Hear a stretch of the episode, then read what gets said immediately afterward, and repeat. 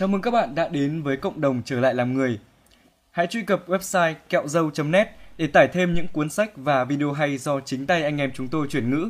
Ví dụ như sách 33 bí mật hư đốn để chinh phục phụ nữ 8 9 10 điểm, sách làm giàu không cần may mắn, sách lợi thế oxy, thở đúng cách để sống thọ hơn và khỏe mạnh hơn. Sách sổ tay chủ nghĩa khắc kỷ hay sách thoát kiếp trai hèn. Và bên cạnh đó là hơn 40GB video Việt sắp cho anh em tự giải ngu về phụ nữ và xã hội. Ngoài ra, hãy bấm đăng ký kênh YouTube trở lại làm người để không bỏ lỡ bất cứ quyển sách nói nào sắp ra mắt. Cảm ơn các bạn vì đã ủng hộ.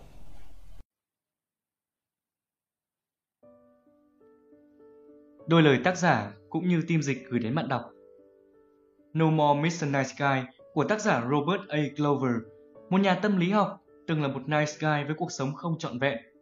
Ông viết cuốn sách này nhằm mục đích lý giải mối nguy hại của lối tư duy nice guy và chỉ ra cách để độc giả có một cuộc sống viên mãn, hạnh phúc hơn với các mối quan hệ và đời sống tình dục, cũng như chấp nhận bản thân và khai phá những tiềm năng còn đang bị chôn vùi. Project dịch cuốn sách No More Mr. Nice Guy là dự án phi lợi nhuận do team Griffin gồm 6 thành viên thực hiện với mục tiêu duy nhất là mang một tác phẩm review chất lừ đến cộng đồng. Bản dịch được team thực hiện tâm huyết và nghiêm túc, nhưng do đây là lần đầu, không tránh khỏi sai sót, mong được bạn đọc nhiệt tình góp ý để team có thể gửi đến những sản phẩm kế tiếp chỉnh chu hơn. Cảm ơn Page trở lại làm người đã tạo điều kiện cho bản dịch được lên sóng. Chúc bạn đọc mạnh khỏe và không ngừng hoàn thiện bản thân. Mọi hành vi buôn bán với cuốn sách này sẽ bị khởi kiện nếu chưa có sự cho phép của phía team dịch Griffin cũng như của Page trở lại làm người. Một lần nữa, cảm ơn bạn đã bỏ thời gian để nghiền ngẫm. Chúc các bạn có một trải nghiệm thú vị. Còn bây giờ, bắt đầu thôi. Lời tựa Người dịch, Nguyễn Thế Anh Dẫn nhập Sự thay đổi trong hình thái xã hội và cấu trúc gia đình đã tạo nên một giống đàn ông mới, liên tục tìm kiếm sự công nhận từ người khác. Tôi gọi lũ này là nice guy. Nice guy à? Nhưng anh chẳng tốt à? Rất quan tâm đến việc được công nhận là ngoan và luôn cố gắng làm đúng mọi thứ. Họ hạnh phúc khi làm người ta vui lòng. Nice guy né tránh va chạm như tránh tà và sẽ làm mọi cách để không làm phật lòng một ai cả. Nice guy thì đặc biệt quan tâm đến những việc làm phụ nữ hài lòng và chứng tỏ bản thân là khác biệt so với những chàng trai khác. Tóm gọn lại thì nice guy tin vào việc nếu họ cư xử tốt, quan tâm, chăm sóc thì họ sẽ đạt được happy ending. Dừng lại một chút nhé, nghe giống chuyện cổ tích không? Đúng rồi, vì lại kịch bản này chỉ tồn tại trong chuyện cổ tích mà thôi. Trong suốt sự nghiệp tâm lý học của mình, tôi đã gặp rất nhiều những gã nice guys. Những gã đàn ông thụ động luôn chiều lòng người khác này luôn phải đối mặt với thất bại trong việc tìm kiếm hạnh phúc mà họ thèm khát và tin rằng mình xứng đáng được hưởng. Sự thất bại này đến từ việc những giá trị mà nice guy tin vào đều chật lất cả. Tôi gọi những giá trị sai lệch này là hội chứng nice Guy. Biểu hiện của hội chứng nice guy chính là niềm tin rằng nếu họ tốt, họ sẽ được đền đáp bằng tình yêu viên mãn và sống cuộc đời không lo không nghĩ gì hết. Khi kế hoạch không đem lại kết quả mà họ mong đợi, mà thực ra thường là không ấy, nice guy lại thử đi thử lại kế hoạch cũ. Bởi vì sự bất lực và căm phẫn mà tư duy này hiển nhiên mang lại, nice guy chẳng được tích sự gì ngoài tốt nhưng mà trong ngoặc kép. Khái niệm về hội chứng nice guy đến với tôi khi tôi cố gắng làm đúng mọi thứ nhưng không bao giờ nhận lại được những thứ mà tôi cho rằng xứng đáng thuộc về tôi. Tôi là một gã nhạy cảm tân thời và tôi từng tự hào về việc đó. Tôi từng tin rằng mình là một gã nice nhất mà bạn có thể tìm được. Nhưng tôi vẫn không hề có được hạnh phúc. Và tôi bắt đầu tự tìm hiểu cách cư xử của một gã nice guy từ chính bản thân mình, quan tâm chăm sóc, cho nhiều hơn nhận, dĩ hòa vi quý tìm kiếm sự công nhận, che giấu những sai sót. À, hóa ra có hẳn ta những gã đàn ông ngoài kia có cùng cách cư xử như tôi. Và tôi chợt phát hiện ra, vấn đề không phải đến từ một cá nhân đơn lẻ nào hết, mà nó là sản phẩm được tạo ra từ tác động của xã hội đã ảnh hưởng đến tư duy của một lượng lớn đàn ông. Và đến tận ngày nay, chưa có ai thực sự quan tâm đến hội chứng Nice Guy và đề ra phương án hiệu quả. Đây là lý do vì sao tôi viết cuốn sách này. Quyển sách này hướng đến chỉ ra cách để những gã nice guy dừng việc tìm kiếm sự công nhận từ những người xung quanh và đạt được thành công trong tình yêu cũng như trong cuộc sống. Nội dung sách là những kế hoạch giúp nice guy thoát khỏi những lề lối tư duy thất bại của hội chứng này. Đây là những chiến lược đã giúp tôi cũng như rất nhiều người đàn ông khác thoát khỏi kiếp nice guy, kiếp anh trai tốt, bạn trai tốt, vân vân. No More Mr. Nice Guy là một quyển sách dành cho đàn ông. Tuy nhiên tôi đã nhận được sự giúp đỡ từ rất nhiều người phụ nữ trong quá trình hoàn thiện tác phẩm này. Những cô nàng đã đọc qua quyển sách nói rằng họ hiểu hơn về những gã nice guy xung quanh họ và nó cũng giúp họ hiểu chính bản thân mình hơn. Những thông tin và phương pháp trong cuốn No More Mr. Nice Guy đã được minh chứng là có hiệu quả. Nếu bạn đang là một gã nice guy và liên tục gặp thất bại trong cuộc sống, những nguyên tắc trong cuốn sách này sẽ vĩnh viễn thay đổi cuộc đời bạn. Bạn sẽ học được cách thỏa mãn nhu cầu cá nhân, cảm thấy mạnh mẽ và tự tin hơn, phát triển được mối quan hệ sâu sắc mà bạn hằng mong muốn, học cách bày tỏ cảm xúc, tận hưởng một đời sống tình dục hào hứng và viên mãn. Cái này tôi chắc là nhiều ông thích này. Xây dựng sự nam tính và kết nối với những người đàn ông khác, sống đúng với tiềm năng, trở nên sáng tạo và năng suất và cuối cùng là chấp nhận bản thân. Nếu những điều nói trên hợp với bạn thì hành trình thoát kiếp nice guy chỉ mới bắt đầu mà thôi. Đã đến lúc dừng việc tìm kiếm sự công nhận và thực sự đạt được những gì bạn mong muốn trong tình yêu và cuộc sống. Chương 1 Hội chứng Nice Guy Tôi là một thằng nice guy, một trong những thằng đực nice nhất mà bạn có thể từng gặp. Jason, bác sĩ trình hình ở tuổi 30, bắt đầu buổi khám tâm lý bằng một câu nói trên. Jason miêu tả rằng cuộc đời mình là hoàn hảo, ngoại trừ một vấn đề nghiêm trọng, đó là đời sống tình dục của anh ta. Đã nhiều tháng liền vợ hắn không mây mưa và có vẻ là không có gì thay đổi ở đây cả. Hơn hết thảy mọi thứ, Jason muốn được mọi người yêu quý. Anh ta tự đánh giá mình là một người rất hào phóng. Gã tự hào về khả năng kiềm chế cảm xúc của bản thân, yêu thích việc làm người khác vui lòng và rất ngại va chạm. Để tránh làm mất lòng mụ vợ, thì hắn thường che đậy cảm xúc và cố gắng làm đúng mọi thứ. Sau khi giới thiệu bản thân xong, Jason lôi từ túi áo ra một tờ giấy. Hắn ta cho biết hắn đã ghi xuống vài điều bất mãn để tránh kể sót. Tôi không bao giờ làm đúng. Gã bắt đầu thắp theo mẫu giấy. Mặc dù đã rất cố gắng, nhưng Heather, tức là vợ gã đấy, luôn hằn học với mọi thứ tôi làm. Tôi không xứng đáng bị đối xử như vậy. Tôi đã rất cố gắng để làm người chồng, người cha tốt. Nhưng dường như vậy là không bao giờ là đủ. Jason dừng lại và tiếp tục nhìn vào mảnh giấy. Sáng nay là một ví dụ điển hình. Gã tiếp tục. Khi giờ đang chuẩn bị đi làm, tôi đánh thức cô con gái Chelsea cho con bé ăn sáng và tắm rửa. Mọi thứ đã sẵn sàng thì khi giờ bước vào và chỉ cần nhìn lướt qua khuôn mặt của cô ấy, tôi biết là tôi đã gặp rắc rối rồi. Sao anh lại mặc cái đầm này cho con bé? Anh có vấn đề gì không hả?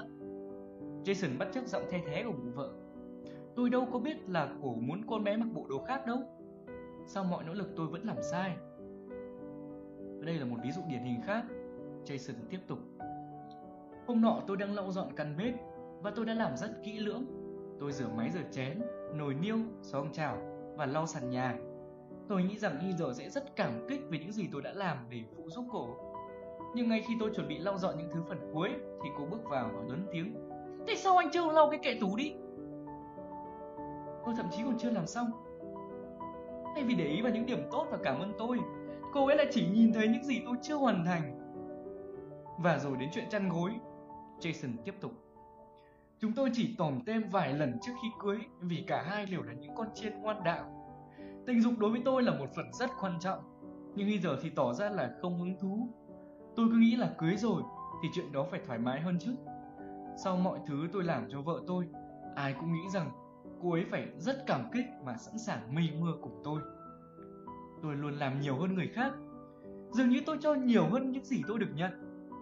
Jason lúc này rên rỉ như một đứa trẻ vậy. Mọi thứ tôi muốn là tình yêu và sự công nhận. Vậy cậu quá đáng lắm không? Một vài thằng được tốt nhất mà bạn từng gặp. Loại nice guy nghìn năm có một như Jason lại ra vào văn phòng tôi đều như cơm bữa nhất. Họ khác nhau về mọi mặt từ vóc dáng, màu da, nhưng lại có chung một góc nhìn. Để tôi giới thiệu thêm cho bạn một vài gã đệ nhất nice guy. Oma Mục tiêu chọn đời của Oma là làm vui lòng bạn gái hắn. Dù qua mọi thứ hắn làm, cô bạn gái hắn vẫn luôn than phiền là gã chưa mở lòng ra với cô ấy. Không chỉ riêng cô này, mà cả những cô trước cũng than phiền y chang như thế. Oma tự xem mình là một người rộng rãi, và anh chẳng thể hiểu nổi vì sao họ lại nói vậy. Oma nói rằng anh cảm thấy hạnh phúc nhất khi làm người khác hài lòng. Hắn thậm chí còn luôn mang bên mình máy nhắn tin để mấy cô nàng liên lạc khi cần nhờ vả. Nghe quen nhỉ? Thót, đây là gã thứ hai. Thót tự hào đối xử với phụ nữ rất lịch sự và tôn trọng. Anh ta tin rằng điều này sẽ làm anh khác biệt và sẽ hấp dẫn phụ nữ. Mặc dù anh có rất nhiều bạn phái nữ bên cạnh, anh lại hiếm khi nào hẹn hò. Bạn anh nói rằng anh là một người lắng nghe tuyệt vời và thường là bờ vai cho hội chị em dựa vào mỗi khi có chuyện buồn. Anh thích cảm giác người khác cần mình. Mấy cô bạn này lúc nào cũng nói anh là của hời cho bất cứ cô nàng may mắn nào vớ được anh. Mặc dù thì anh đối xử với họ quá tốt, anh vẫn không hiểu vì sao phụ nữ ngã vào lòng lũ khốn nạn hơn là mấy anh chàng thiện lành, chẳng hạn như là anh. Đến người đàn ông thứ ba nhé. Bill. Bill là người mà mọi người sẽ nhớ đến đầu tiên khi cần nhờ vả từ không đơn giản là không tồn tại trong từ điển của anh này. Anh này sửa xe cho mấy cô nàng gặp ở nhà thờ, huấn luyện viên tình nguyện cho đội bóng chày của thằng con. Bạn bè luôn nhờ anh giúp khi anh cần. Anh ấy đến thăm người mẹ quá muộn mỗi khi tan làm.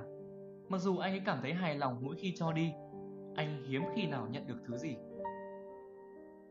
Tiếp theo là Gary. Gary thường xuyên hứng chịu những cơn giận dữ và bị hạ nhục bởi người vợ đầu ấp tay gối. Bởi vì sợ hãi và chạm, hắn thường tránh những chủ đề nhạy cảm có thể chọc cho con vợ mình điên lên. Và sau mỗi lần cãi vã, hắn thường chủ động đến bên vợ hắn làm hòa với cô ta. Hắn ta thường là không nhớ nổi lần cuối cùng vợ hắn nhận lỗi là khi nào. Mặc dù đời sống hôn nhân nát như tương, Gary cho biết hắn vẫn yêu và sẽ làm mọi thứ để mụ vợ hài lòng. Tiếp theo nhé, đến Rick. Rick, bóng muộn U40, đang trong mối quan hệ bền vững với một con ma men. Rick đến phòng tâm lý trị liệu để giúp người bạn đời Jay chữa bệnh nghiện rượu.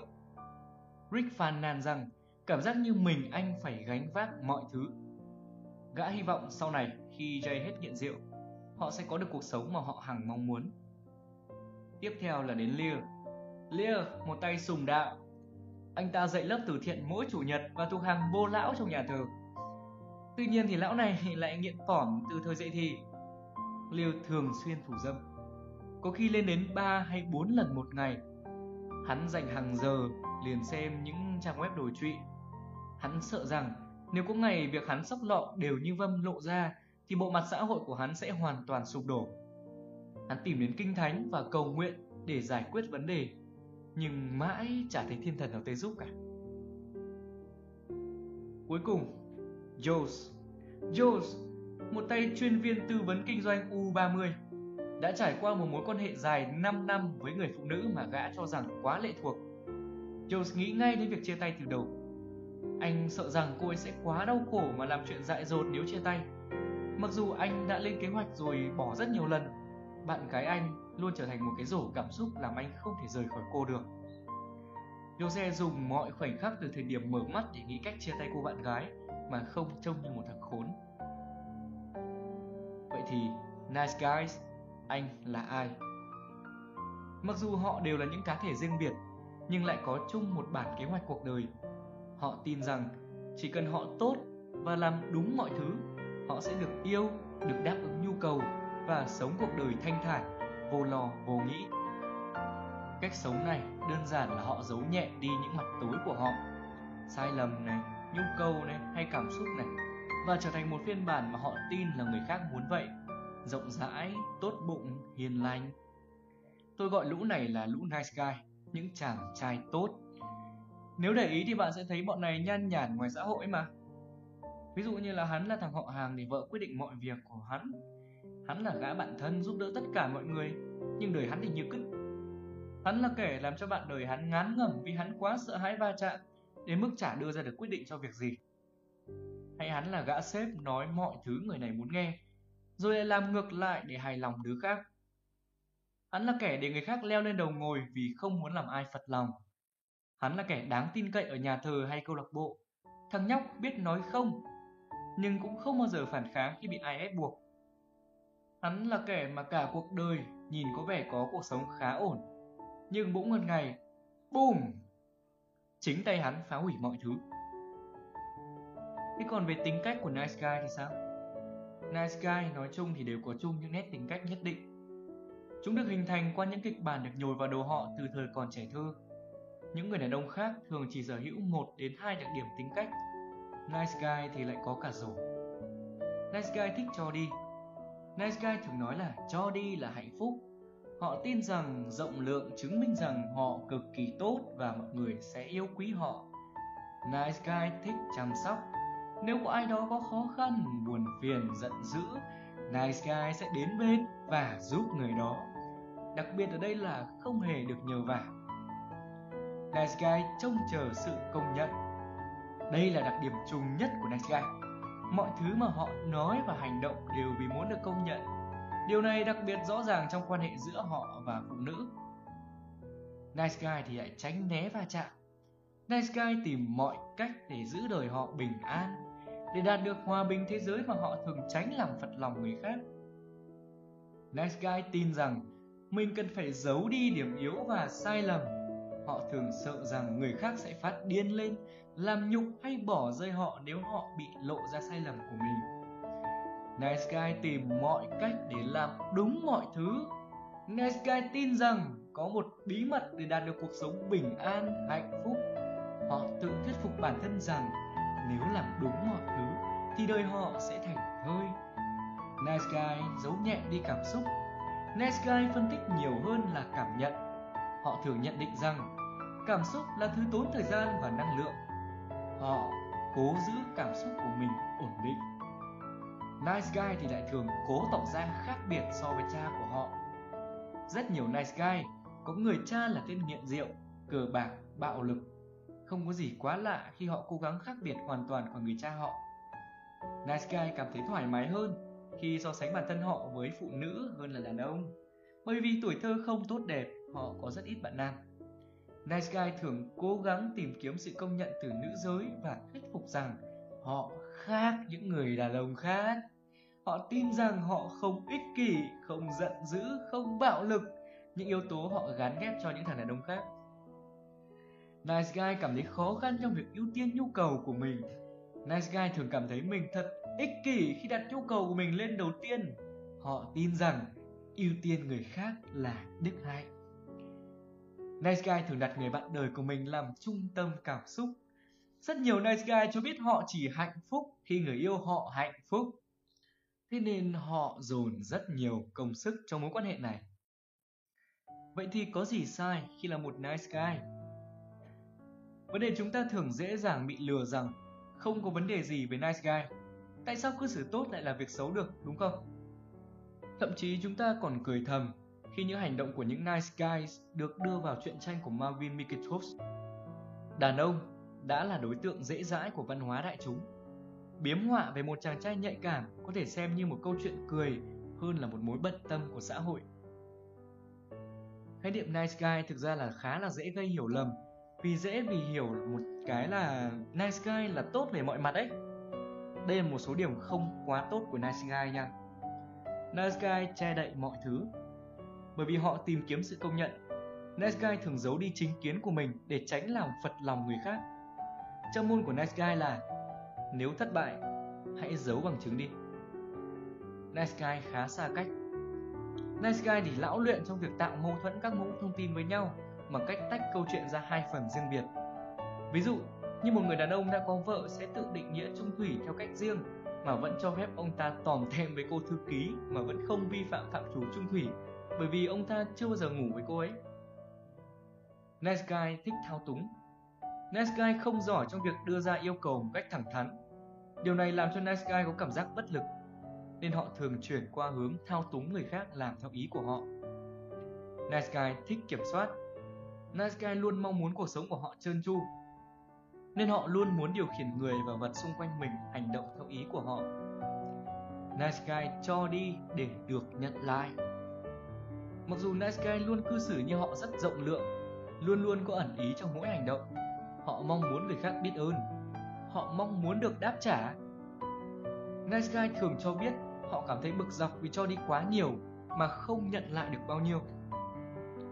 Nice guy là những kẻ gây hấn thụ động Nice guy thường thể hiện sự bất mãn của mình theo hướng thụ động, không thẳng mặt. Chẳng hạn như không giúp đỡ, giả vờ quên, tới muộn, không đáp trả, không hứng, xuất tình sớm. hoặc lặp đi lặp lại những hành động phiền phức này mặc dù họ hứa sẽ không làm như vậy nữa. Nice guy thì luôn giận dữ.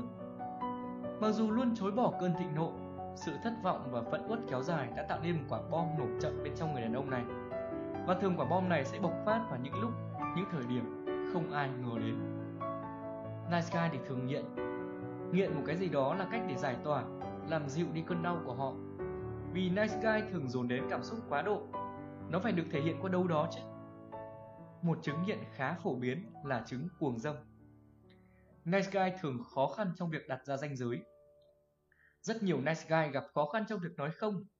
Họ thường mang tư tưởng nạn nhân và nhìn người khác như thể họ là nguồn cơn của mọi vấn đề. Nice guy thường bị hấp dẫn bởi những người gặp rắc rối. Hành vi này tới từ tuổi thơ thường xuyên tỏ ra tốt bụng. Khuynh hướng tự chuốc lấy phiền phức này thường xuyên đưa nice guy vào tình thế khó xử.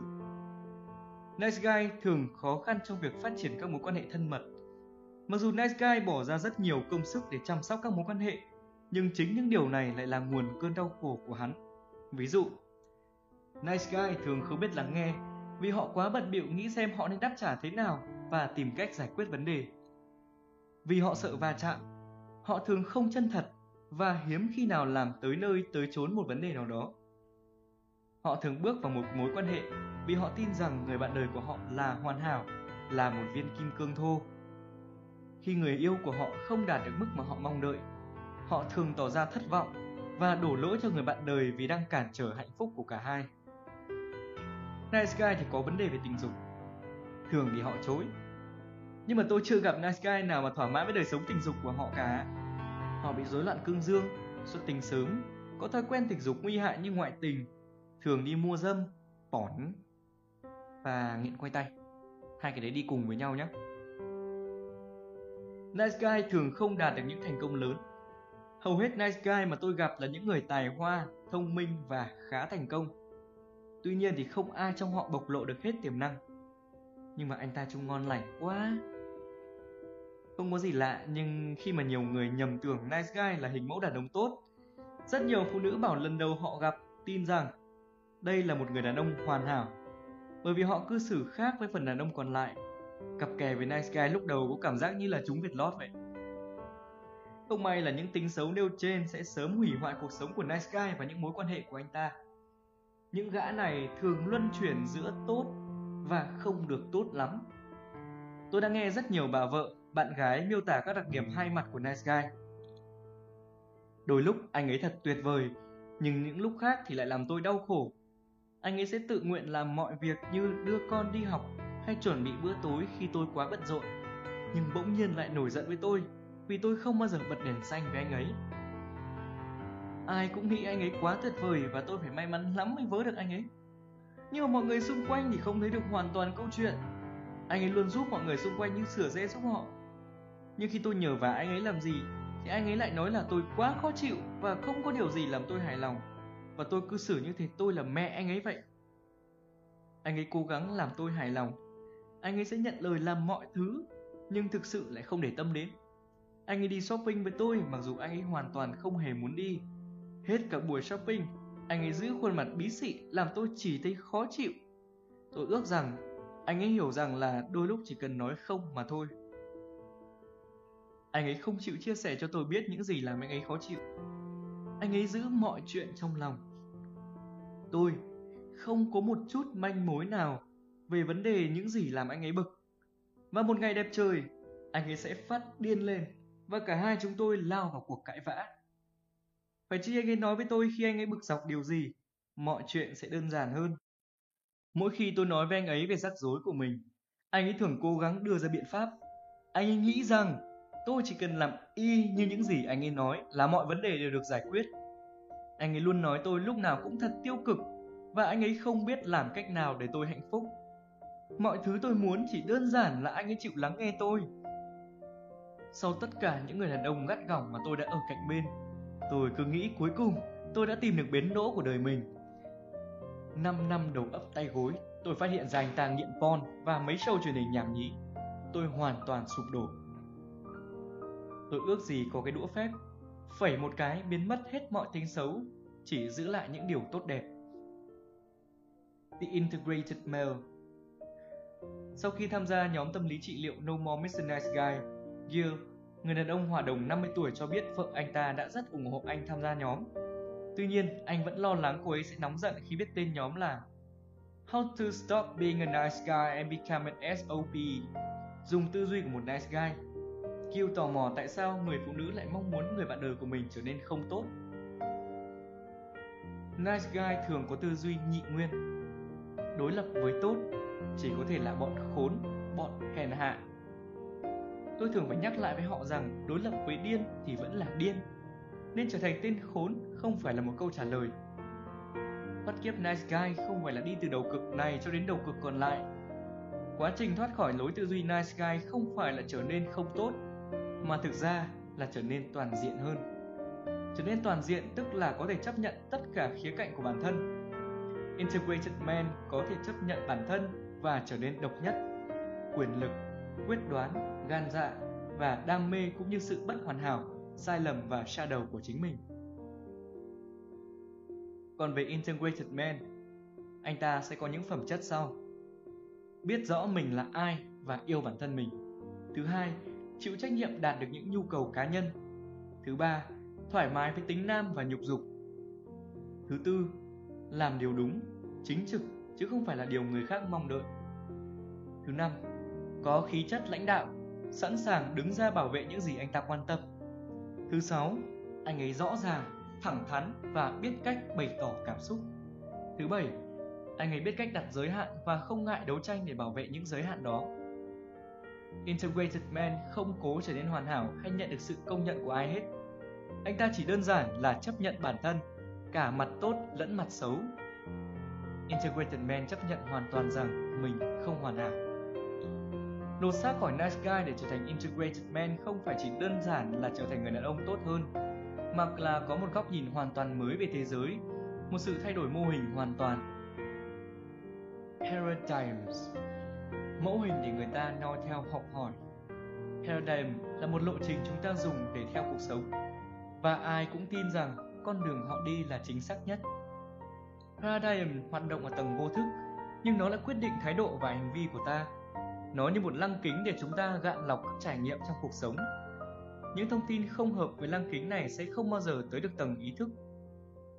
Thông tin mà đi qua lăng kính này sẽ lại được khuếch đại lên và càng củng cố niềm tin của chúng ta đang có. Paradigm là một công cụ tuyệt vời để tăng tốc trên hành trình trở nên toàn diện. Tuy nhiên, nếu nó lỗi thời và không còn chính xác, nó có thể làm chúng ta lệch hướng và đưa chúng ta đi luẩn quẩn trong một vòng tròn lớn. Khi việc này xảy ra, chúng ta lại phải cố gắng tìm về đúng hướng với tâm trạng bực dọc Mặc dù Nice Guy đang đi theo một paradigm hết hạn và luôn tin rằng mình đang làm đúng, những người xung quanh lại tò mò cái niềm tin nào làm anh ta cư xử như vậy. Hầu hết các paradigm được phát triển khi chúng ta còn là trẻ con, chưa có góc nhìn xã hội chuẩn mực. Nó thường hình thành dựa trên sự diễn giải sai lệch các trải nghiệm tuổi thơ. Vì thường thì chúng diễn ra ở tầng vô thức, nên chúng thường ít được đánh giá và cải tiến. Trong hầu hết các trường hợp, chúng luôn được chủ thể xem là 100% chính xác, mặc dù thường là không phải. Paradigms, sự sai lệch của Nice Guy Paradigms của Nice Guy hoạt động như sau. Nếu tôi giấu nhẹ đi hết điểm xấu và trở thành thứ người khác muốn tôi trở thành, thì tôi sẽ được yêu, được đáp ứng nhu cầu và sống một cuộc đời vô lo vô nghĩ. Mặc dù paradigms này hoàn toàn vô dụng, Nice Guy chỉ thấy một hướng đi là thử lại một lần nữa. Nice Guy là lũ học siêu chậm mà lại còn quên siêu nhanh khi paradigms của họ bị thử thách. Khuynh hướng tự nhiên của họ là giữ vững niềm tin mặc dù nó đã bị chứng minh là vô dụng nhưng lại quá sâu trong vô thức đến mức bất kỳ ý tưởng nào khác cũng nghe như là dị giáo với họ. Rất khó để một nice guy thử một cách khác, mặc dù anh ấy biết thừa là cách làm hiện tại không hiệu quả. Jason anh chàng gặp khó khăn trong việc gần gũi cô vợ Heather được đề cập ở đầu chương là một ví dụ điển hình của cảm giác thất vọng bắt nguồn từ Nesca Paradigm. Jason có một người cha gia trưởng áp đặt lên con cái những yêu cầu vô lý. Cha anh ta tin rằng có một cách để làm đúng mọi thứ, đó chính là làm đúng những gì ông ấy nói. Mẹ của Jason là một người phụ nữ yếu đuối chỉ sống vì con cái. Mỗi khi cảm thấy thiếu thốn tình thương, bà ấy sẽ bóp nghẹt con bà nhưng khi con cái cần bà, thì bà lại quá nhạy cảm để hồi đáp. Jason học cách đối phó với những ký ức tồi tệ này một cách phát triển paradigm theo hướng tin rằng nếu anh ấy luôn sẵn sàng khi mẹ anh đến cần, luôn quan tâm và chăm sóc, bà cũng sẽ đến bên khi anh ấy cần bà. Thứ hai, tin rằng nếu như anh ấy làm đúng mọi thứ, anh ấy có thể được cha công nhận và tránh được những lời trách móc. Thứ ba, nếu anh ấy không bao giờ trở nên rắc rối, anh ấy sẽ được yêu mến và công nhận. Và thứ tư, tin rằng nếu anh không phạm lỗi, không ai nổi giận với anh. Khi còn là một đứa trẻ, Jason quá ngây thơ và bất lực để nhận ra rằng dù anh làm bất cứ điều gì, cha anh không bao giờ hài lòng. Tương tự vậy, không quan trọng việc anh quan tâm người mẹ của anh bao nhiêu, bà không bao giờ đáp lại. Anh ấy không bao giờ nhận ra thực sự không hề có cách nào để làm đúng mọi thứ. Và quan trọng anh ấy giấu đi điểm yếu của mình kỹ đến đâu, người khác vẫn sẽ có cớ để nổi giận với anh. Mặc dù kế hoạch sinh tồn lúc còn trẻ thơ của anh đã thất bại hoàn toàn, cách duy nhất mà anh ta thấy là cứ cố gắng làm tốt hơn. Và thứ duy nhất mà paradigm của anh ta thành công là đánh lạc hướng cảm xúc của anh khỏi sự giận dữ và bất lực.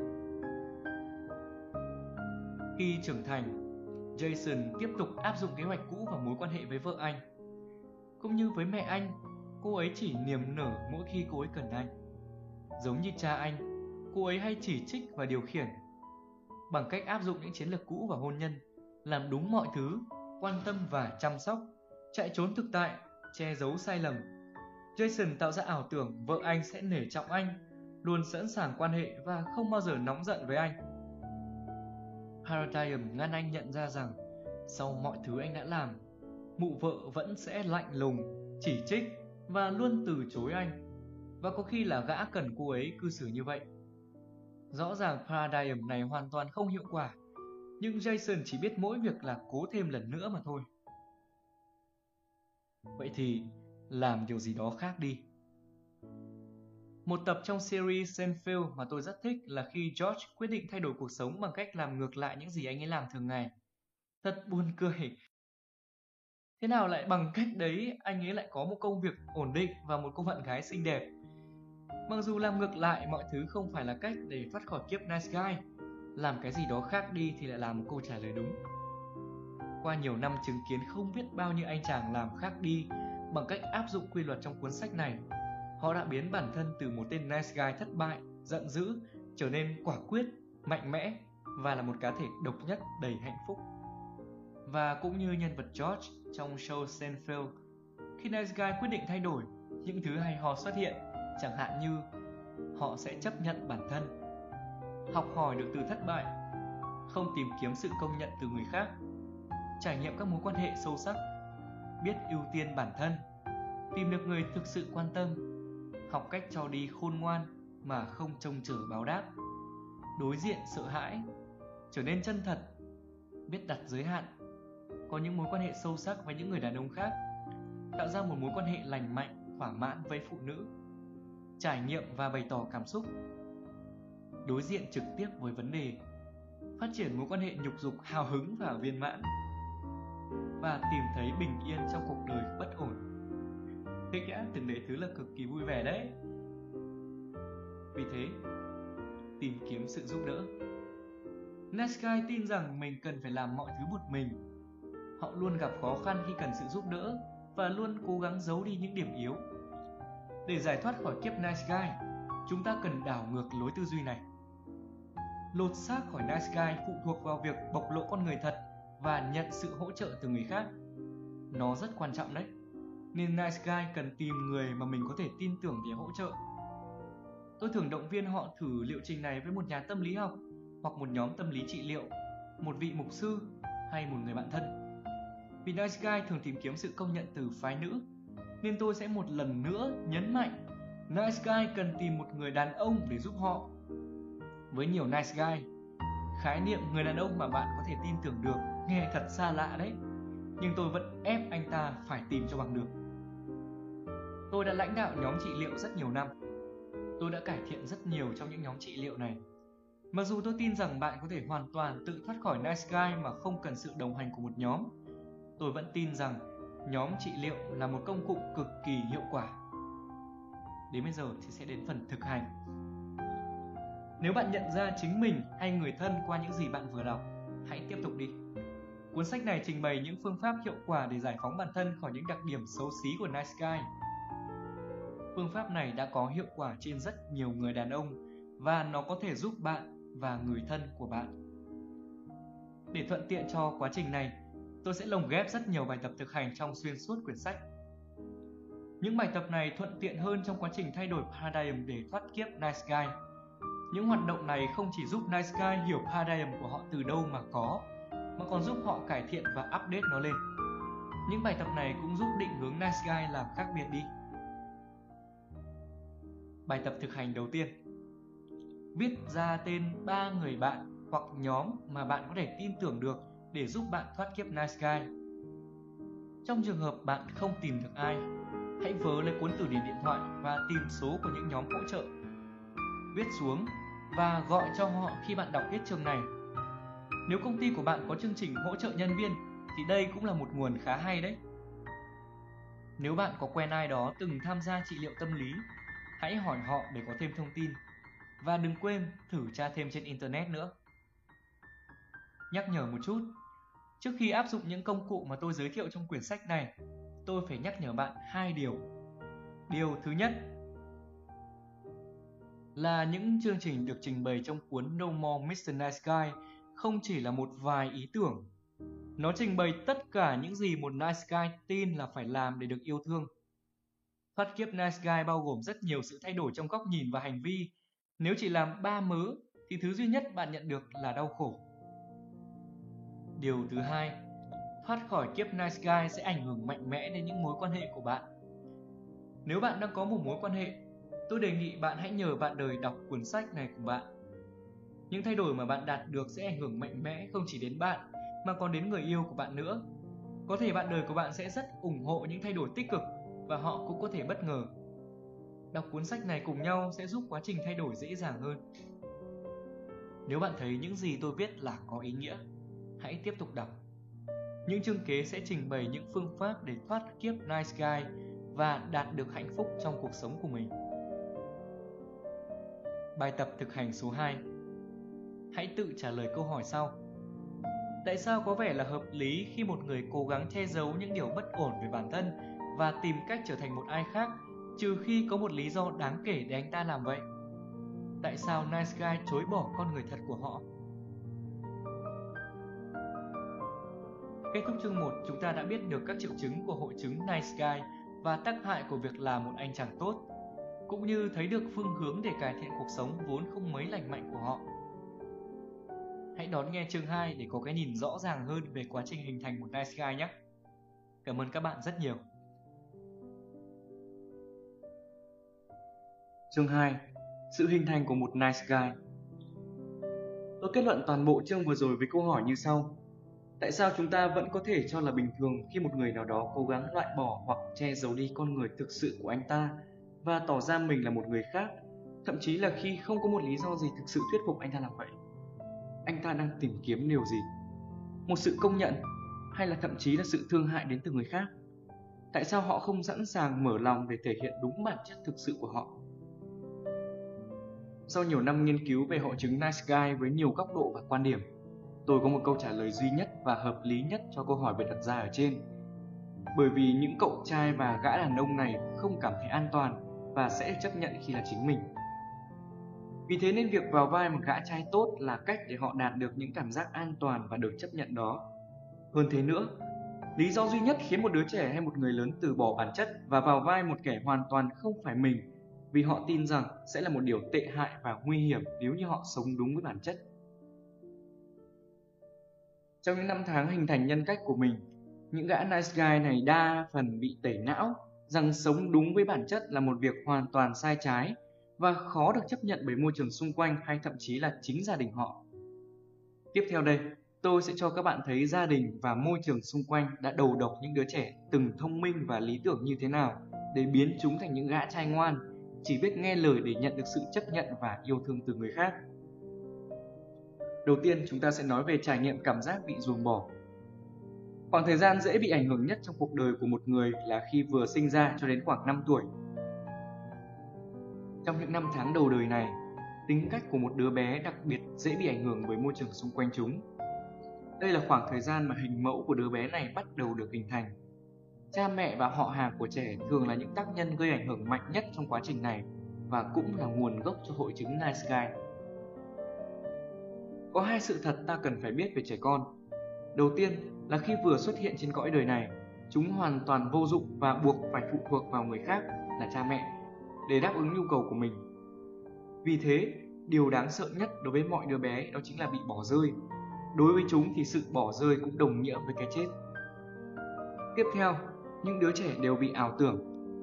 Chúng tự huyễn hoặc rằng bản thân là cái rối của vũ trụ và vạn vật đều xoay quanh chúng. Vậy nên những đứa trẻ thường tin rằng mọi thứ xảy ra đều là vì chúng.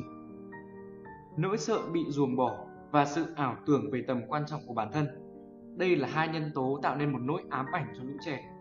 Bất cứ khi nào chúng cảm thấy mình bị bỏ rơi, chúng sẽ tin rằng lỗi là do mình. Những trải nghiệm làm chúng cảm thấy bị ruồng bỏ bao gồm cha mẹ la mắng hay đánh đòn, cha mẹ không quan tâm chú ý đến chúng, cha mẹ đặt kỳ vọng quá cao không thực tế lên chúng, cha mẹ không có mặt đúng lúc chúng cần, cha mẹ dùng chúng như công cụ để đạt được mục đích. Đây không phải là một thế giới hoàn hảo, vậy nên cũng không có gia đình nào là hoàn hảo. Mọi đứa trẻ đều có những lần cảm thấy như là bị ruồng bỏ, mặc dù chúng đã có một cách nghĩ sai lệch khi tin rằng mình là nguyên nhân của những trải nghiệm không đáng nhớ. Nhưng chúng vẫn sẽ không thể thay đổi cách nghĩ này, vì trẻ con thì luôn suy nghĩ đơn giản. Tiếp theo đây chúng ta sẽ đến với Toxic Shame. Những trải nghiệm về cảm giác bị ruồng bỏ sự ngây thơ và sự ảo tưởng về tầm quan trọng của bản thân đã khiến một số đứa trẻ tin rằng việc sống đúng với bản chất là không thể chấp nhận được. Chúng cho rằng việc những người xung quanh ruồng bỏ mình là vì chúng đã làm sai điều gì đó. Lũ trẻ không đủ trưởng thành để hiểu rằng lỗi không phải ở chúng, mà là bởi những người phải nhận ra và đáp ứng nhu cầu của chúng. Sự ngây thơ, ảo tưởng về việc bị ruồng bỏ đã tạo nên một trạng thái tâm lý mà tôi gọi là toxic shame, Loại trạng thái này đã khiến một người tin rằng họ vốn dĩ kém cỏi, tệ hại, khác người và không xứng đáng được yêu thương. Toxic shame không chỉ khiến một người cảm thấy họ đã làm những điều tệ hại, mà nó còn khiến cho người này cảm thấy chính họ mới là điều xấu xa. Tiếp theo, cơ chế sinh tồn, sự đối phó một cách sai lệch. Hậu quả của việc hiểu sai rằng mình bị bỏ rơi của lũ trẻ được thể hiện bằng việc chúng tạo nên một cơ chế sinh tồn Thứ cơ chế này được tạo nên để giúp chúng, một, Chống lại những tổn thương về mặt tinh thần và thể xác khi bị bỏ rơi 2. Đảm bảo những trải nghiệm đáng quên này sẽ không lặp lại Và 3. Che giấu sự hổ thẹn vô lý của mình là toxic shame khỏi những người xung quanh và cả chính bản thân chúng những đứa trẻ này sẽ tìm mọi cách để đạt được ba mục tiêu vừa nêu trên. Vì vốn hiểu biết và trải nghiệm của bọn trẻ con là còn rất ít, nên thứ cơ chế vô lý này thường không giúp ích được gì cả, đôi khi còn phản tác dụng. Ví dụ, một đứa trẻ cảm thấy không được quan tâm thường gây sự chú ý của bố mẹ bằng những cách ngu xuẩn và tiêu cực. Mặc dù sẽ thật ngớ ngẩn khi đứa trẻ này tìm cách thu hút sự quan tâm bằng cách tiêu cực, nhưng chúng cảm thấy như vậy còn tốt hơn cảm giác lạc lõng hay không được quan tâm. Nhưng chúng không hiểu rằng làm như vậy chỉ khiến bố mẹ ngán ngẩm và thất vọng mình hơn. Thứ chúng quan tâm duy nhất là bố mẹ đã đặt sự chú ý lên chúng. Việc cố sống để làm hài lòng người khác chỉ là một trong vô số những tình huống có thể xảy ra với một cậu nhóc từng có trải nghiệm bị ruồng bỏ thời thơ ấu hay là mang trong người sự hổ thẹn vô lý. Về nguồn gốc của hình mẫu Nice Guy, thì khi tôi bắt đầu khám phá ra những đặc tính của Nice Guy ở chính bản thân, tôi không tài nào hiểu được tại sao mình lại có những đặc tính và hành vi như vậy. Tôi đã cho rằng đó là do tôi xuất thân từ một gia đình tuyệt vời và có một cuộc đời tốt đẹp. Nice Guy luôn tỏ ra là mình tốt, ở đây thì tác giả nghĩ rằng hành vi của mình là do xuất thân của bản thân mình. Nhưng khi tôi bắt đầu quan sát những gã đàn ông có những đặc điểm giống mình, tôi cảm thấy mù tịt về lý do tại sao tôi và những gã này lại có chung những đặc tính như thế. Khi được hỏi về thời thơ ấu, những gã nice guy thường nói rằng họ trưởng thành trong một gia đình hoàn hảo, tuyệt vời, chuẩn mỹ. Vì vậy thì những gã này đều tìm cách che giấu khuyết điểm và cố để sống theo tiêu chuẩn của người khác. Những điều này đã cho thấy rằng tuổi thơ của họ không thực sự lý tưởng như họ nói. Alan, Jason và Jones đều là những gã nice guy. Họ có những trải nghiệm tuổi thơ khác nhau, cách mà họ trở thành nice guy cũng hoàn toàn riêng biệt. Nhưng những gã này từ bé đã tin rằng mình không ổn như mình tưởng.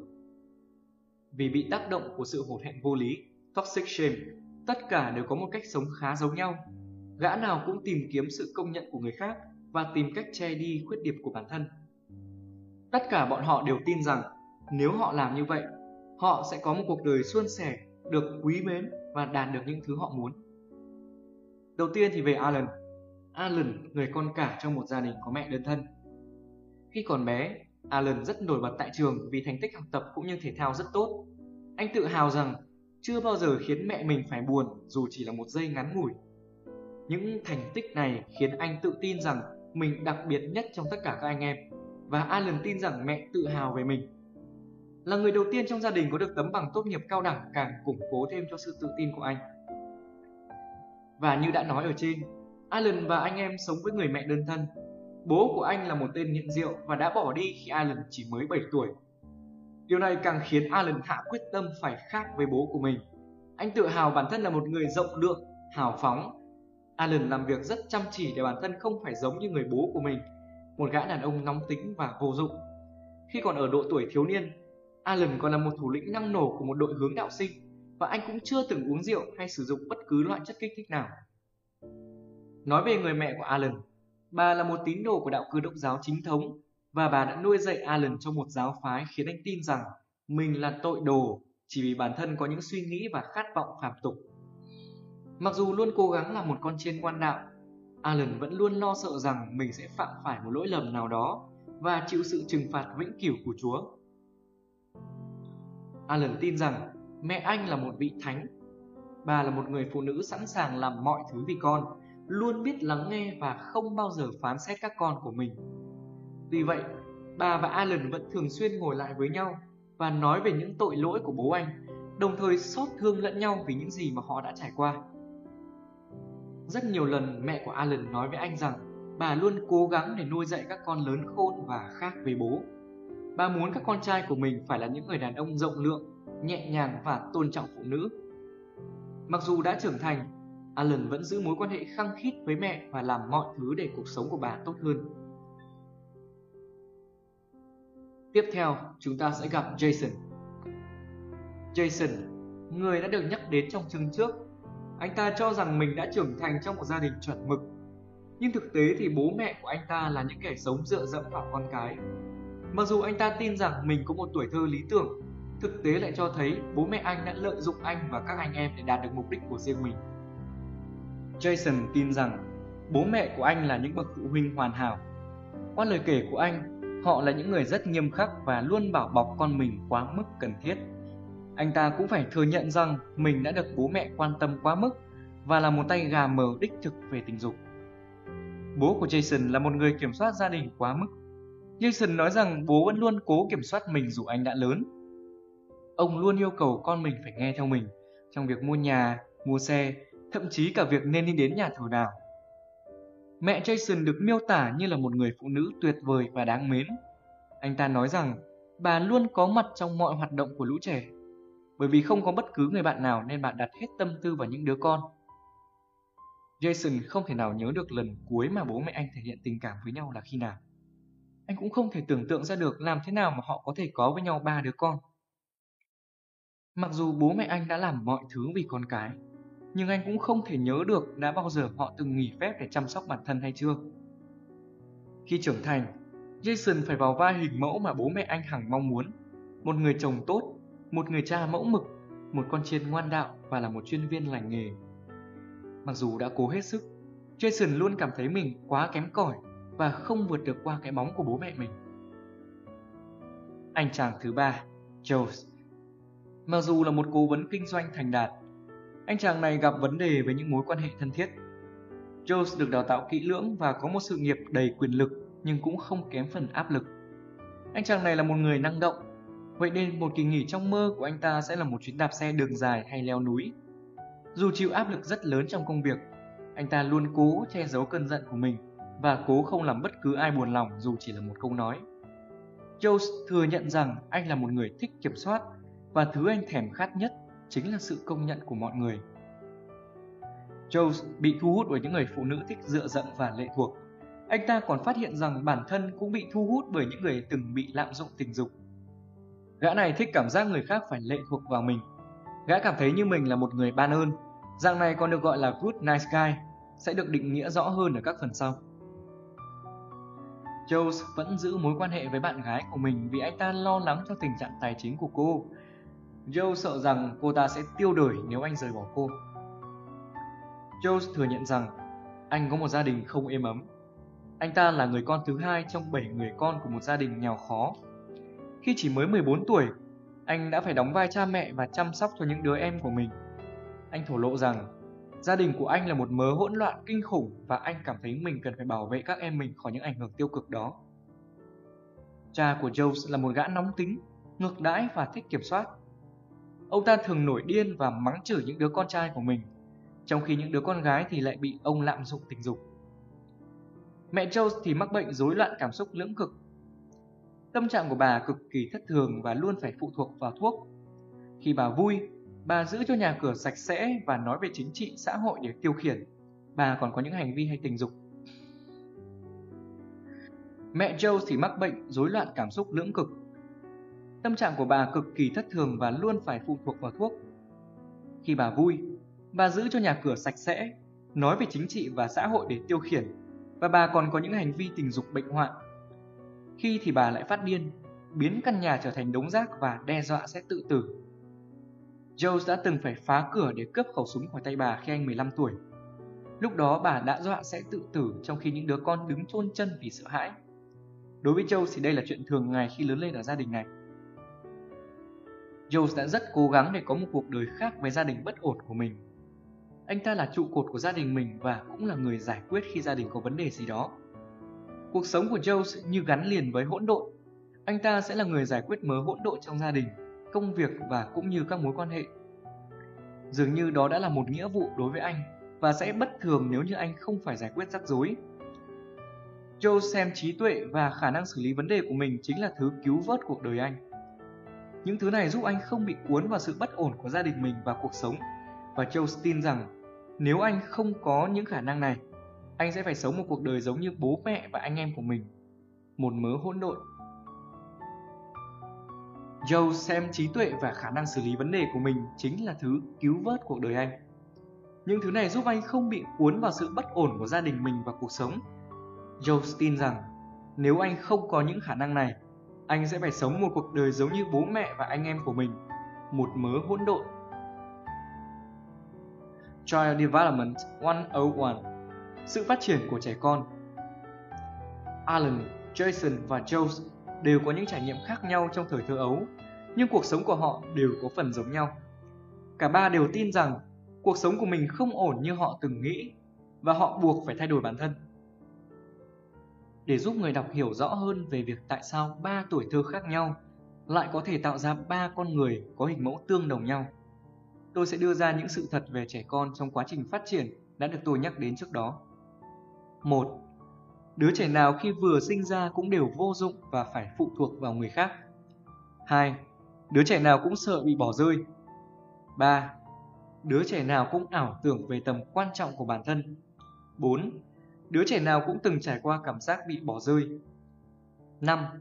Khi cảm thấy bị bỏ rơi, đứa trẻ nào cũng cho rằng lỗi là do mình. 6. Cách hiểu ngây thơ và sai lệch của chúng đã tạo nên sự hổ thẹn vô lý về bản thân và chúng nghĩ rằng mình không tốt. 7. Trẻ con thường sử dụng những cách sai lệch để đối phó lại với cảm giác bị bỏ rơi, tránh cho những việc này lặp lại và để che giấu những khuyết điểm khỏi người khác và chính bản thân mình. 8. Những cách đối phó sai lệch này phản chiếu rõ sự ngây thơ và ngờ nghệch của chúng. Từ những bé trai hoàn hảo thành những nice guy nhu nhược. Những điều vừa liệt kê ở trên có thể trùng khớp với trải nghiệm tuổi thơ của Alan, Jason, Jones và tất cả những gã nice guy được nhắc đến trong cuốn sách này. Quá trình biến đổi một đứa bé trai hoàn hảo thành một tên nice guy tệ hại có thể tóm gọn trong 3 giai đoạn sau. Trải nghiệm bị bỏ rơi, mặc cảm vô lý về bản thân và sự hình thành cơ chế sinh tồn sai lệch. Tiếp theo, trải nghiệm bị bỏ rơi. Giống như tất cả những nice guy khác, Alan, Jason và Jones đều từng bị bỏ rơi theo nhiều cách. Alan và Josie có cha mẹ nóng tính và hay phán xét. Họ đã khiến hai người tin rằng mình chưa bao giờ ổn. Alan tôn thờ mẹ của mình như một vị thánh. nhưng bà không cứu rỗi anh khi anh bị bố bạo hành. Điều này đã ngầm hiểu rằng Alan không đáng để được bảo vệ. Alan bị bố bỏ rơi mà đã tạo dựng nên niềm tin rằng mình phải khác với bố để trở thành một người đàn ông tốt và được mẹ yêu thương. Alan và Jason từng bị lợi dụng bởi bố mẹ của họ. Họ được yêu quý chỉ vì luôn vâng lời và không gây ra rắc rối. Điều này đã cho hay chỉ khi nào họ sống đúng với kỳ vọng của bố mẹ thì họ mới được yêu thương. Jason tin rằng bố mẹ của mình là những người hoàn hảo. Anh cảm thấy xấu hổ và không thể vượt qua được cái bóng quá lớn từ họ. Jones thì không nhận được bất cứ sự chăm sóc, dẫn lối hay hỗ trợ nào từ bố mẹ của mình. Điều này cho thấy anh chẳng là gì trong mắt của họ. Alan và Jason trưởng thành trong những giáo phái cực đoan. Họ buộc phải hoàn hảo, trong sạch. Phạm lỗi cũng đồng nghĩa với việc bị Chúa trừng phạt. Joe tin rằng anh chỉ có giá trị khi anh khác với gia đình hỗn loạn của mình. Và suy cho cùng, cả ba người Alan, Jason và Joe đều tin rằng lợi ích của người khác quan trọng hơn mong muốn của bản thân mình. Và đây là biểu hiện thường thấy của những gã nice guys. Tất cả trải nghiệm này đều là một dạng trải nghiệm cảm giác bị ruồng bỏ, bởi vì chúng đã khiến những người này tin rằng họ chưa thực sự ổn. Tiếp theo, chúng ta sẽ nói về sự mặc cảm của bản thân. Không cần biết rằng liệu họ đã từng trải qua việc bị lạm dụng, thờ ơ, làm nhục hay chưa. Tất cả những gã nice guy đều có chung một niềm tin sống đúng với bản chất là một việc rất dại dột niềm tin này được tiêm nhiễm vào đầu những đứa trẻ bởi những bậc phụ huynh vô trách nhiệm một số khác thì lại còn quá trẻ để đảm đương trọng trách làm cha mẹ hay là không biết cách để nuôi dạy con đôi khi những niềm tin này được truyền đạt trong nhiều tình huống một cách không có chủ ý trong mọi tình huống đứa trẻ đều tin rằng tất cả mọi chuyện xảy ra đều có dính dáng đến nó Thử áp dụng logic của trẻ con, chúng ta sẽ có lối suy nghĩ điển hình. Tất cả là tại mình nên. Giờ thì hãy thử ghép lối suy nghĩ này vào bất cứ tình huống nào. Khi mình khóc, không ai dỗ dành mình. Mẹ mới có nét mặt như thế. Bố bỏ đi và không quay trở lại. Mẹ mới phải làm những việc còn con này giúp mình. Bố mắng mình. Mình không được tuyệt vời như bố mẹ. Mẹ buồn phiền. Cũng bởi những trải nghiệm không được tốt đẹp những đứa bé trai cũng có loại logic mình chỉ được yêu thương và trở thành đứa con ngoan nếu giờ thì chúng ta sẽ tiếp tục thêm tình huống vào nếu mình khác với bố, nếu mẹ cần mình, nếu mình không phạm bất cứ lỗi lầm nào, nếu mình học giỏi, nếu mình luôn vui vẻ, nếu mình khác biệt với anh em, nếu mình không gây ra rắc rối và nếu mình làm bố mẹ vui về cơ chế sinh tồn sai lệch bởi những trải nghiệm bị bỏ rơi thời thơ ấu và hiểu sai bản chất sự việc. Những Nice Guy đã tạo nên một cơ chế sinh tồn để đáp ứng 3 điều sau. 1. Chống lại tổn thương và khủng hoảng tinh thần bị gây ra bởi những trải nghiệm bị bỏ rơi. 2. Tránh những trải nghiệm không tốt này tái diễn. Và 3. Che giấu đi sự mặc cảm về bản thân. Thứ cơ chế ngu ngốc này đã tạo nên cách nghĩ sai lầm sau.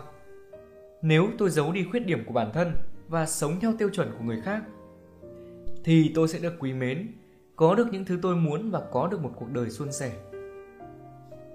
Lối suy nghĩ này được hình thành vào thời thơ ấu, nhưng nó đã ảnh hưởng rất nhiều đến tư duy khi Nice Guy đã trưởng thành. Mặc dù đây là cách hiểu sai đối với những sự kiện thời thơ ấu, nhưng những gã Nice Guy vẫn cứ bám víu vào nó ngay cả khi mình đã lớn. Những gã thất bại này tin rằng đây là kim chỉ nam cho một cuộc đời tốt đẹp và ngay cả khi nó không có hiệu quả thì họ vẫn cứ lặp đi lặp lại với hy vọng sẽ thành công vào một ngày nào đó. Phân loại Nice Guy Thứ cơ chế sinh tồn sai lệch mà Nice Guy đã tạo nên để đối phó với những trải nghiệm không tốt đẹp và sự mặc cảm vô lý về bản thân thường được thể hiện theo hai cách. Ở cách đầu tiên, gã Nice Guy sẽ thường phóng đại sự bất ổn của hắn và cho rằng mình là một người tệ hại. Tôi gọi đây là loại Nice Guy tồi tệ Nice Guy tồi tệ luôn cố gắng thuyết phục mọi người rằng hắn là một người tệ hại. Hắn nói về những hành vi sai trái của mình lúc còn nhỏ, thời thiếu niên và cả khi trưởng thành để thêm phần khẳng định về sự tệ hại của bản thân mình. Hắn sẽ kể cho bạn nghe về việc làm vỡ kính cửa sổ và bị phạt đòn khi còn nhỏ, hay việc vi phạm pháp luật và làm cho mẹ mình khóc khi còn ở tuổi thiếu niên. Thậm chí, Hắn còn bịa ra cái chuyện mình chơi đồ, nhậu nhẹt bê tha. Hắn ta tin rằng việc cố hết sức che đậy đi những điều xấu cố hữu của bản thân là cách duy nhất để có được hạnh phúc trong cuộc sống. Hắn biết mọi người sẽ không tin vào nhân cách nice guy của hắn, nhưng hắn cũng không có lựa chọn nào khác. Loại thứ hai là loại nice guy tốt đẹp. Loại này thường kiểm soát sự mặc cảm của bản thân bằng cách trấn áp cái niềm tin về sự vô dụng của chính mình. Hắn sẽ cố gắng thuyết phục rằng hắn là một người tốt đẹp nhất mà bạn từng biết. Nếu hắn có khuyết điểm gì, hắn sẽ xem như nó chỉ là tiểu tiết và có thể dễ dàng sửa đổi. Khi còn bé thì hắn không phải là một đứa nhóc mơ mộng. Thời niên thiếu thì hắn không bao giờ mắc sai lầm. Đến khi lớn lên thì lại là một người đúng chuẩn trong mọi quy tắc. Loại nice guy này đã chôn vùi niềm tin rằng mình không ổn vào sâu trong tiềm thức của hắn. Hắn ta che đậy sự mặc cảm vô lý về bản thân với một niềm tin rằng với những việc tốt mình đã làm, hắn đã là một người tốt đẹp. Trên thực tế thì các bạn đều biết, không có ai hoàn hảo cả, mà không phải cứ làm việc tốt thì bạn là người tốt. Mặc dù cả hai loại nice guy này có sự khác nhau trong việc nhìn nhận sự mặc cảm vô lý đối với bản thân, nhưng họ vẫn có một điểm chung rất lớn. Tất cả nice guy đều tin rằng họ chưa bao giờ ổn cả. Vì vậy, họ phải che đậy khuyết điểm và cố sống theo tiêu chuẩn của người khác. Tôi nêu đặc điểm cụ thể của hai loại nice guy này nhằm giúp họ hiểu bản thân của họ hơn. Họ thực sự không tốt hay không xấu như họ tưởng. Họ chỉ là những tâm hồn bị tổn thương bởi góc nhìn sai lệch đối với tuổi thơ của mình. Chúng ta sẽ đến với bài thực hành số 3. Thật bất khả thi để liệt kê ra hết những nhân tố có thể khiến một cậu trai tìm cách che đi khuyết điểm của bản thân và tìm kiếm sự công nhận từ người khác. Tôi cũng không nghĩ rằng việc những nice guy kể ra hết những trải nghiệm tệ hại của mình là cần thiết. Nhưng tôi cho rằng việc biết rõ cốt lõi của sự việc sẽ giúp chúng ta có cách xử lý tốt hơn. Nào, hãy cùng đọc lại câu chuyện của Alan, Jason và Jones để xem bạn có nét tương đồng nào không. Sau đó, hãy viết ra những thông điệp của gia đình đã khiến bạn thấy rằng sống đúng với bản chất là điều không ổn. Hãy chia sẻ với một người mà bạn tin tưởng, đừng quên nói cho họ biết cảm giác của bạn là gì. Mục đích của bài thực hành này là giúp bạn biết rõ hơn chứ không phải đổ lỗi cho những trải nghiệm không vui. Đổ lỗi chưa bao giờ là một giải pháp tốt cả. Thay vào đó, hãy liệt kê rõ ràng những trải nghiệm khiến bạn cảm thấy việc sống đúng với bản chất là sai. Hành động này sẽ khiến bạn nhìn nhận lại kỹ hơn về chúng và tìm ra giải pháp. Bây giờ chúng ta sẽ cùng nhau đến với thế hệ baby boom và những gã trai nhạy cảm. Baby boom là một thuật ngữ dùng để chỉ những người sinh từ năm 1946 đến năm 1964 trong thời kỳ bùng nổ trẻ sơ sinh của thế giới sau Thế chiến II. Đứa trẻ nào cũng từng trải qua cảm giác bị bỏ rơi. Trẻ con cũng có vô số cách hiểu và phản ứng lại với những trải nghiệm này. Như đã nói ở trên, trở thành nice guy chỉ là một trong vô số khả năng có thể xảy ra đối với một đứa trẻ. Tuy nhiên, với số lượng nice guy mà tôi từng gặp thì những trải nghiệm tuổi thơ không tốt đẹp chưa phải là tác nhân đủ lớn để tạo ra họ. Tôi không do dự khi nói rằng ngoài kia luôn tồn tại những gã nice guy, xã hội có đầy dẫy những gã nhu nhược và ảo tưởng về cuộc sống của mình. Không thiếu những tên con trai cưng của mẹ, mama boys hay những gã chồng nhu nhược đang đâu đó ngoài kia. Và tôi tin rằng nhiều cậu bé sinh ra đã có tính cách ôn hòa và rộng lượng và lớn lên cũng trở thành những người đàn ông với tính cách như vậy. Nhưng sau nhiều năm tiếp xúc với vô số gã đàn ông, tôi tin rằng số lượng nhiều một cách khủng khiếp những tên nice guy này được tạo ra là do sự kết hợp của các động lực xã hội khác nhau trong năm thập kỷ qua. Để hiểu rõ hơn về sự phổ biến của hội chứng nice guy, chúng ta phải kể đến một loạt những thay đổi lớn trong xã hội bắt đầu từ khoảng đầu thế kỷ và tăng nhanh sau Thế chiến thứ hai. Những động lực xã hội góp phần vào sự phổ biến của hội chứng nice guy này bao gồm một Sự chuyển đổi từ nền kinh tế nông nghiệp sang nền kinh tế công nghiệp 2. Sự di cư của người dân từ vùng nông thôn lên thành thị 3. Số lượng các vụ ly hôn, gia đình chỉ có cha hoặc mẹ đơn thân, gia đình do phụ nữ làm chủ tăng cao 4. Hệ thống giáo dục được điều khiển bởi phụ nữ 5. Các phong trào nữ quyền 6. Chiến tranh Việt Nam 7. Cách mạng giới tính Đây là những sự kiện đã tạo nên ảnh hưởng to lớn lên thanh thiếu niên Mỹ bấy giờ. Những sự biến chuyển xã hội này đã tạo ra ba tác động góp phần nhân rộng thứ dịch bệnh nice này đến với thế hệ baby boom. 1. Những đứa bé bị tách khỏi bố của mình và những hình mẫu nam tính khác như là ông, cậu hoặc chú. Việc này đã khiến nam giới không có sự liên kết với nhau, và những đứa bé này không biết sự nam tính thực thụ là như thế nào. 2. Việc dạy dỗ con trai rơi vào tay phụ nữ Những bà mẹ nay phải chịu trách nhiệm nuôi dạy con trai mình thành những người đàn ông. Trong khi phụ nữ thì làm sao hiểu hết được về đàn ông và hệ thống giáo dục cũng bị thôn tính bởi phụ nữ. Việc này làm cho định nghĩa về đàn ông bị bóp méo. Những đứa bé này dần dần bị tẩy não và phụ thuộc vào sự công nhận của phụ nữ. 3. Chủ nghĩa nữ quyền cấp tiến ngầm ngụ ý rằng đàn ông là xấu xa và không cần thiết. Những thông điệp này của họ khiến nhiều gã đàn ông càng tin rằng nếu họ muốn được quý trọng thì họ phải sống dựa trên tiêu chuẩn của phụ nữ. Nhiều gã coi việc này có nghĩa là họ đang phải che đậy đi những khía cạnh có thể khiến họ bị coi là một gã đàn ông tồi. Chúng ta sẽ đi vào lịch sử của thế kỷ 20.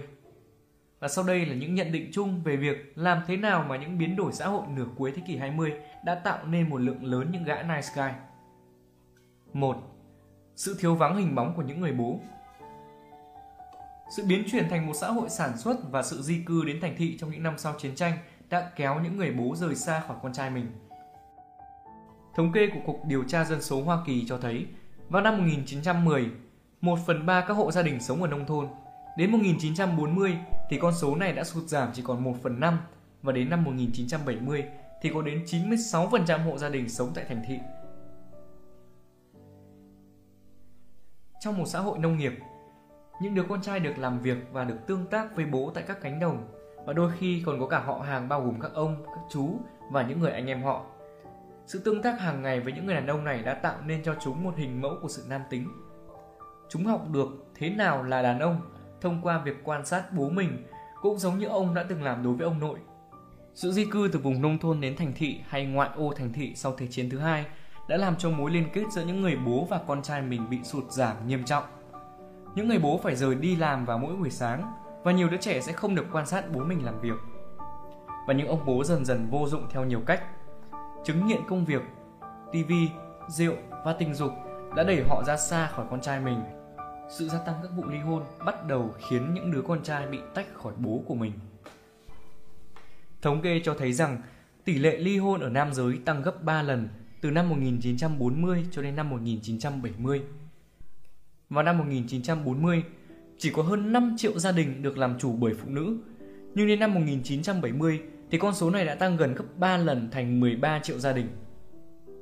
Nhìn chung, những gã nice guy tôi từng làm việc cùng thường không có mối quan hệ khăng khít với bố lúc còn nhỏ. Đôi khi đấy là do bố của họ dành quá nhiều thời gian cho công việc hoặc là không quan tâm chăm sóc họ đúng mức. Các nice guy cũng thường nói về bố của mình theo hướng tiêu cực. Họ thường miêu tả bố là người thích kiểm soát, nóng tính, thường xuyên vắng mặt nghiện ngập hay lăng nhăng. Vậy nên không có gì bất ngờ khi các nice guy thường muốn mình khác với bố. Sự thiếu vắng của người bố trong thời gian này khiến các bà mẹ phải đảm đương trọng trách của người chồng. Họ phải chịu trách nhiệm cho việc nuôi dạy con trai mình trở thành những người đàn ông. Và thật không may rằng, ngay cả những bà mẹ thông thái nhất cũng không thể nào biết cách dạy con mình làm thế nào để trở thành đàn ông thực thụ. Thế nhưng họ vẫn cố làm việc này. Và tôi tin rằng những người mẹ chính là tác giả tạo ra những gã nice guy ở thập niên 40, 50 và 60, những người đã dạy con mình cách để làm đàn ông. Điều này đã khiến nhiều gã nice guy tiếp nhận tiêu chuẩn của sự nam tính từ phụ nữ, mà lẽ ra tiêu chuẩn này phải được đặt ra bởi đàn ông và thoải mái để cho phụ nữ áp đặt tiêu chuẩn về đàn ông của họ lên bản thân mình. Về hệ thống giáo dục bị phụ nữ thôn tính. Hệ thống giáo dục hiện đại cũng đã góp phần vào việc những đứa bé trai bị nuôi dạy bởi phụ nữ. Kể từ khi Thế chiến thứ hai nổ ra, tất cả bé trai phải học tại các ngôi trường có giáo viên nữ chiếm đa số, vì đàn ông đều phải tham gia chiến tranh. Đối với chúng, những bài học vỡ lòng mà chúng được dạy chính là cách phục tùng phụ nữ. Từ mẫu giáo cho đến lớp 6 thì chúng chỉ được dạy bởi đúng duy nhất một giáo viên nam, còn lại đều là 6 giáo viên nữ. Nếu xét theo tiêu chuẩn giáo dục quốc gia thì điều này có vẻ như là không có gì bất thường cả số lượng giáo viên nam chỉ chiếm 1 phần tư so với tổng số giáo viên trên toàn quốc. Tại cấp tiểu học, họ chỉ được dạy khoảng 15% số tiết học của bọn trẻ và con số này vẫn đang bị cắt giảm đều đặn. Từ lúc ở nhà trẻ cho đến lúc học mẫu giáo và rồi vào tiểu học, xung quanh các cậu bé trong thời hậu chiến này chỉ toàn là hình bóng phụ nữ, vì bố của chúng phải bận đi làm, đi chiến tranh. Có rất ít những người đàn ông ở bên cạnh và dẫn dắt chúng vào giai đoạn này. Và khi một cậu bé vốn đã bị tách khỏi bố của mình và tẩy não về việc phục tùng phụ nữ từ trước, thì hệ thống giáo dục lúc bấy giờ chỉ làm cho tình trạng của đứa bé này ngày càng tệ thêm. Về chiến tranh Việt Nam trong thập niên 60, chiến tranh Việt Nam đã gây nên sự xa cách cả về nghĩa bóng lẫn nghĩa đen giữa những bé trai và bố của mình. Những đứa con trai đã đứng lên và phản đối lại cuộc chiến tranh được bắt đầu bởi chính cha của chúng. Các ông bố cựu chiến binh đã không thể hiểu nổi sự nổi loạn của các con trai. Thế hệ trẻ này đã trở nên đối lập hoàn toàn với cha mình và chống lại việc sử dụng vũ trang để giải quyết các vấn đề trong nước cũng như quốc tế. Và thế là loại đàn ông yêu chuộng hòa bình và ghét việc xung đột đã được sinh ra bởi phong trào phản chiến. Về phong trào giải phóng phụ nữ, nữ quyền, cùng vào khoảng thời gian này, nhiều phụ nữ cũng đã bắt đầu ra ngoài để làm việc. Các phương pháp kiểm soát sinh đẻ đã trao cho họ sự tự do và phong trào giải phóng phụ nữ cũng đang nhen nhóm vào lúc này. Một số người mẹ đã nhìn thấy từ trước sự thay đổi trong vai trò giới tính nên họ đã chuẩn bị trước. Họ bắt đầu dạy con gái mình tư tưởng không cần đến đàn ông, đồng thời nuôi dạy con trai phải khác với bố. Chúng phải trở thành những gã nhẹ nhàng, rộng lượng và sẵn sàng phục tùng phụ nữ. Phong trào nữ quyền cấp tiến những năm thập niên 60 và 70 đã thể hiện rõ thái độ chán ghét đàn ông. Một số nhà nữ quyền đổ lỗi cho đàn ông là nguyên nhân của mọi vấn đề trên thế giới này. Số khác lại khẳng định rằng đàn ông chỉ là thứ phiền toái. Nhiều khả năng phần lớn phụ nữ trong thời kỳ này không hề có những suy nghĩ như vậy. Nhưng một số lượng nhất định phụ nữ hận thù đàn ông là đủ để nhiều gã tin rằng việc sống đúng với bản chất là sai trái. Những khẩu hiệu như là men are pricks hay all men are rapists xuất hiện nhan nhản trong thời gian này. Một số khẩu hiệu khác ít tiêu cực hơn thì lại châm biếm đại loại như phụ nữ cần đàn ông như cá cần có xe đạp. Những gã vốn dĩ đã phục tùng và thèm khát sự công nhận của phụ nữ đã rất sốc khi thấy những biểu ngữ này. Chúng như động lực thúc đẩy những gã này tìm hiểu thêm về phụ nữ và cố làm hài lòng họ nhằm nhận được sự quý mến và tôn trọng. Nói đến đây, chúng ta sẽ có khái niệm soft males và boy men – tiếng Việt là được dựa mong manh. Tác giả Robert Bly, người viết nên tác phẩm Iron John, đã nói về việc những biến đổi xã hội đã tạo ra một giống đàn ông mới trong thời kỳ baby boom tại Mỹ. Ông gọi những người này bằng cụm từ soft males. Họ là những người rất tuyệt vời và đáng quý. Tôi thích họ. Những người này không có hứng thú trong việc tàn phá đất mẹ hay là gây chiến tranh. Họ luôn lịch thiệp cả về bản chất lẫn cách sống. Nhưng những gã này thường không cảm thấy vui vẻ gì cả bạn có thể dễ dàng thấy được là trông những gã này rất thiếu sức sống. Chớ chiêu thay, bạn thường thấy những gã này bên cạnh những người phụ nữ có năng lượng rất cao. Chúng ta có một gã trai hoàn hảo, tinh tế, thấu hiểu, vượt trội về mặt sinh học hơn so với đời trước, cao to hơn này, khỏe hơn này, nhưng hắn chẳng thực sự đóng góp được gì. Ở một góc nhìn khác, Camille Paglia bình luận về sự biến chuyển của xã hội trong vòng 5 thập kỷ qua đã thay đổi vai trò của đàn ông và phụ nữ như thế nào. Người phụ nữ sau một ngày làm việc mệt mỏi buộc phải kiềm chế tính khí của mình lại khi họ quay về nhà. Cô ta phải cố gắng kiềm chế hoặc là cô ta sẽ phá tan mọi thứ trong nhà. Để không phải chịu đựng viễn cảnh tiến thoái lưỡng nan này, kiềm nén thì khó chịu, mà đập phá thì tan hoang cái nhà. Nhiều phụ nữ trung lưu quyết định tìm một gã trai ngoan ngoãn như một đứa con trai trong gia đình mẫu hệ. Con trai thường không có tiếng nói trong chế độ mẫu hệ để cặp kè và dễ bề sai bảo.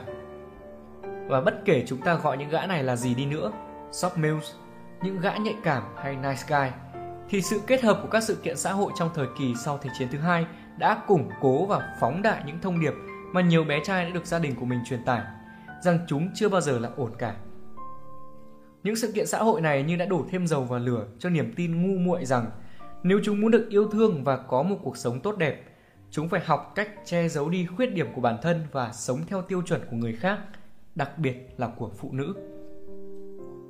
Quan sát của tôi trong những năm gần đây đã dẫn đến kết luận rằng không chỉ thế hệ baby boom bị tác động bởi những thứ biến động xã hội vừa được nêu trên, mà ngay cả thế hệ trẻ bây giờ cũng như vậy.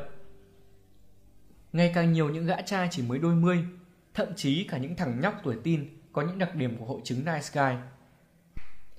Những gã trẻ tuổi này không chỉ bị những biến động xã hội ảnh hưởng, mà họ còn lớn lên trong những gia đình bố mẹ đơn thân hoặc có một người bố là nice guy. Và khi viết những dòng này, tôi cho rằng chúng ta chỉ mới bắt đầu với thế hệ nice guy thứ ba. Chúng ta sẽ đến với những tập tính của lũ đàn ông vô tích sự bên ngoài. bị ảnh hưởng bởi những tác động tiêu cực từ gia đình và xã hội đã được nêu trên. Những gã nice guy thường gặp rất nhiều khó khăn trong cuộc sống và tình cảm. Và vì chính những mặc cảm vô lý đối với bản thân và thứ cơ chế sinh tồn ngu ngốc. Vì chính những mặc cảm vô lý đối với bản thân và thứ cơ chế sinh tồn ngu ngốc, cuộc đời của những gã này là một sự bế tắc và vô định. Thật tệ hại. Nhưng thay vì thử làm gì khác thì những gã đần này cứ cố gắng lặp đi lặp lại những thất bại vô ích với hy vọng rằng mình sẽ thành công. Tôi thường nói với mấy gã nice guy rằng nếu anh cứ lặp lại những gì mà anh đã thất bại một cách vô ích thì thứ đang chờ anh vẫn chỉ là thất bại mà thôi. Để làm rõ hơn những điều tôi đã trình bày thì đây là những điều mà các nice guy thất bại thường làm. 1. Tìm kiếm sự công nhận của người khác. 2. Tìm cách che giấu đi khuyết điểm của bản thân. 3. Đặt nguyện vọng của người khác lên trên nguyện vọng của chính bản thân mình. 4. Từ bỏ sức mạnh nguyên thủy của bản thân và đóng vai nạn nhân. 5. Tuyệt giao với những cá thể được khác và từ bỏ sự nam tính của bản thân mình. 6. Tạo dựng các mối quan hệ không đáng có. 7. Tạo dựng các tình huống dẫn đến những lần quan hệ tình dục không như ý. 8. Không phát huy hết tiềm năng của bản thân. 7 chương tiếp theo sẽ là kế hoạch để các nice guy có thể thay đổi bản thân một cách hiệu quả. Hãy đọc thật kỹ và đã đến lúc để bắt đầu một cuộc sống mới và đạt được những thứ bạn muốn. Chương 3 Học cách chỉ làm hài lòng người thực sự quan trọng. Người ấy là ai? Tôi như một con tắc kè. Todd, một nice guy độc thân 30 tuổi thú nhận. Tôi có thể trở thành bất cứ ai mà tôi tin rằng sẽ được người khác yêu thích. Với những đứa bạn thông minh, tôi sẽ tỏ ra thông minh và dùng từ ngữ mang tính hàn lâm. Trước mặt mẹ, tôi là một đứa con ngoan, đáng yêu. Ở với bố, tôi thường hay bàn luận chủ đề thể thao. Trong mắt đồng nghiệp, tôi lại là một gã hay chửi thề, bằng mọi giá để trông thật ngầu. Hay ít nhất là tôi nghĩ như vậy. Ẩn sau tất cả thì tôi không chắc tôi là ai. Hay có ai thực sự thích tôi vì bản thân tôi hay không. Nếu tôi không thể nhận ra họ muốn tôi như thế nào, tôi sợ tôi sẽ bị bỏ rơi. Mà cái hay là đằng nào tôi cũng cảm thấy cô đơn mọi lúc rồi. Mọi thứ một nice guy làm đều cố ý hoặc vô tình tính toán để nhận được sự ủng hộ và tránh bị ghét nice guy luôn tìm kiếm sự công nhận từ bên ngoài trong mọi mối quan hệ và tình huống kể cả là từ người lạ hay là người mà gã không hề thích Todd là một ví dụ của người mà vì sự toxic shame tin rằng hắn phải trở thành người mà mọi người mong muốn. Nice Guy lại tin rằng cần phải biến đổi cá tính tùy tình huống như tắc kè nếu muốn được yêu quý, thỏa mãn nhu cầu và có được một cuộc đời vô ưu, vô lo. Nice Guy thường xuyên tìm kiếm sự công nhận từ bên ngoài, tuy nhiên việc này thì thường phản tác dụng. Bằng việc cố gắng làm được lòng mọi người, Nice Guy lại thường làm cho mọi người xung quanh chán trường, kể cả là chính bản thân tìm kiếm sự công nhận. Vì Nice Guy không tin rằng gã ổn. Gã tìm vô số cách để thuyết phục mọi người rằng gã đáng yêu và đáng được khao khát. Gã có thể tập trung vào một vài điểm của bản thân như là ngoại hình này, tài năng này, trí tuệ này. Việc gã làm như là cư xử tốt, làm việc chăm chỉ và cả những yếu tố bên ngoài. Một vợ, hai con, ba tầng, bốn bánh để tỏ ra rằng là mình có giá trị và có được sự công nhận tôi thì cho rằng cơ chế tìm kiếm sự công nhận này thực tế là trói buộc nice guy gắn liền giá trị của bản thân với những thứ bên ngoài và dùng chúng để thuyết phục mọi người rằng gã có giá trị. Không có những ràng buộc này thì nice guy không biết điều gì có thể khiến cho người khác yêu quý mình. Trở thành một nice guy là hình thái trói buộc cao nhất dành cho một thằng đàn ông. Và gã thực lòng tin rằng sự tận tâm trở nên tốt và làm đúng mang đến cho gã giá trị và bù đắp lại cảm xúc tự ti luôn hiện hữu trong tâm gã. Bởi vì sự hổ thẹn vô lý này, Nice Guy không có cách nào hiểu được rằng gã có thể được mọi người yêu quý khi gã là chính gã. Và gã tin rằng gã là một kẻ tồi tệ. Nice Guy thường tự nhận là tao cực kỳ tốt, nhưng lại không hề nhận thức được sự tồn tại của cái niềm tin cốt lõi rằng gã là một kẻ tồi tệ nhưng nó vẫn tồn tại và ngấm ngầm điều khiển gã. Từ đó thì nice guy sẽ giả dụ rằng nếu ai đó biết về mình, họ sẽ khám phá ra điều tương tự. Gã cho rằng tự trói buộc bản thân vào thứ gã cảm thấy có giá trị và thu về sự công nhận là điều cần thiết nếu muốn được yêu quý, thỏa mãn nhu cầu và có được một cuộc đời vô ưu vô lo. Bài thực hành số 4 Tôi đã làm khảo sát trong một vài nhóm No More Mr. Nice Guy và hỏi về những trói buộc nào họ hay dùng để có được sự công nhận từ bên ngoài. Sau đây là một vài câu trả lời. Nhìn qua danh sách, ghi chú lại bất cứ cách nào bạn dùng. Thêm vào danh sách những hành động nào của riêng bạn. Viết một vài ví dụ. Hỏi người khác phản hồi về những việc họ nghĩ là bạn đang tìm kiếm sự công nhận. Sẽ có một ví dụ về list các việc như sau. Trải chuốt mái tóc thật mướt. Tỏ ra thông thái. Giọng nói thỏ thẻ, nhẹ nhàng. Tỏ ra vị kỷ. Khác biệt với những người đàn ông khác. Không bao giờ say xỉn, trau chuốt vẻ bề ngoài, trở thành một vũ công giỏi hay trở thành một người yêu tốt. Không bao giờ nổi giận này, rồi là làm người khác vui, làm một nhân viên tốt. Ô tô thì luôn sạch sẽ, phối đồ đẹp, dễ chịu, tôn trọng phụ nữ. Không bao giờ thấy xúc phạm ai và ra vẻ như một người cha tốt tiếp theo chúng ta sẽ nói về cách mà một nice guy sử dụng trói buộc. Lại một ví dụ nhé. Carl là một nice guy điển hình trong việc sử dụng trói buộc để tìm kiếm sự công nhận. Carl tìm kiếm công nhận bằng cách luôn ở trong tâm trạng tốt, lái một chiếc xe đẹp, ăn mặc chỉnh tề, có vợ đẹp, con xinh. Giờ hãy mổ xẻ xem Carl làm cách nào để được công nhận nào. Cao thích cho cô con gái 14 tháng tuổi diện những chiếc váy xinh xắn và dẫn cô bé đi dạo công viên.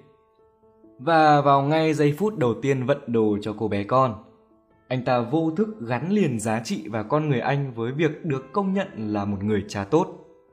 Anh ấy biết rằng, người khác sẽ nhìn con bé và cười, vài người sẽ bàn tán, những người khác sẽ dừng lại hỏi thăm và khen rằng đứa bé rất xinh.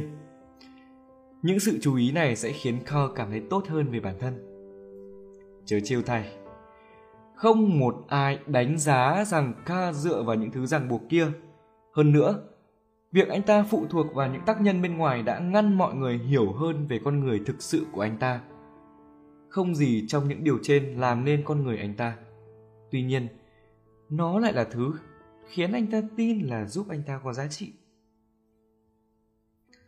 Tiếp theo là tìm kiếm sự công nhận của phụ nữ. Nice Guy tìm kiếm sự công nhận bên ngoài trong mọi tình huống và nó đặc biệt quan trọng trong một mối quan hệ với phụ nữ.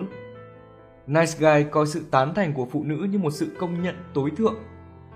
Dấu hiệu tán thành của phụ nữ có thể được hiểu như là khao khát làm tình, có những hành động khiêu gợi, hoặc chỉ đơn giản là một nụ cười, một cái chạm tay hay là một sự chú ý.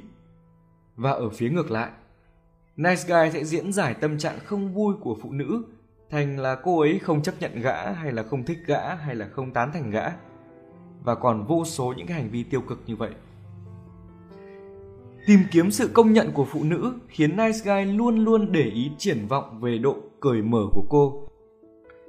Triển vọng về sự sẵn sàng là một thuật ngữ tôi dùng để đo sẵn sàng làm tình của phụ nữ. Vì nice guy xem việc quan hệ, xem sex như là hình thái cao nhất của sự chấp nhận. Và gã tin rằng Phụ nữ cần tâm trạng tốt trước khi làm tình, nên gã sốt sáng làm vừa lòng cô gái mà gã khao khát.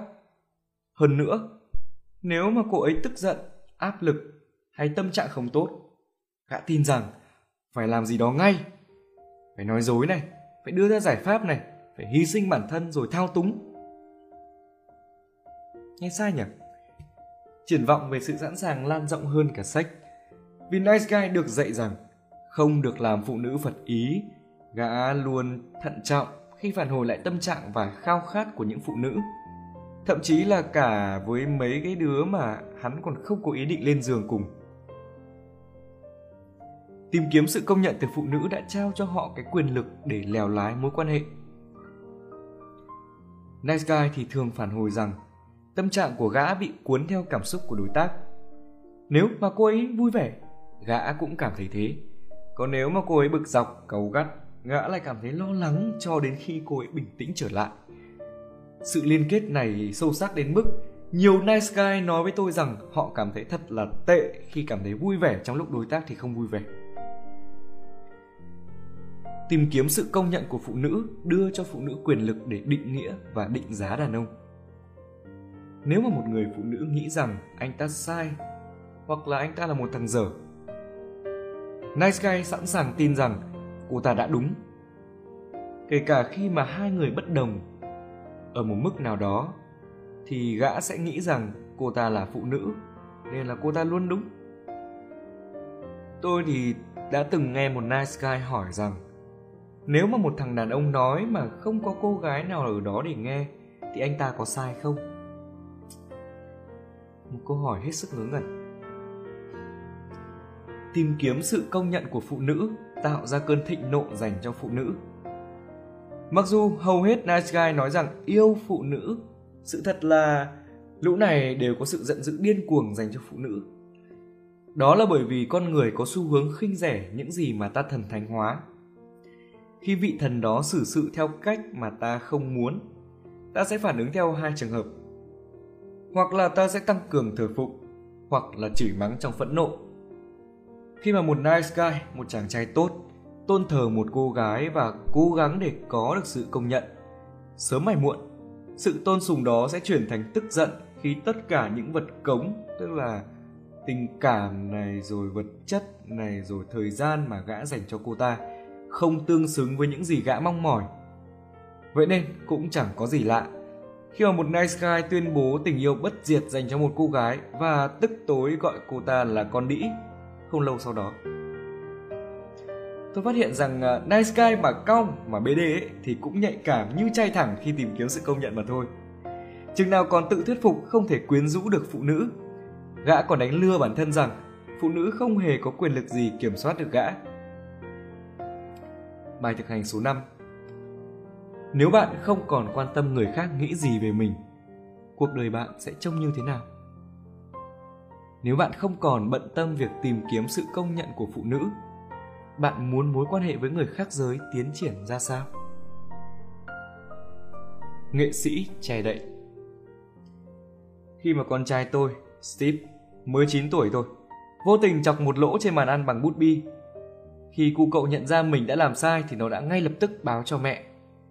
Steve có được sự xấu hổ thích đáng và lành mạnh với lỗi lầm này nó biết hành động đó đã tác động đến cái bàn và phải chịu trách nhiệm. Và quan trọng nhất, nó biết rằng nó không hề xấu, mặc dù nó đâm vào cái bàn như vậy. Nếu tôi làm việc gì khi còn là một đứa trẻ hay là sau này lớn lên, tôi bị ảnh hưởng bởi toxic shame và dùng mọi cách để che giấu hay chối bỏ những thứ đã làm. Tôi đã bị thuyết phục rằng có ai đó sẽ tức giận và sẽ không còn yêu quý tôi nữa tôi đã sống cùng nỗi sợ và một nỗi lo thường trực rằng sẽ có ai đó phát hiện ra rất nhiều những chàng trai tốt, những nice guy, nói rằng họ đã có nhiều lần trong tình huống giống như Steve. Và không có ngoại lệ, từng người họ thú nhận rằng đã làm ngược lại với Steve. Thay vì thành thực, trung thực nói ra, thì họ đã làm ngược lại, cố gắng che giấu nó đi. Và như đã nói ở trên, mọi thứ một nice guy làm chỉ là cố ý hoặc vô thức tính toán để nhận được sự ủng hộ và né tránh sự phản đối. Vì Nice Guy không tin rằng bản thân con người gã đã rất ok. Gã luôn coi bất cứ lỗi lầm hay vết nhơ nào đó là chứng cớ khiến gã xấu xa và không còn đáng yêu trong mắt người khác nữa. Gã tin rằng nếu ai đó mà nhìn thấy gã tệ thế nào, gã sẽ tổn thương, sẽ xấu hổ và sẽ bị ruồng bỏ. Kết quả là chúng ta có một thế hệ, có một tầng lớp những nghệ sĩ che đậy tuyệt vời là những nice guy. Nice guy tin rằng gã phải che giấu hoặc đánh lạc hướng khỏi bất cứ thiếu sót nào mà mọi người có thể nhìn thấy. Khi quên mất gì đó này, khi đến muộn, khi làm hỏng thứ gì, khi không hiểu cái gì, khi làm sai, khi cảm thấy chán nản, cảm thấy đau đớn, rồi khi mà làm dối tung mọi thứ lên. Thứ nice guy phải giấu thường là những thứ dễ thấy nhất và là một phần của giống loài Homo sapien. Họ che giấu cái việc rằng họ có hứng thú. Họ nứng à? Nói thẳng luôn là họ nứng và họ đang có nhu cầu về mặt tình dục. Họ lại xấu hổ về việc là họ phải tiểu tiện và đại tiện. Lạy Chúa, có ai đã từng không dám đi vệ sinh hay là không dám giơ tay trong lớp xin đi vệ sinh vì xấu hổ chưa? Tiếp theo là gã đang phải che giấu rằng là gã đang già đi, sinh lão bệnh tử, làm gì có ai không già. Gã có những nhu cầu riêng, gã không hề hoàn hảo, hay là đầu gã đang hói dần chẳng hạn. Những thứ dễ thấy nhất và là một phần của giống loài chúng ta rồi còn đâu. Bài thực hành số 6 Hãy nhìn lại những cái danh sách phía trên. Viết lại những tình huống mà bạn đã cố gắng che giấu hay đánh lạc hướng khỏi một lỗi lầm nào đó. Bạn nghĩ che giấu điều gì đó với những người bạn yêu quý hiệu quả ra sao? Che giấu những bằng chứng. Nice Guy tìm vô số cách sáng tạo để che đậy những thiếu sót và lỗi lầm bao gồm nói dối. Hầu hết thì Nice Guy tự hào về sự thành thực và đáng tin cậy. Mỉa mai thay, Nice guy về cơ bản thường họ không thành thật đâu. Nice guy sẽ nói dối, một phần sự thật và bỏ quên chi tiết nếu họ tin rằng sẽ ngăn được mọi người tập trung vào hắn theo cách tiêu cực. Dựa vào khoản tín dụng việc tốt. Vì Nice Guy cố gắng đấu tranh để trở nên tốt, cho đi và quan tâm, gã tin rằng những hành động này như một khoản tín dụng sẽ bỏ qua hết những lỗi lầm gã đã làm – một phần niềm tin của Nice Guy rằng nếu hầu hết mọi việc hắn làm đều tốt thì không ai sẽ để ý khi hắn làm sai. Sửa chữa Người trưởng thành chịu trách nhiệm cho hành động của họ. Khi họ mắc lỗi và cư xử không chín chắn, họ xin lỗi, cải thiện và khắc phục hậu quả. Ngược lại, Nice Guy cố gắng sửa chữa tình hình bằng cách làm mọi thứ để người kia nguôi giận. Lý do phòng vệ hợp lý là những hành vi dựa trên nỗi sợ để đánh lạc hướng những người khác khỏi lỗi lầm và sự tồi tệ của nice guy. Gã thường sử dụng lý do phòng vệ hợp lý khi gã làm gì sai trái hoặc là không có khả năng làm gì và ai đó, thường là vợ, đối tác, sếp đang đe dọa và sắp nhấn chìm gã trong sự tức giận. Phản khách vi chủ Nếu ai đó tức giận về một nice guy hay chỉ ra lỗi lầm của gã, cơn xấu hổ sẽ làm gã bị tổn thương trong một nỗ lực để đánh lạc hướng bản thân và người khác, gã sẽ làm gì đó để kích động sự xấu hổ của người kia. Và tôi sẽ gọi nó là đổ bỏ nỗi xấu hổ. Shame dumping như một chiếc xe rác mang theo sự xấu hổ từ người này đổ cho người khác. Chiến thuật vô thức này dựa trên niềm tin rằng nếu gã chuyển được trọng tâm sang lỗi sai của kẻ khác, gã có thể thoát khỏi sự chú ý. Những kỹ thuật tiêu biểu bao gồm trách mắng, lôi lại quá khứ, làm trạch hướng và chỉ ra thiếu sót của người kia danh giới. Nasgai dựng lên một danh giới ngăn người ngoài đến quá gần. Dễ hiểu thôi, điều này cho gã sự riêng tư và cùng bảo vệ gã khỏi hậu quả của việc bị phát hiện. Những danh giới này có thể bao gồm là nghiện ngập, thức ăn, sex, TV, bia rượu hay công việc, vân vân. Sự hóm hình, tài chế nhạo, đề cao cái tâm hồn, tính cách bên trong, chủ nghĩa hoàn hảo và sự cô lập. Chàng trai Teflon Teflon, một hợp chất polymer cách điện, không cháy, không dính, không bị ăn mòn hay phản ứng kể cả với axit. Dẫu cho bao nhiêu cố gắng để một nice guy có ngoại hình tốt và được mọi người yêu quý, những cơ chế phòng vệ trên cũng giữ mọi người xa cách. Như hầu hết các hình mẫu nice guy, những hành vi vô thức đó đi ngược lại những gì mà nice guy khao khát. Trong khi mong cầu tình yêu và sự kết nối, Hành động của gã tạo ra một bức tường vô hình ngăn mọi người tiến đến gần gã. Nice Guy mất nhiều thời gian và khó khăn mới nhận thức được con người không được tạo ra để trở nên hoàn hảo. Con người được tạo ra để chia sẻ những sở thích, vấn đề và là một nguồn năng lượng sống riêng biệt. Con người phải kết nối với nhau. Cố gắng che đậy bản chất và tạo nên một hình ảnh hoàn hảo khiến anh ta trở nên mập mờ, khó xử, tẻ nhạt và vô vị. Tôi thì thường coi những nice guy như những chàng trai Teflon Chúng miệt mài trở nên trơn tru đến mức không gì có thể bám dính lên chúng. Không may là cái vỏ Teflon ngăn cản người khác hiểu rõ con người hắn. Thật bi hài rằng, chính sự không hoàn hảo lại là cái kéo con người lại gần nhau hơn. Bài thực hành số 7 Bạn có tin rằng người khác có thể nhìn thấy mặt không hoàn hảo mà vẫn yêu quý bạn? Bạn sẽ thay đổi bản thân thế nào nếu biết rằng người quan tâm đến bạn sẽ không bao giờ bỏ đi hay ngừng yêu quý bạn cho dù có ra sao? Tự công nhận Hồi phục sau hội chứng Nice Guy bao gồm thay đổi paradigm cốt lõi. Để tìm hiểu về paradigm, xin mời các bạn hãy nghe lại chương 1. Thay vì tìm kiếm sự công nhận từ bên ngoài và né tránh sự phản đối, Nice Guy muốn quay đầu phải bắt đầu từ việc tìm kiếm sự công nhận bởi người duy nhất thật sự quan trọng là chính bản thân. Mỉa mai thay khi Nice Guy tập trung yêu quý bản thân thì gã bắt đầu nếm trải và được trải nghiệm sự thất mật và kết nối với người khác – điều mà gã từng thèm thuồng ghê gớm. Để giúp cho quá trình hồi phục dễ dàng hơn, Nice Guy có thể một Nhận diện những cách tìm kiếm sự công nhận 2. Chăm sóc tốt cho bản thân 3. Đưa cho bản thân những khẳng định tích cực 4. Dành nhiều thời gian một mình 5. Biểu lộ con người thật cho người an toàn một người có thể nói là người tích cực này, đủ sự tin tưởng và quan tâm nhận diện những cách tìm kiếm sự công nhận giúp Nice Guy học cách công nhận bản thân. Nghe thì có vẻ kỳ quặc, nhưng Nice Guy cần phải thực hành sống đúng với bản thân. Một cách để bắt đầu quá trình là chú ý đến những lúc cố gắng gây ấn tượng hay giành lấy sự công nhận. Nice Guy đang phục hồi có thể quan sát bản thân khi dành nhiều thời gian hơn cho mái tóc, giữ cửa cho người khác, lau dọn nhà bếp hay dắt đứa con đi dạo, chỉ được để chú ý và ngưỡng mộ khi mà gã bắt đầu để ý việc tốn quá nhiều thời gian và năng lượng để thu thập sự chú ý, gã có thể bắt đầu sống kiểu sống hướng vào bên trong, inside out, tức là thay vì tìm kiếm sự công nhận và công nhận từ bên ngoài, gã sẽ hướng sự chú ý vào bên trong. Và trong khi đó thì gã có thể bắt đầu tự vấn bản thân những câu hỏi quan trọng như là tôi muốn gì? Điều gì tôi cảm thấy đúng? Điều gì khiến tôi hạnh phúc?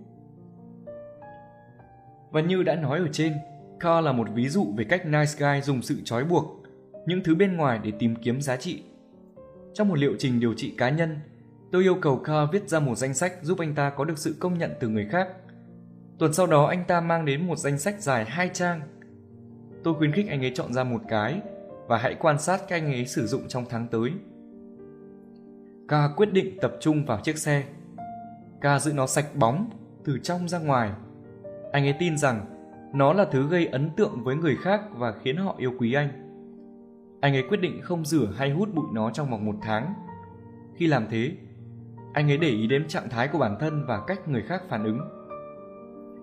Vì ca sống ở khu vực Seattle, chiếc xe nhanh chóng phủ một lớp bụi xém do nước mưa và bụi bẩn.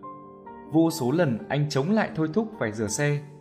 Khi đánh xe trên phố, anh ấy chắc mẩm rằng mọi người đang nhìn chiếc xe bẩn thỉu và phán xét anh ấy. Khi đi làm hay đến nhà người bạn, anh ấy chờ ai đó chê trách.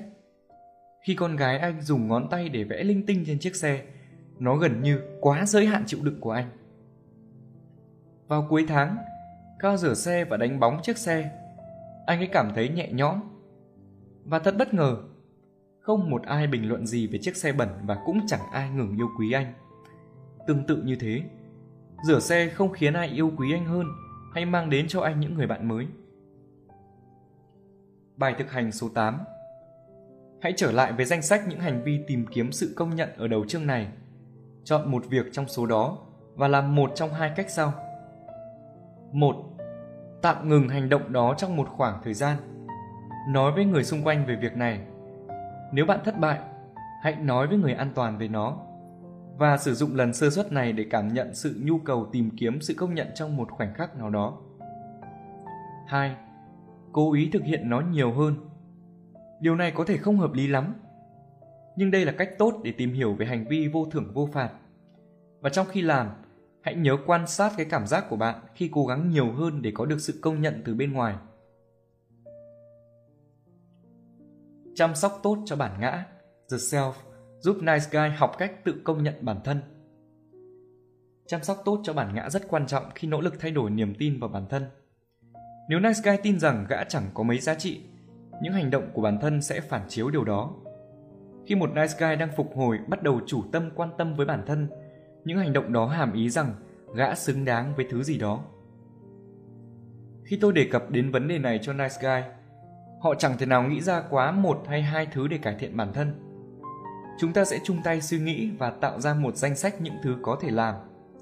Những việc tốt này có thể đến từ những điều nhỏ nhất như là uống nhiều nước hay đánh răng đến những thứ to tát hơn như là đi du lịch hay mua một chiếc xe mình luôn ao ước. Dưới đây là một vài việc. Tập thể dục, chạy bộ, ăn đồ tốt cho sức khỏe, ngủ đủ giấc, thư giãn, vui chơi, đi massage, tụ họp với hội bạn, mua một đôi giày mới, đánh bóng đôi giày, chăm sóc răng, khám sức khỏe hay nghe nhạc. Càng nhiều thứ nice guy làm cho bản thân, gã càng cảm thấy không thoải mái. Gã có thể cảm thấy hoảng sợ, lo lắng, tội lỗi hay bối rối. Những thứ này có thể là kết quả của thứ gọi là bất hòa nhận thức. Khi mà nice guy làm gì đó tốt với bản thân, gã đang làm việc hàm ý rằng gã có giá trị. Điều này mâu thuẫn với niềm tin sâu thẳm rằng gã vô dụng. Kết quả là gã sẽ trải nghiệm sự bất hòa, sự xung đột của hai thông điệp trái ngược nhau. Theo thời gian thì một trong số đó sẽ thắng. Tôi khuyến khích Nice Guy tiếp tục tốt với bản thân. Nhớ nhé, đối xử tốt với bản thân, không quan trọng nó khó chịu bao nhiêu. Theo thời gian thì thông điệp cốt lõi của quá khứ sẽ bị thay thế bởi niềm tin mới và chính xác là phản ánh giá trị vốn có của gã. Todd, một anh chàng nice guy được giới thiệu từ đầu chương, dành quá nhiều thời gian tìm kiếm sự công nhận của người khác nên hầu như là không làm gì cho bản thân cả. Nhờ sự động viên của anh em trong nhóm No More Mr. Nice Guy, Todd quyết định cố gắng làm điều gì đó tốt cho bản thân, bắt đầu từ việc mua cho mình tất và đồ lót. Sau một vài tuần, anh ấy bắt đầu một chế độ tập luyện và đi tập thường xuyên. Mặc dù nó gây ra cảm giác tội lỗi, anh ấy bắt đầu đi massage mỗi tuần. Và sau 6 tháng, Todd quyết định tiêu 2.000 đô để tham gia một câu lạc bộ độc thân. Anh ấy chia sẻ rằng, mặc dù thi thoảng có giọng nói rằng anh ấy không hề xứng đáng với nó, nhưng làm vậy là một trong những sự khẳng định mạnh mẽ nhất mà anh từng làm. Một vài tháng sau, anh ấy nói rằng anh ấy đã có hai cuộc tình với hai người phụ nữ khác nhau và cả hai đều thích anh vì chính bản thân anh ta. Bài thực hành số 9 Bắt đầu với danh sách ở trên và thêm vào những thứ bạn có thể làm cho bản thân. Và hãy đặt ở đâu đó dễ nhìn, chọn ít nhất một việc mỗi ngày để làm. Khẳng định bản thân giúp Nice Guy học cách tự công nhận bản thân. Sự công nhận tích cực có thể thay đổi niềm tin cốt lõi của một nice guy về bản thân. Điều này thay thế thông điệp đã cũ và sai lệch về giá trị của một nice guy bằng những thông điệp mới và thực tế hơn. Khi được sử dụng một mình, tác dụng của những khẳng định này đều ngắn hạn. Đó là bởi nó đi ngược lại niềm tin xa xưa và sâu thẳm nhất mà nice guy nghĩ về bản thân. Sự xác nhận chỉ có hiệu quả khi đứng cùng với những quá trình thay đổi niềm tin cốt lõi khác. Đến với bài thực hành số 10. Hãy lập một danh sách những xác nhận tích cực về bản thân. Viết chúng lên giấy ghi nhớ và dán ở nơi vừa tầm mắt. Thay thế thường xuyên để lúc nào cũng trông mới. Khi đọc những xác nhận đó, hãy nhắm mắt và hoàn toàn nắm rõ nghĩa từng từ. Quan sát những khuynh hướng của tâm trí đang cố chối bỏ nó để trở lại với niềm tin sâu thẳm kia. Và đây là những xác nhận bạn có thể dùng. Tôi đáng mến như chính bản thân tôi. Tôi hoàn toàn không hoàn hảo. Nhu cầu của tôi cũng quan trọng. Tôi là người mạnh mẽ và quyền lực. Tôi có thể đối diện với mọi thứ. Mọi người yêu mến và chấp nhận con người tôi. Rất bình thường khi cư xử như một con người bình thường và mắc lỗi. Tôi là người duy nhất tôi cần làm hài lòng Dành nhiều thời gian một mình giúp Nice Guy học cách tự công nhận bản thân. Dành nhiều thời gian một mình hơn là một quy trình quan trọng để trở lại bình thường và thoát khỏi hội chứng Nice Guy. Khi ở một mình, Nice Guy sẽ phát hiện ra gã là ai, gã thích gì và gã làm thế nào để điều khiển cuộc đời gã. Tôi đặc biệt khuyến khích Nice Guy nên tìm kiếm nơi nào đó không ai biết đến. Khi đó Nice Guy sẽ có ít lý do hơn để tìm kiếm sự công nhận của người khác và ít nhu cầu phải che giấu lỗi lầm. Và khi ở một mình, Nice Guy có thể nhìn lại bản thân và phương hướng cuộc đời. Đây cũng là một dịp tốt để luyện tập chịu trách nhiệm cho nhu cầu của bản thân. Khi ở một mình, Nice Guy đang phục hồi có thể làm bất cứ điều gì mà không phải lấy lòng hay thỏa hiệp. Gã sẽ được đi ngủ và thức dậy bất cứ khi nào gã muốn gã tự quyết định mình sẽ ăn gì và lúc nào. Gã sẽ được quyết định mình đi đâu làm gì. Ở một mình tức là không phải nhìn trước ngó sau, tìm kiếm sự công nhận, hy sinh bản thân hay cố gắng sửa lỗi lầm của người khác. Dành nhiều thời gian một mình hơn cũng giúp Nice Guy đang phục hồi đối mặt với nỗi sợ lớn nhất, sự cô độc và cô lập. Khi Nice Guy phát hiện rằng ở một mình không quá tệ, gã sẽ nhận ra không cần phải tiếp tục các mối quan hệ độc hại, khoan dung với những hành vi không thể tha thứ hay thao túng người khác để thỏa mãn nhu cầu của bản thân. Thời gian ở một mình là hiệu quả nhất khi Nice Guy có thể quan sát xu hướng tự đánh lạc hướng bản thân bằng những thứ nghiện ngập như là cố gắng bận rộn, dùng sex, đồ ăn, rượu bia để giải trí. Viết nhật ký trong khoảng thời gian này đặc biệt hữu ích. Chia sẻ thật lòng với các bạn thì vài khoảnh khắc sáng suốt mà tôi trải nghiệm trong đời đều là một mình khi đi cắm trại cuối tuần này. Những lần trốn tránh kéo dài hàng tuần và những khi vợ tôi xuống phố. Bài thực hành số 11 Lập một kế hoạch cuối tuần leo núi hoặc đi biển. Nếu có thể, vạch kế hoạch trong một kỳ nghỉ trong một tuần hoặc hơn để tới nơi mà không ai biết. Đi du lịch nước ngoài một mình nếu có thể. Sử dụng khoảng thời gian này như một cơ hội nhìn lại bản thân và soi chiếu. Hãy nhớ mang theo nhật ký. Tự chăm sóc tốt bản thân. Mang theo ít sách và thực hiện các bài thực hành. Khi bạn trở về, quan sát bạn đã thay đổi ra sao và mất bao lâu để bạn quay lại nếp sống cũ. Bộc lộ bản thân giúp Nice Guy học cách tự công nhận bản thân. Khi Nice Guy cố gắng che giấu con người thật khỏi người khác, gã lại càng củng cố niềm tin cốt lõi rằng gã là một người tồi tệ và không được yêu mến. Thay đổi niềm tin cốt lõi này yêu cầu gã phải phơi bày con người thật ra, đào thải sự hổ thẹn vô lý này và tiếp thu nhiều hơn những thông điệp chính xác hơn là những thứ từ hồi bé. Bởi vì sự cần thiết, quá trình này cần những người an toàn Việc tìm được những người an toàn ban đầu mang lại cảm giác hoảng sợ, nhưng đây là việc tuyệt đối cần thiết. Gã Nice Guy đang phục hồi không thể làm điều này một mình. Người an toàn rất cần thiết để đảo ngược những niềm tin méo mó của Nice Guy về giá trị của bản thân. Quá trình này cần xây dựng sự tin tưởng. Tôi khuyên Nice Guy đang phục hồi nên gặp người an toàn của mình một cách thường xuyên và dần dần bắt đầu bộc lộ bản thân. Quá trình này bắt đầu từ việc nói về bản thân gã Điều này bản thân nó đã gây ra cho gã không ít sự khó chịu. Và theo thời gian, Nice Guy đang phục hồi bắt đầu bộc lộ những thứ mà gã cảm thấy ít thoải mái nhất khi người khác biết. Một khi niềm tin đã hình thành, gã có thể bắt đầu bộc lộ những thứ làm nên nỗi sợ và sự xấu hổ trong hắn. Tôi đã chứng kiến nhiều nice guy từ chỗ hay giấu giếm và lẩn tránh đã tự tin bộc lộ những bí mật sâu thẳm nhất với sự hiện diện của người an toàn. Chúng ta hãy cùng nói về Ray, một cái hũ rượu di động đang cố gắng cai rượu và là một thành viên của nhóm No More Mr. Nice Guy là một ví dụ hay về quá trình này. Ray tham gia nhóm vào một buổi chiều, khá im lặng và tách biệt trong vòng khoảng 30 đến 40 phút đầu. Những người như Ray hoặc sẽ tham gia tích cực hoặc sẽ thu mình lại. Những lúc anh ấy im lặng là dấu hiệu của những cảm xúc điên cuồng. Và khi thời cơ đến, tôi bảo Ray rằng anh ấy có vẻ tách biệt và hỏi xem anh ấy đang cảm thấy thế nào.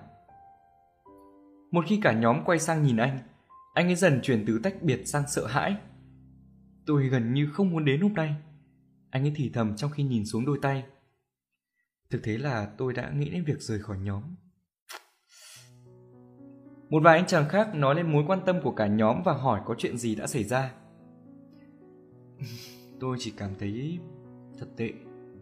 Ray tiếp tục. Tôi đã làm nhiều thứ tồi tệ và tôi không biết rằng có nên nhìn các bạn hay không. Một ý nghĩ thoáng qua rằng những gì anh ấy làm đã có thể khiến cả nhóm phán xét anh ấy. Một thành viên hỏi rằng liệu anh ấy có vấn đề gì không? Không, tệ hơn cơ. Ray trả lời. Tôi đã phá hỏng mọi thứ và tôi không chắc có nên nói cho các bạn không. Khi cả nhóm hỗ trợ và động viên, Ray đã phá vỡ sự sợ hãi và xấu hổ rồi bắt đầu cười mở hơn. À, tuần trước tôi bị sếp khiển trách và sau đó tôi với vợ đánh nhau. Tôi cảm thấy chán nản đến mức ra ngoài và uống vodka đến mức say không biết trời đất. Tôi tiếp tục chè chén và sau đó tôi không thể ngăn bản thân dừng lại. Nước mắt lăn xuống và nỗi xấu hổ về việc nghiện rượu hiện lên trên gương mặt anh. Anh ấy đã cai rượu từ khi vào nhóm khoảng vài tháng trước. Anh ấy rất tích cực, nhưng đã trải qua nhiều điều lầm lỗi và tái nghiện sau 12 năm phục hồi. Một thành viên đưa anh ấy hộp khăn giấy và Ray lau nước mắt. Anh ấy tiếp tục câu chuyện và biểu lộ sự xấu hổ giữa những tiếng nức nở. Tôi đã ngựa quen đường cũ khi nói dối và thao túng. Tôi đang hoàn toàn mất kiểm soát. Tôi không biết anh ấy đã gọi hay gặp mặt người đỡ đầu từ khi chuyện này xảy ra. Anh ấy gật đầu và nói rằng anh ấy đã phạm quá nhiều sai lầm đến mức không nghĩ là còn ai có thể quan tâm đến anh. Nhiều người bảo họ không hề nghĩ rằng việc anh làm là xấu và cũng không hề phán xét anh. Họ thấy anh đang đau khổ. Họ nói rằng họ tôn trọng anh vì anh đã tham gia nhóm và bộc lộ những gì đang xảy ra, ngay cả khi anh cảm thấy xấu hổ vì điều đó. Một lúc sau, Ray tiếp tục.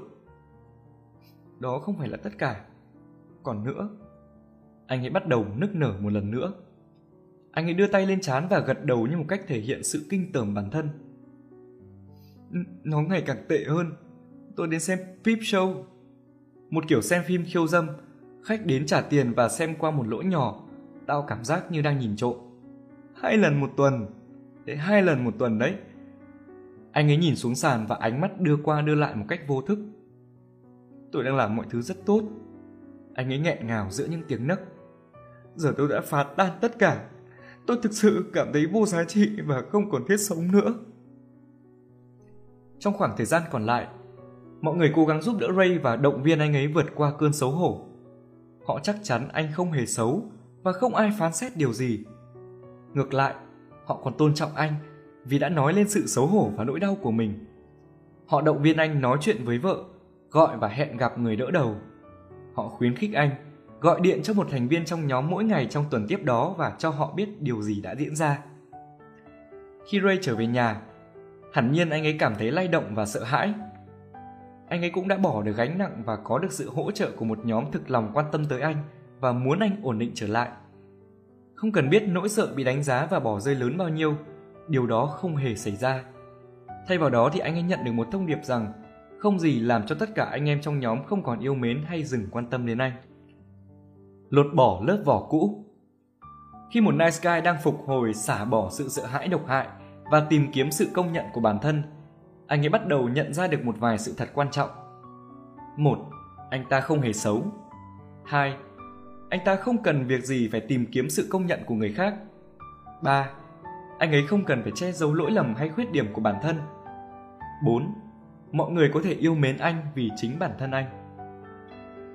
Khi một nice guy đang phục hồi bắt đầu áp dụng những nguyên tắc được mô tả trong chương này, anh ấy có thể nắm được thực tế rằng anh ấy là một con người. Và như bao người khác, nice guy cũng mắc lỗi, phán xét và hành xử không phù hợp. Và hơn hết, phần con người không hề làm anh ta xấu đi cũng như không ngăn người khác dừng yêu mến anh ta người không hoàn hảo có thể tạo kết nối với những người không hoàn hảo khác.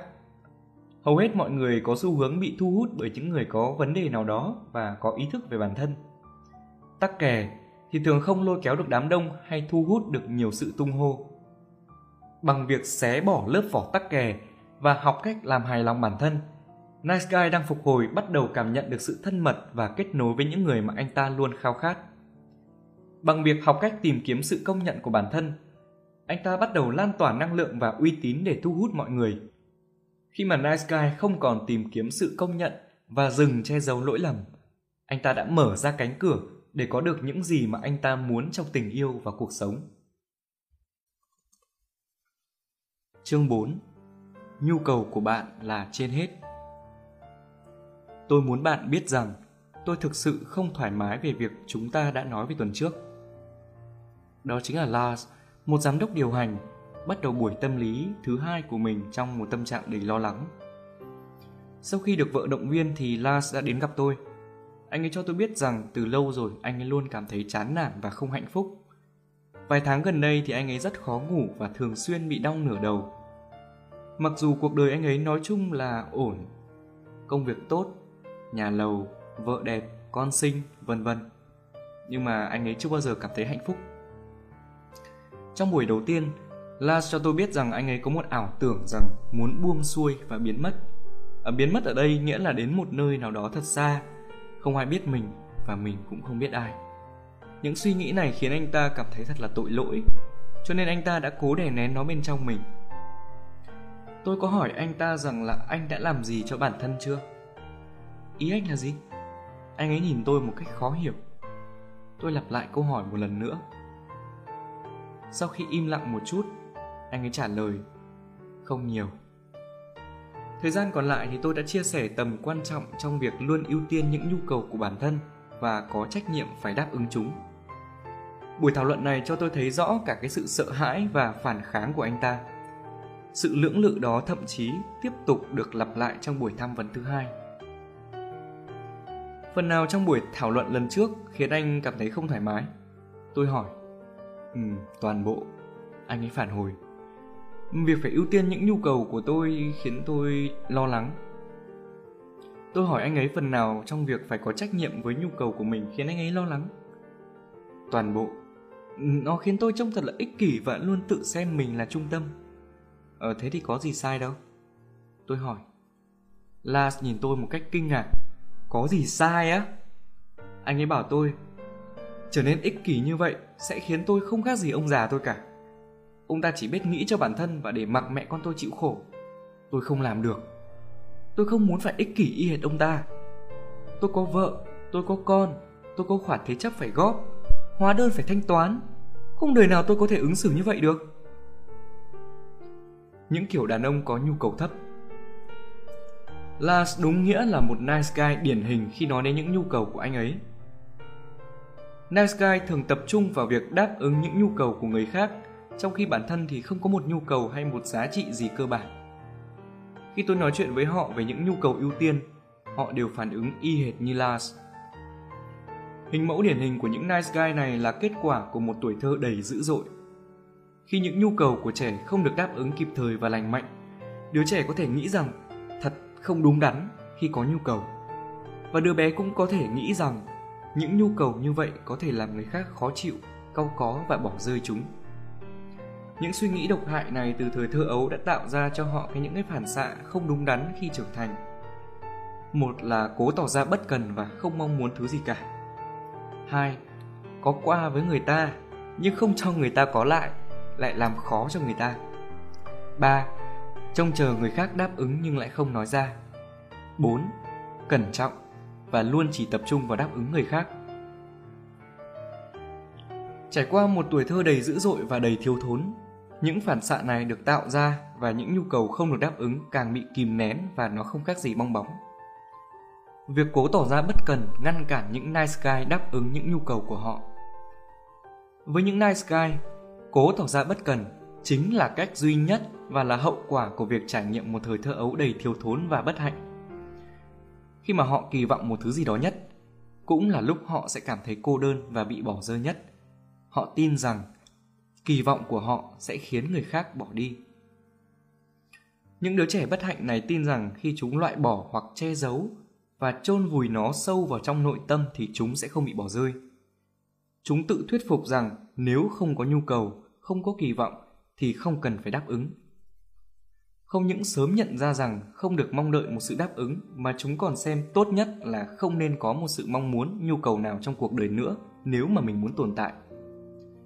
Điều này thì đã tạo ra một sự ràng buộc rất khó gỡ. Những đứa trẻ bất hạnh này không thể hoàn toàn kìm nén kỳ vọng và mong muốn của bản thân và họ cũng không thể nào đáp ứng được kỳ vọng của mình. Cách duy nhất họ có thể làm là tỏ ra bất cần không thể hiện mong muốn của bản thân ra ngoài, nhưng sâu bên trong tâm thức vẫn có thứ gì đó thôi thúc, khiến họ bị stress, áp lực và không hạnh phúc. Và do những phản xạ được tạo ra từ thời thơ ấu, Nice Guy thường tin rằng thật tốt khi có ít kỳ vọng, mong muốn, hay thậm chí tốt hơn là không có nó. Bên trong vẻ bất cần này, họ lại thật sự rất cần nó do đó thì họ cố gắng đáp ứng nó một cách vô ý gián tiếp không rõ ràng và nó thôi thúc họ khiến nhiều khi họ mất kiểm soát. Nice guy thường cho đi nhưng lại không nhận lại khiến cho người khác khó có qua có lại với họ.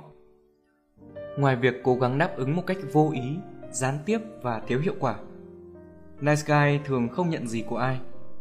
Việc đáp ứng kỳ vọng khá mâu thuẫn với những phản xạ họ tạo ra thời thơ ấu đầy bất hạnh, dẫn đến việc họ cực kỳ khó chịu khi họ đã có được thứ họ muốn.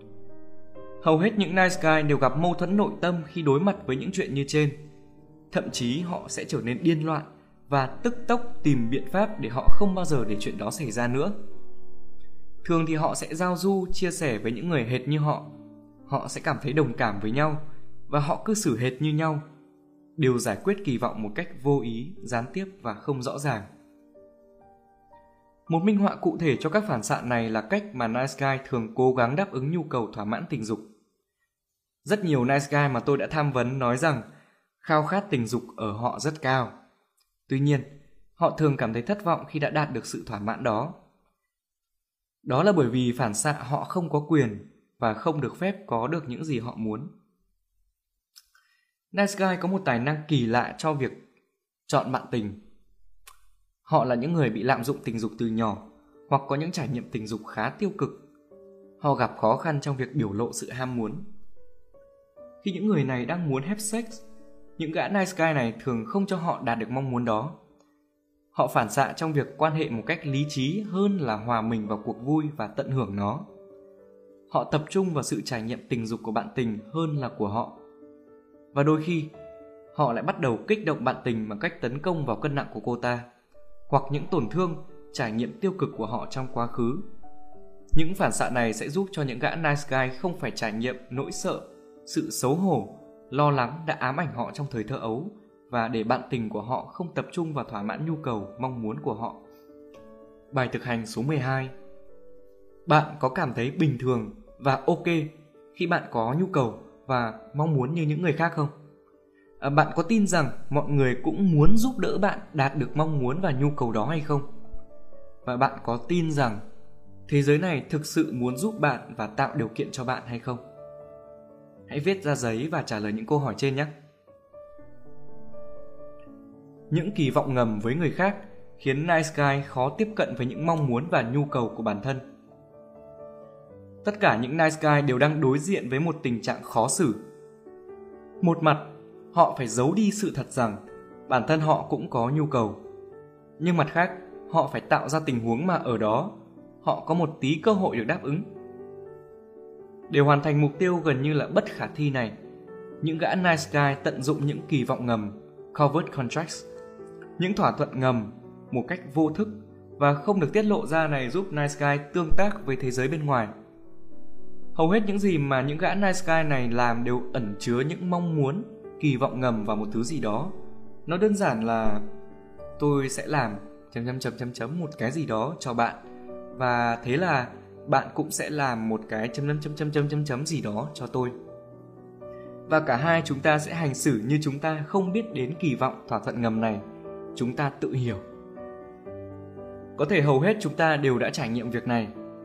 Chúng ta thì thầm vào tai người mình yêu rằng, anh yêu em và mong đợi họ cũng sẽ làm ngược lại với chúng ta rằng, em cũng yêu anh. Đây chính là ví dụ điển hình khi mà người ta cho đi và trông đợi nhận lại như vậy nói anh yêu em và trong đợi đối phương cũng nói em yêu anh. Như vậy chính là một trong những phản xạ cơ bản mà nice guy cố gắng có được để đáp ứng nhu cầu của họ. Chẳng có gì sai trong việc yêu cầu bạn tình của mình nói rằng họ cũng yêu mình, nhưng cực kỳ không đúng nếu mình nói với họ rằng mình cũng yêu họ nhưng lại trông đợi sự phản hồi ngược lại y vậy. Như vậy thật là thiếu chủ động và mập mờ, không rõ ràng bày tỏ mong muốn của bản thân. Đây chính là hậu quả họ nhận được từ gia đình và xã hội. Nice Guy tin rằng nếu họ đủ tốt thì họ sẽ được yêu thương và có được những gì họ cần và một cuộc sống êm đềm không chắc trở. Trên thực tế, hội chứng Nice Guy không khác gì một sự kỳ vọng ngầm lớn nhất trong cuộc đời mà mọi người cần giúp nhau và giải quyết nó. Bài thực hành số 13 Xác định ít nhất một kỳ vọng ngầm giữa bạn và một người nào đó quan trọng trong đời bạn bạn cho họ những gì? Bạn mong đợi nhận lại những gì?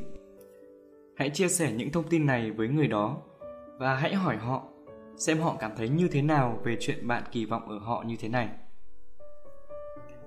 Caretaking, chăm sóc thái quá khiến nice guy không đặt kỳ vọng và mong muốn của họ lên hàng đầu. Một trong những cách cơ bản nhất mà Nice Guy thể hiện sự kỳ vọng bí mật của họ để họ có thể đạt được mong muốn đó chính là thông qua caretaking, chăm sóc người khác thái quá. Nasgai tin rằng việc chăm sóc và quan tâm thái quá của họ cơ bản là thể hiện tình yêu thương và làm cho họ trở thành người tốt. Ở trên thực tế thì việc quan tâm chăm sóc không liên quan một tí gì đến tình thương hay lòng tốt cả. Việc quan tâm chăm sóc thái quá thể hiện đây là một nỗ lực không rõ ràng và gián tiếp thể hiện nhu cầu mong muốn của những gã nice guy hy vọng được đền đáp lại. Caretaking Sự chăm sóc thái quá bao gồm hai phần chính. một Tập trung vào những vấn đề, nhu cầu hoặc cảm xúc của người khác để có thể dẫn đến hai là cảm thấy bản thân có giá trị, đáp ứng được nhu cầu của bản thân hoặc tránh đối mặt với các vấn đề hay cảm xúc của chính mình. Reese một nhà thiết kế đồ họa đang chuẩn bị bước sang U30, là một ví dụ điển hình cho việc Nice Guy quan tâm chăm sóc những mối quan hệ xung quanh nhưng luôn kỳ vọng nhận lại. Reese, một người đồng tính, đã than thở trong buổi trị liệu tâm lý của mình. Tại sao không có một người bạn trai nào đối xử tốt với tôi như tôi đối với họ? Anh ấy diễn tả rằng tất cả những người bạn trai cũ của anh luôn là người nhận và anh ta luôn là người cho đi họ không hề có qua có lại họ chỉ muốn nhận và trong vòng một năm Reese đã trải qua tận ba mối quan hệ nhưng kết thúc rất chóng vánh và căng thẳng mọi thứ khi bắt đầu đều rất tốt đẹp và làm anh lầm tưởng rằng đây chính là mối quan hệ mà anh đang tìm kiếm cả ba mối quan hệ đều kết thúc cùng một kịch bản Rich đã yêu phải một người đàn ông đã từng xa ngã hoặc là họ rất xấu tính người bạn trai đầu tiên thì sống ở Canada và vừa cai nghiện ma túy. Anh ta đến sống cùng Rich nhưng chưa bao giờ xin visa làm việc hay là muốn cải tà quy chính. Rhys đã cực kỳ nỗ lực hỗ trợ và động viên, ủng hộ gã ta tìm việc làm và tránh xa khỏi ma túy. Sau cùng, Rhys đuổi anh ta về và không quen nữa. Tiếp sau đó, Rhys phát hiện ra được lý do gã kia chưa bao giờ xin visa làm việc bởi vì gã bị dương tính với HIV điều mà hắn chưa bao giờ nói với Rhys. Người bạn trai tiếp theo là một người dân tộc khác và chưa bao giờ chấp nhận giới tính thật của mình. Gia đình và tôn giáo luôn xung đột với giới tính thật của anh. Anh ta không bao giờ có thể cam kết điều gì trong mối quan hệ. Tuy nhiên thì rich đã hết mình ủng hộ và luôn cho đi với hy vọng rằng một ngày nào đó anh bạn trai sẽ giải quyết được chướng ngại tâm lý và sẵn sàng đến với rich đường đường chính chính. Người bạn trai thứ ba thì ở trong quân đội. Anh ta ở trong trại cách 40 dặm so với Rhys và thậm chí là không có xe. Rhys phải chủ động gặp và đưa đón anh ta. Rhys luôn trả tiền cho các buổi hẹn hò vì anh là người kiếm được nhiều tiền hơn. Anh ta thường tặng quà cho bạn trai và thậm chí là cho hắn mượn tiền. Khi gã này được chuyển công tác sang tiểu bang khác, Rhys bỏ việc bán xe và rời đi cùng người bạn trai đó và rốt cuộc cũng phải trở về lại sau 3 tháng khi gã ấy bắt đầu trở mặt và đối xử tệ với anh. Trải qua 12 tháng trời quá bận rộn chạy theo những nhu cầu và mong muốn của những gã bạn trai cũ, Chris phải bỏ việc và xa lánh hầu hết tất cả bạn bè và thậm chí cả gia đình mình. Sự chăm sóc thái quá của anh ta đã khiến anh ta bị ám ảnh với những gì người khác đối xử với mình, thậm chí anh ta còn tự hủy hoại mình một cách vô thức khi Riz quá tập trung vào việc đáp ứng nhu cầu và kỳ vọng của người khác. Điều này cũng giống như hầu hết nice guy ngoài kia. Bất kể anh ta cho đi bao nhiêu, Riz luôn cảm thấy mình nhận lại chẳng được gì cả. Caring, thật tâm cho đi và caretaking, cho đi nhưng kỳ vọng nhận lại. Mặc dù những gã nice guy nghĩ rằng mọi hành động của họ đều bắt nguồn từ sự yêu thương thường sự quan tâm chăm sóc của họ rất ít liên quan đến việc thật tâm họ muốn. Họ chỉ trông chờ nhận lại từ người khác y như vậy. Đây chính là sự khác biệt. Để phân biệt, caretaking, cho đi nhưng kỳ vọng nhận lại. Đặc điểm là một, cho người khác những gì người cho cần. Hai, bắt nguồn từ sự trống rỗng trong tâm hồn và thể hiện những mong muốn, kỳ vọng không được thỏa mãn. 3. Luôn bị dằn vặt, bức bối khó chịu trong lòng. Caring, thật tâm cho đi. Đặc điểm là một Cho người khác những gì người được cho cần. 2.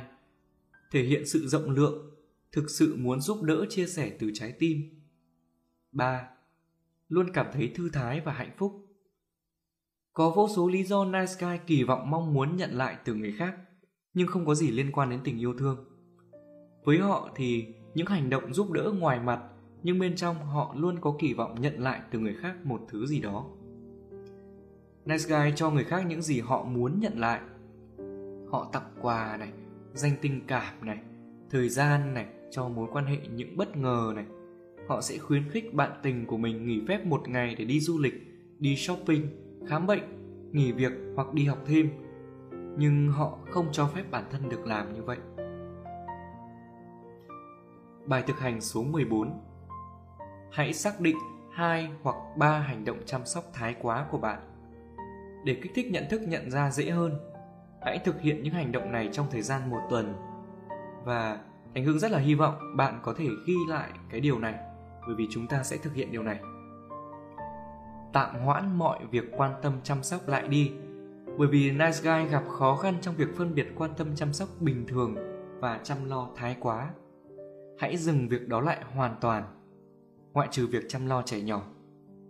Hãy nói cho mọi người xung quanh bạn biết việc bạn đang làm để họ không hiểu lầm. Quan sát cảm xúc của bạn và cách đối xử của người khác đối với bạn. Có ý thức tự giác. Cố gắng chăm sóc tốt bản thân nhiều hơn mọi khi. Nghe thì có vẻ kỳ quặc, nhưng đây là một cách khá hiệu quả để tạo thói quen chăm sóc bản thân chú ý vào những gì bạn cảm nhận được khi bạn thực hiện hành động này và quan sát phản ứng của những người xung quanh bạn. The victim triangle, tâm lý nạn nhân, xu hướng đổ lỗi cho người khác. Thay vì giúp nice guy đạt được mong muốn của bản thân, những kỳ vọng ngầm của họ với người khác cùng với sự tập trung của họ vào nhu cầu trái với nhu cầu của bản thân chỉ dẫn đến sự phẫn nộ và thất vọng trong tâm hồn khi những cảm xúc tiêu cực này tích tụ và bị đè nén đủ lâu, đủ lớn, nó sẽ bùng phát và họ không thể nào kiểm soát được cảm xúc nữa họ sẽ có những cái hành động ngu ngốc, gây hại cho người khác đây gọi là một chu kỳ victim triangle, tam giác tâm lý nạn nhân The Victim Triangle sẽ bao gồm 3 chuỗi hành động ai cũng đoán được. một, Những gã nice guy cho đi với hy vọng cũng sẽ nhận lại được thứ gì đó. 2 một khi những gã ấy không nhận lại được nhiều như gã nghĩ hay kỳ vọng gã thường cảm thấy tức giận và thất vọng và hãy nhớ rằng những gã nice guy luôn ghim trong mình kỳ vọng và lúc nào cũng sống trong sự trông chờ thiếu lạc quan 3. Khi sự tích tụ và đè nén này diễn ra đủ lâu, nó sẽ bùng phát và họ sẽ mất kiểm soát.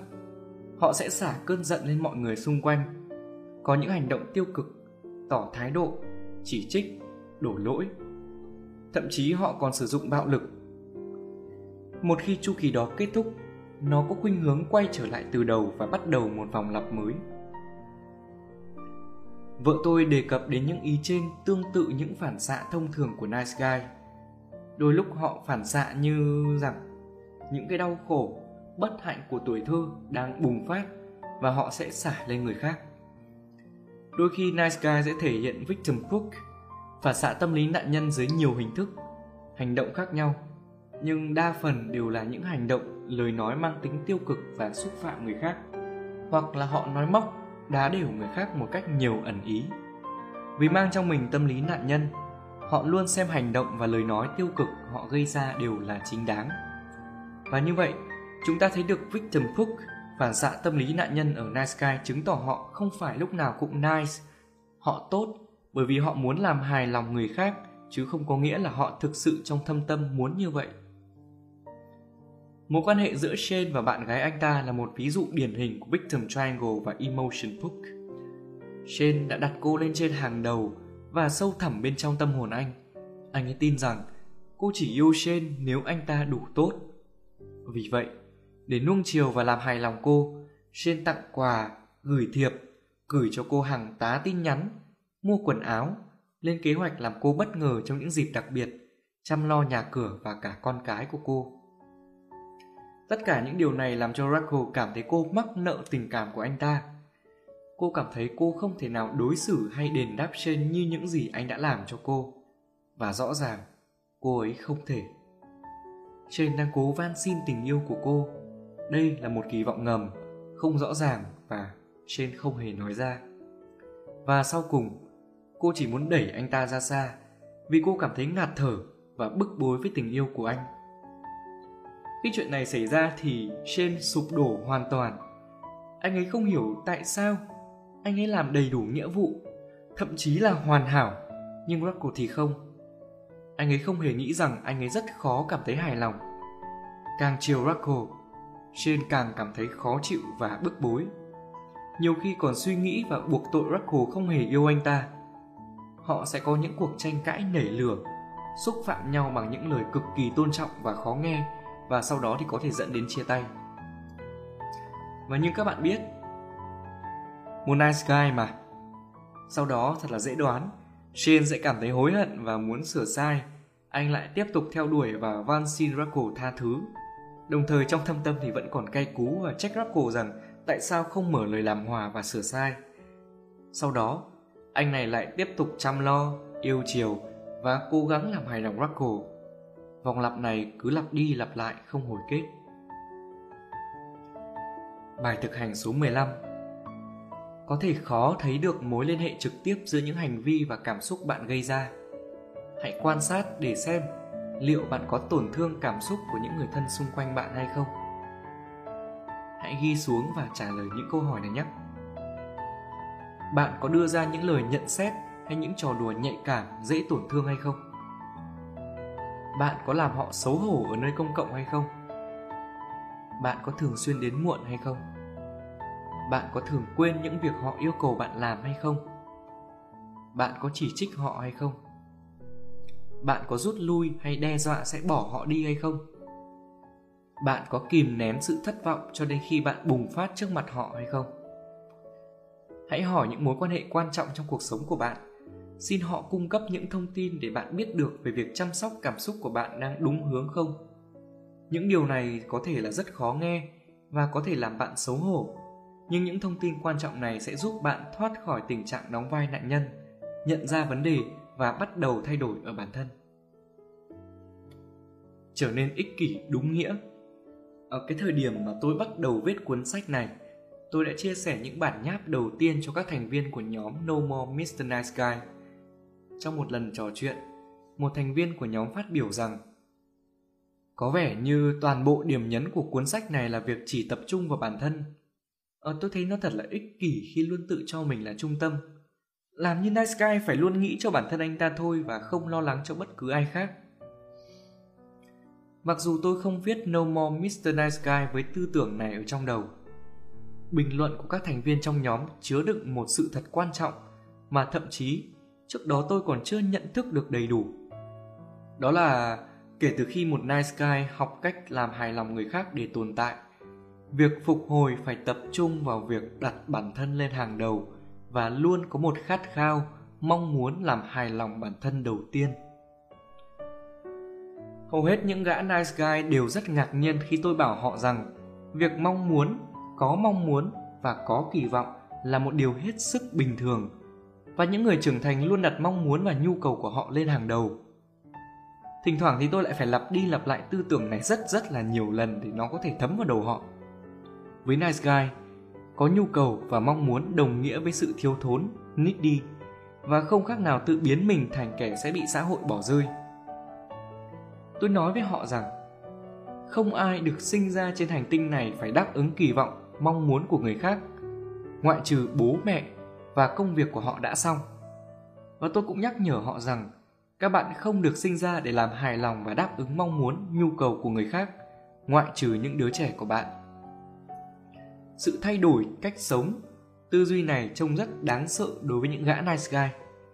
Ý tưởng mà phải đặt nhu cầu, mong muốn của bản thân lên hàng đầu không khác gì tự cô lập mình, trở thành kẻ bị xã hội ruồng bỏ và không đáng được yêu thương. Mỗi khi mà tôi thách thức những gã nice guy về việc tập trung vào những mong muốn và nhu cầu của các gã, tôi đều nhận lại được những sự chống chế quá dễ đoán. Mọi người sẽ oán trách và nổi giận với tôi. mọi người sẽ nghĩ tôi ích kỷ mất. Tôi sẽ cảm thấy cô đơn. Điều gì sẽ xảy ra nếu mọi người đều sống theo cách này? Tôi đang liệt kê những lợi ích dành cho Nice Guy và những người xung quanh họ nếu họ đặt mong muốn của họ lên hàng đầu. Một, Họ cho thấy được họ có thể có những gì họ cần và họ muốn. Điều thứ hai, họ cho thấy họ cho đi một cách rất khôn ngoan, tức là cho mọi người thứ mà mọi người cần. 3. Họ hoàn toàn có thể cho đi mà không cần sự báo đáp hay công nhận. 4 họ trở nên ít thiếu thốn hơn. 5. Họ trở nên hấp dẫn hơn. Hầu hết những gã nice guy đều rất thích mình là người được lợi sau cùng trong cộng đồng. Một người đàn ông thật là kém hấp dẫn nếu họ trở nên bất lực, nhõng nhẽo, nhu nhược và thiếu thốn, nhưng lại ngược lại với sự tự tin và sự an toàn đảm bảo. Hầu hết mọi người đều bị thu hút bởi người đàn ông có chính kiến, có ý thức về bản thân, biết mình là ai, biết mình cần gì. Đặt nhu cầu mong muốn của bản thân lên hàng đầu không khiến mọi người bỏ đi mà nó còn thu hút họ. Đặt nhu cầu và mong muốn của bản thân lên hàng đầu là điều cần thiết cơ bản nhất để đạt được những gì người ta muốn nhất là trong tình yêu và cuộc sống. Chịu trách nhiệm về những nhu cầu mong muốn của bản thân giúp nice guy đáp ứng được nhu cầu của họ để những gã nice guy đáp ứng được mong muốn của họ họ buộc phải thay đổi toàn bộ tư duy, cách rèn luyện. Sự thay đổi này bao gồm, một, nhận thức rằng có nhu cầu, mong muốn cũng là một phần của con người. Hai, người trưởng thành coi việc đáp ứng nhu cầu bản thân và việc ưu tiên lên hàng đầu. Ba, họ có thể yêu cầu sự trợ giúp từ bạn bè người thân trong việc đáp ứng nhu cầu kỳ vọng hay mong muốn của họ một cách trực tiếp và rõ ràng 4 những người khác đều muốn đáp ứng nhu cầu mong muốn của họ. 5. Thế giới này rất tươi đẹp và muôn màu. Và để đáp ứng nhu cầu của họ, những nice guy đang chữa lành này phải làm việc gì đó hoàn toàn khác với những gì họ đã làm trước đây. Với những gã nice guy, việc đặt bản thân lên hàng đầu không hề đơn giản đâu. Nó không chỉ cần thiết để giải quyết mong muốn, nhu cầu bản thân, mà còn là quyền điều khiển bản thân cảm thấy mình thực sự được sống được trải nghiệm được yêu thương và được thân mật với người khác. Điều thú vị là khi nice guy chịu trách nhiệm về những nhu cầu của họ và đặt nó lên hàng đầu thì nó đều có lợi cho những người xung quanh họ. Và thế là hết. Không còn phải trông chờ vào sự đáp trả của ai nữa không phải đoán già, đoán non, kỳ vọng vào ai đó. Không còn những cơn tức giận bộc phát vô ý thức, những hành vi hung hăng mất kiểm soát. Sự thao túng đè nén nhu cầu, cảm xúc và sự oán hận đã mất. Tôi đã học được bài học này đầu tiên vào đầu năm trước. Câu chuyện của tôi như thế này. Thời điểm đó thì kỳ nghỉ lễ đang đến gần và lũ trẻ của chúng tôi thì sẽ đi chơi xa. Tôi đã lên kế hoạch dành thời gian cho vợ tôi, elizabeth nhưng cô ấy có vẻ muốn trốn tránh và từ chối cam kết hay hứa rằng sẽ dành thời gian cho tôi Tôi ừ, cảm thấy lúc đó khá là thất vọng và tạm hoãn kế hoạch của mình.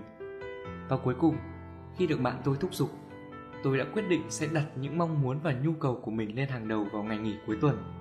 Tôi lên kế hoạch và hỏi cô ấy có muốn tham gia nếu cô ấy thích. Tôi làm khá nhiều việc tôi muốn làm, kể cả việc dành thời gian vui chơi cùng bạn bè.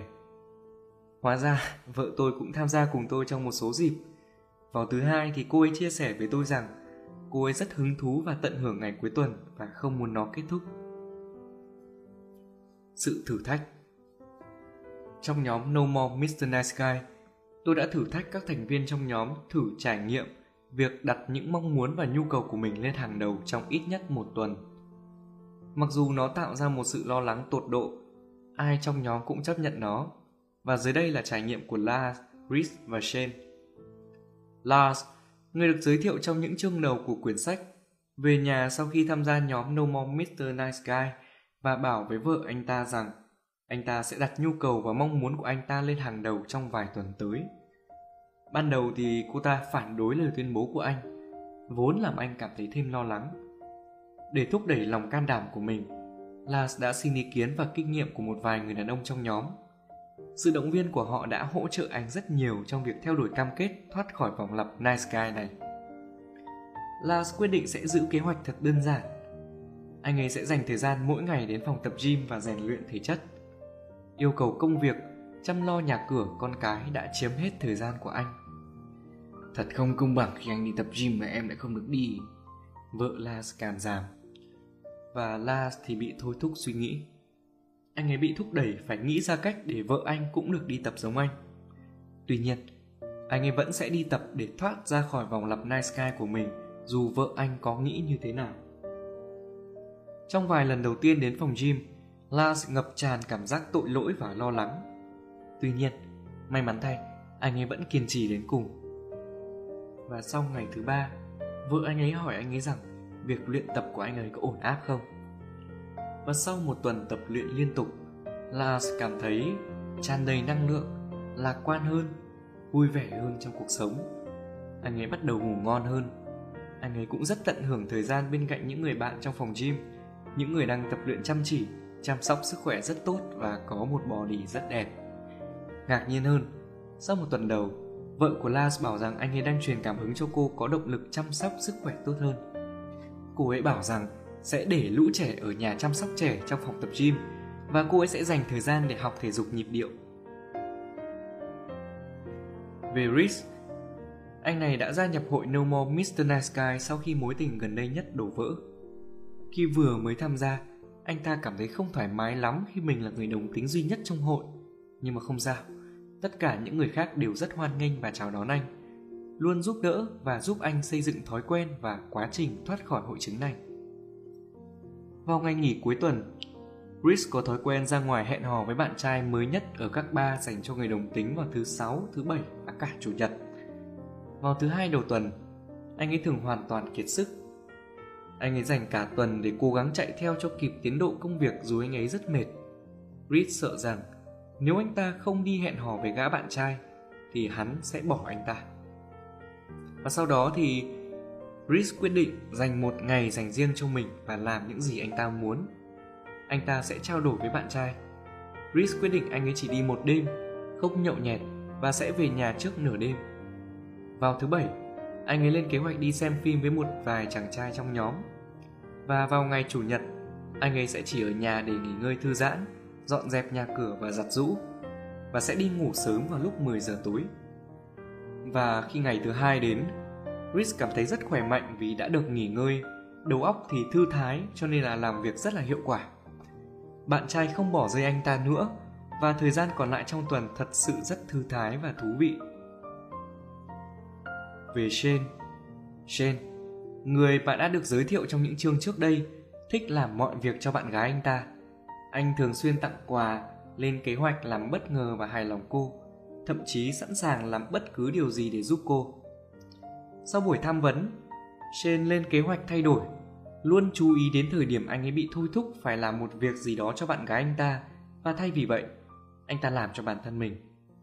Khi anh ta muốn rửa xe cho cô, anh ta rửa xe của mình.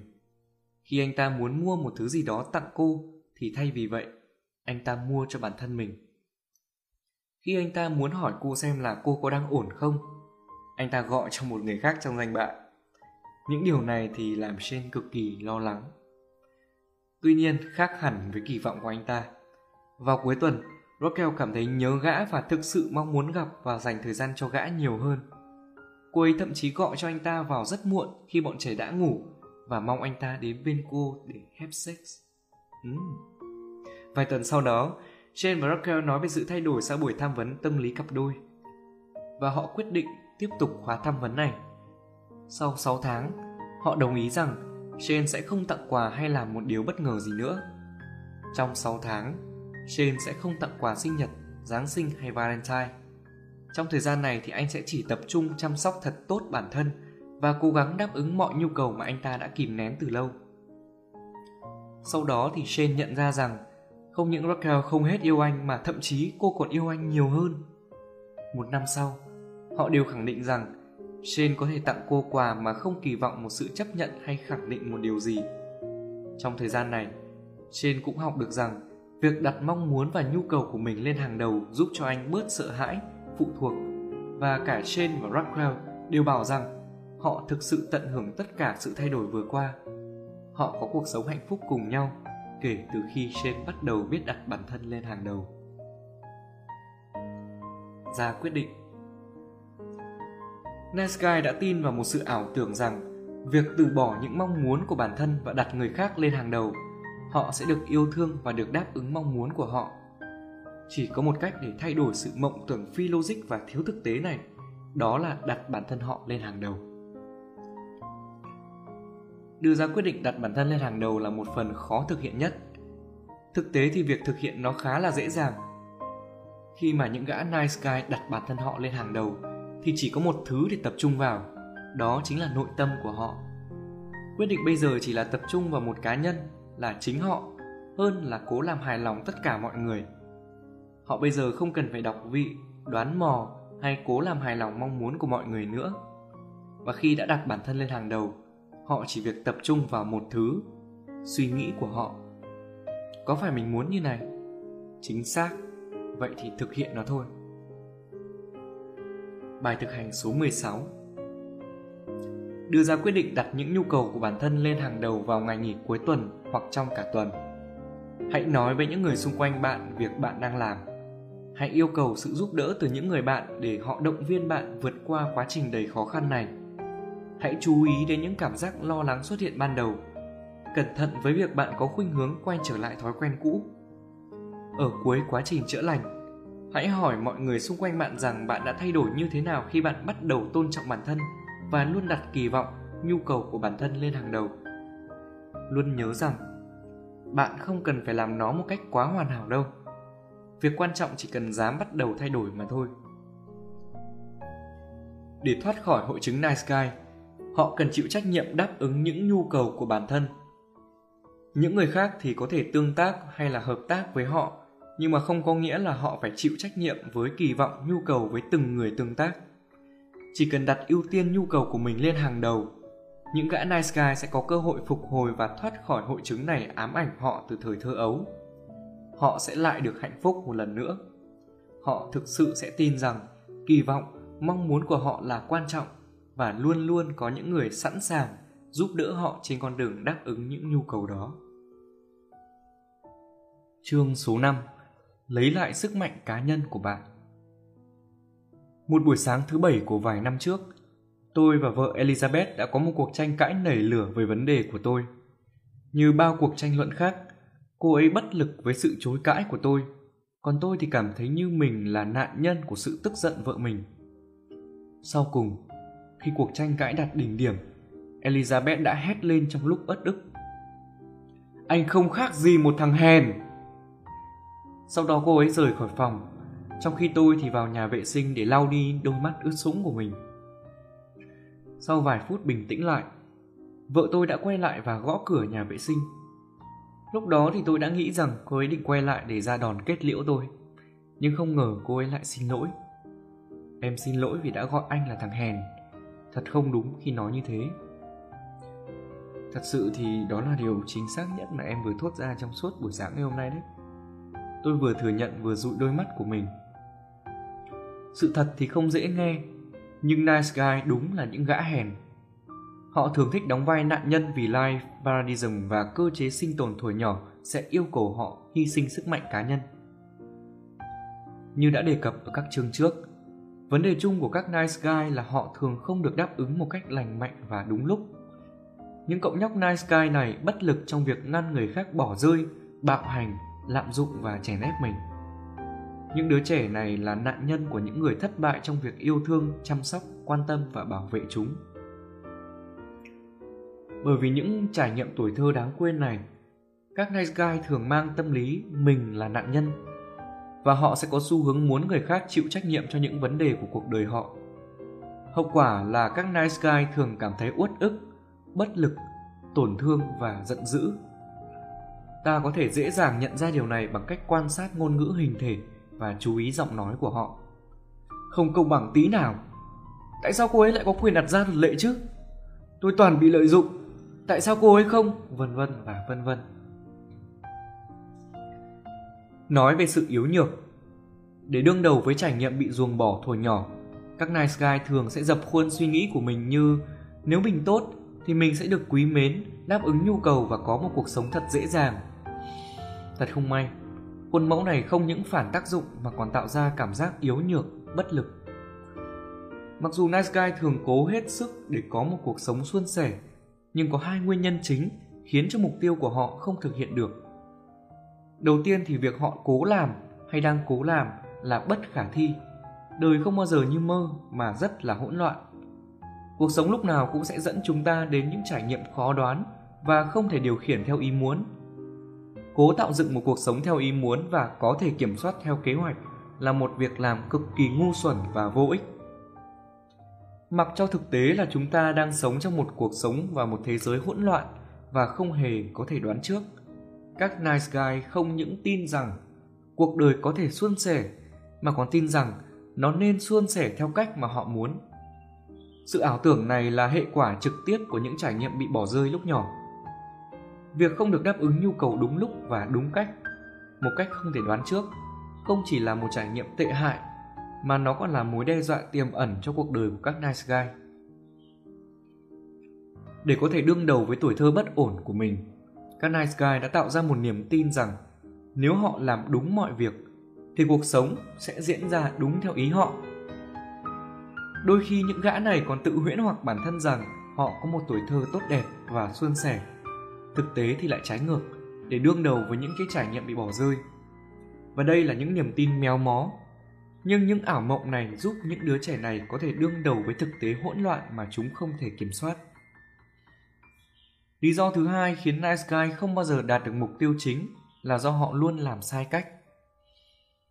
Với cách tiếp cận vấn đề của người trưởng thành bằng tâm thế của một đứa trẻ ngây thơ ngờ nghệch, gần như chắc chắn rằng Nice Guy không thể nào tạo dựng được bất cứ thứ gì ổn định trong cuộc sống. Sự phụ thuộc vào cơ chế sinh tồn sai lệch thổi nhỏ, vốn dĩ đã vô dụng, sẽ làm Nice Guy mắc kẹt trong những ký ức đáng sợ và vòng lặp tâm lý nạn nhân. Càng sợ hãi thì càng phụ thuộc vào cơ chế sai lệch, càng phụ thuộc thì càng khó để vượt qua những rào cản khó khăn trong cuộc sống. Càng thất bại thì càng sợ hãi với cuộc sống. Bạn có hình dung được không? Bài thực hành số 17 Hãy nhìn vào danh sách những chiến thuật mà Nice Guy dùng để cố tạo ra cuộc sống suôn sẻ dưới đây. Hãy viết ra ví dụ, cái cách mà bạn dùng những chiến thuật này lúc nhỏ, và sau đó hãy nghĩ xem bạn dùng những chiến thuật này thế nào khi bạn đã trưởng thành. Hãy ghi chú lại cách mà chiến thuật này khiến bạn cảm thấy mình mang tâm lý nạn nhân, và sau đó hãy chia sẻ với những người mà bạn tin tưởng. 1. Cố làm đúng 2. Cố chơi an toàn 3. Đoán trước và sửa sai 4. Cố gắng không gây ra xáo trộn 5. Tỏ ra tốt bụng và có ích 6. Cố gắng không gây ra vấn đề 7. Tự thỏa thuận ngầm 8. Điều khiển và thao túng 9. Quan tâm và cố làm hài lòng 10 giấu giếm thông tin 11. Đè nén cảm xúc 12. Cố không làm phật ý người khác 13. Tránh né vấn đề Những cách để ngừng nhu nhược, Tìm lại sức mạnh cá nhân Tôi định nghĩa sức mạnh cá nhân là một trạng thái tâm lý của một người tự tin rằng anh ta có thể kiểm soát được bất cứ tình huống nào có thể diễn ra. Thứ sức mạnh này không chỉ là kiểm soát được bất lợi, khó khăn hay nghịch cảnh mà nó còn chào mừng, tiếp đón và biết ơn những khó khăn đã xảy đến. Có được thứ sức mạnh này không có nghĩa là hoàn toàn không sợ gì nữa. Thực ra thì ngay cả người quyền lực nhất cũng có nỗi sợ của riêng họ. Sức mạnh cá nhân là kết quả của việc cảm thấy sợ hãi, nhưng không vì thế mà bị nỗi sợ nhấn chìm. Phục hồi từ hội chứng Nice Guy sẽ giúp đấng mày dâu nắm lấy sức mạnh cá nhân của họ, thứ vốn dĩ là bẩm sinh Quá trình tìm lại sức mạnh cá nhân bao gồm đầu hàng, tập trung vào thực tại, bày tỏ cảm xúc, đối mặt với nỗi sợ, phát triển tính chính trực, đặt ra giới hạn của bản thân. Nói về việc biết khi nào nên từ bỏ hay là đầu hàng thì buồn cười thay. Khía cạnh quan trọng nhất để có thể tìm lại được sức mạnh cá nhân và đạt được điều mình muốn trong tình cảm và đời sống lại chính là từ bỏ. Từ bỏ ở đây không có nghĩa là bỏ đi tất cả, mà là buông tay cho những thứ không thể thay đổi rời đi và thay đổi những thứ có thể. Buông tay không phải là không quan tâm hay ngừng cố gắng, chỉ là hãy buông bỏ để mọi thứ trọn vẹn hơn. Nó giống như là việc chúng ta đang mở một bàn tay đang siết chặt và giải phóng mọi áp lực dồn nén bên trong. Ban đầu thì các ngón tay sẽ muốn quay trở lại cái vị trí siết chặt ban đầu. Nhưng dần dần, bàn tay của chúng ta sẽ quen với vị trí mở và thả lỏng. Học cách từ bỏ là như thế. Từ bỏ giúp cho các night sky cho đi và tận hưởng vẻ đẹp muôn màu phức tạp của cuộc sống, chứ không phải là tìm cách để kiểm soát chúng. Việc học cách từ bỏ còn làm cho các night sky cảm thấy cuộc đời này giống như một phòng thí nghiệm mà ở đó, họ mặc sức học hỏi, phát triển và sáng tạo. Bài học này còn giúp Nice Guy nhìn nhận những trải nghiệm trong cuộc sống như là những món quà của vũ trụ nhằm khuyến khích họ trưởng thành, chữa lành và học hỏi. Áp dụng được bài học này, các Nice Guy sẽ ngừng hỏi, tại sao việc này lại xảy đến với tôi? Thay vào đó, họ sẽ hỏi một câu hỏi tích cực hơn như là, tôi học được gì từ trải nghiệm này? Yu là một ví dụ cho việc học cách từ bỏ. Mối quan hệ của anh và cô bạn gái Bob dường như đã đạt đến đỉnh điểm của sự khủng hoảng. Yu luôn cho rằng bạn gái anh là người có vấn đề chứ không phải là anh. Cô ấy luôn buồn bã, giận dỗi vô cớ và thường tránh né việc quan hệ. Yu kể lại rằng lúc đó anh cứ như đang bước qua một đống vỏ trứng. Anh luôn cố gắng cẩn thận để không làm bạn gái mình vụn vỡ. Đến thời điểm này thì họ đã ngoài 50 và đã chung sống với nhau được 8 năm. Họ đã nghĩ đến việc kết hôn, nhưng cả hai đều cảm thấy e rẻ vì sự bất ổn trong mối quan hệ này. Sau vài tháng cùng với vài lời khuyên, Gil bắt đầu nghiêm túc nhìn nhận rằng vấn đề không nằm ở Báp mà là ở tính thích kiểm soát và quan tâm quá mức của anh. Anh cũng nhận ra rằng mình không có nổi một mối quan tâm nào khác ngoài Báp và cũng không có bạn bè là đàn ông. Vài tháng sau, Gil quyết định tham gia vào nhóm No More Mr. Nice Guy. Ngay cả khi nhận ra rằng vấn đề và lối sống kém hiệu quả của mình, Gil vẫn cố tìm cách để làm Bab tốt hơn. Quá trình này tốn khá nhiều thời gian, nhưng dần dần Gil cũng nhận ra rằng việc cố gắng thay đổi người khác theo ý mình là không thể và anh nên tập trung vào việc thay đổi bản thân nhiều hơn. Ban đầu thì anh cảm thấy lo sợ khi học cách từ bỏ và ngưng bám dính lấy Bab anh sợ rằng nếu mà làm như vậy thì mình sẽ gặp rắc rối và Bob cũng sẽ không thể xoay sở được nếu như không có anh. Với sự động viên của nhóm, Gil đã học được cách từ bỏ.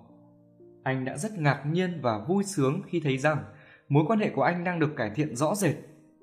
Sau khi học được cách từ bỏ việc cố kiểm soát, chăm sóc bác quá mức và ngừng bám víu vào tâm trạng của cô, Gil dần cảm thấy rằng bác như một món quà để chữa lành những tổn thương tâm lý được gây ra với bố của anh. Một năm sau đó, Như có thông báo với nhóm rằng anh và bạn gái đã lên kế hoạch kết hôn. Anh nói rằng mối quan hệ này đã trở nên khăng khít hơn cả anh mong đợi. Sự khác biệt đã diễn ra khi anh quyết định từ bỏ việc cố kiểm soát những thứ ngoài tầm với. Và sau cùng, anh nói rằng bài học này đã giúp anh cảm thấy hạnh phúc hơn trong cuộc sống của mình. Bài thực hành số 18 Hãy nghĩ về một món quà mà vũ trụ đã ban cho bạn mà bạn ban đầu lại từ chối nó. Nhưng sau đó, nó lại là thứ giúp bạn trở nên trưởng thành và khám phá nhiều hơn. Liệu rằng có những món quà nào mà bạn phải học cách từ bỏ để nhận được chúng không? Hãy viết ra và chia sẻ với người mà bạn tin tưởng nhé. Hãy tập trung vào thực tại các nice guy thường cố kiểm soát thế giới quanh họ bằng cách tạo dựng nên những ảo tưởng về con người và những tình huống không có trong thực tế. Đó là lý do tại sao hành vi của các nice guy thường rất là phi logic. Les là một gã đàn ông khiêm tốn ở tuổi ngoài 30. Anh có chuyện tình ngắn ngủi với một nữ đồng nghiệp. Vào những buổi trị liệu đầu tiên, thì tôi đã hỏi rằng, tại sao anh nghĩ anh lại có một chuyện tình như vậy?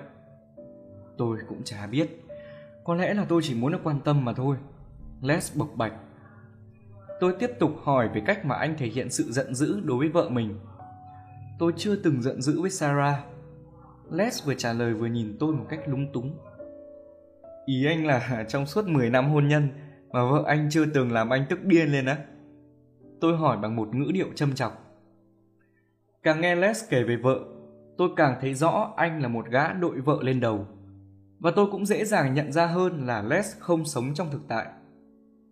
Khi được tôi hỏi cụ thể hơn, Les đã kể về việc vợ anh tăng 60 pounds, từ chối việc bếp núc, tránh né chuyện chăn gối, thiếu tôn trọng và giận dữ vô cớ đến như thế nào. Dẫu vậy, Les một mực nói rằng vợ là người phụ nữ của đời anh và anh rất yêu cô. Trong những tháng trị liệu tiếp theo, tôi đã cố kéo Les trở lại thực tại để anh nhìn nhận rõ hơn về cuộc hôn nhân này. Đây là một quá trình khá tốn thời gian và khó khăn bởi Les đã bám víu vào vợ mình quá nhiều và anh rất sợ sự cô độc. Trở lại thực tại đối với anh là một việc khủng khiếp và rất khó khăn. Và sau khi đã đủ dũng cảm để đối diện với nỗi sợ của mình, Les dần quan sát vợ mình một cách thực tế hơn. Anh dần biết đòi hỏi điều mình muốn, đặt ra giới hạn, bộc lộ sự giận dữ của mình chứ không phải đè nén như lúc trước.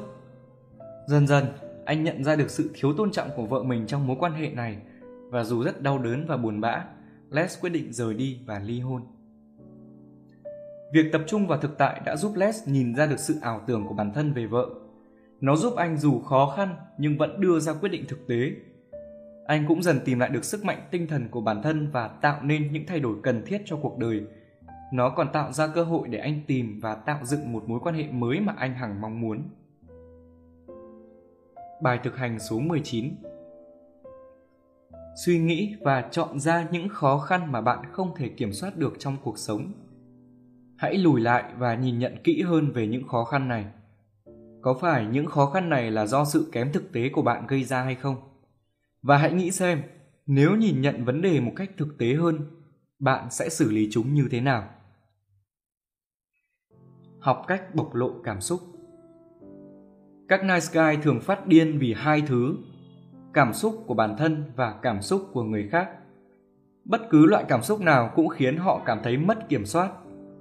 Khi họ còn nhỏ, việc thể hiện cảm xúc quá nhiều có thể thu hút sự chú ý tiêu cực hoặc là sẽ không được chú ý đến. Vì vậy, các nice guy sẽ cảm thấy an toàn hơn nếu họ đè nén những cảm xúc ấy. Việc này sẽ giúp họ tránh phải nhận những sự chú ý tiêu cực hay là cảm giác bị bỏ rơi do không được chú ý. Tôi còn nhớ rất rõ vào những năm đầu tiên trong cuộc hôn nhân, Elizabeth thường tỏ ra rất thất vọng vì tôi bất lực trong việc bày tỏ cảm xúc của mình. Như đa số các nice guy khác, tôi cảm thấy việc thể hiện cảm xúc là một việc rất nguy hiểm. 30 năm sau đó, tôi vẫn không thể nào biết được Elizabeth muốn gì ở tôi. Ngay cả khi tôi bắt đầu quan tâm tới cảm xúc của bản thân hơn, tôi vẫn cố giữ nó cho riêng mình. Việc một nice guy bày tỏ cảm xúc của anh với bạn đời của mình là một việc hiếm gặp đến buồn cười. Một lần nọ, vợ tôi đã bực tức khi tôi nói rằng tôi có những tâm sự dự kín đã lâu. Sao anh không nói luôn ngay từ khi anh cảm thấy như vậy? Anh đang cố đây. Anh chỉ mất có 2 tuần để suy nghĩ có nên thổ lộ với em hay không. Tôi trả lời một cách không thể nice guy hơn. Tôi thường nghe các nice guy chống chế cho việc giấu nhẹm đi cảm xúc là vì họ không muốn làm người khác tổn thương. Sự thật thì họ mới là người sợ bị tổn thương. Kiểu chống chế này có thể hiểu như sau. Tôi che giấu cảm xúc của tôi vì tôi sợ lại phải đối mặt với ký ức đáng quên lúc nhỏ của mình. Thật ra, họ không phải đang nghĩ cho người khác đâu. Họ chỉ cố giữ mọi thứ trong tầm kiểm soát của họ mà thôi. Tôi thường nói với các nice guy rằng Cảm xúc chỉ là xúc cảm mà thôi.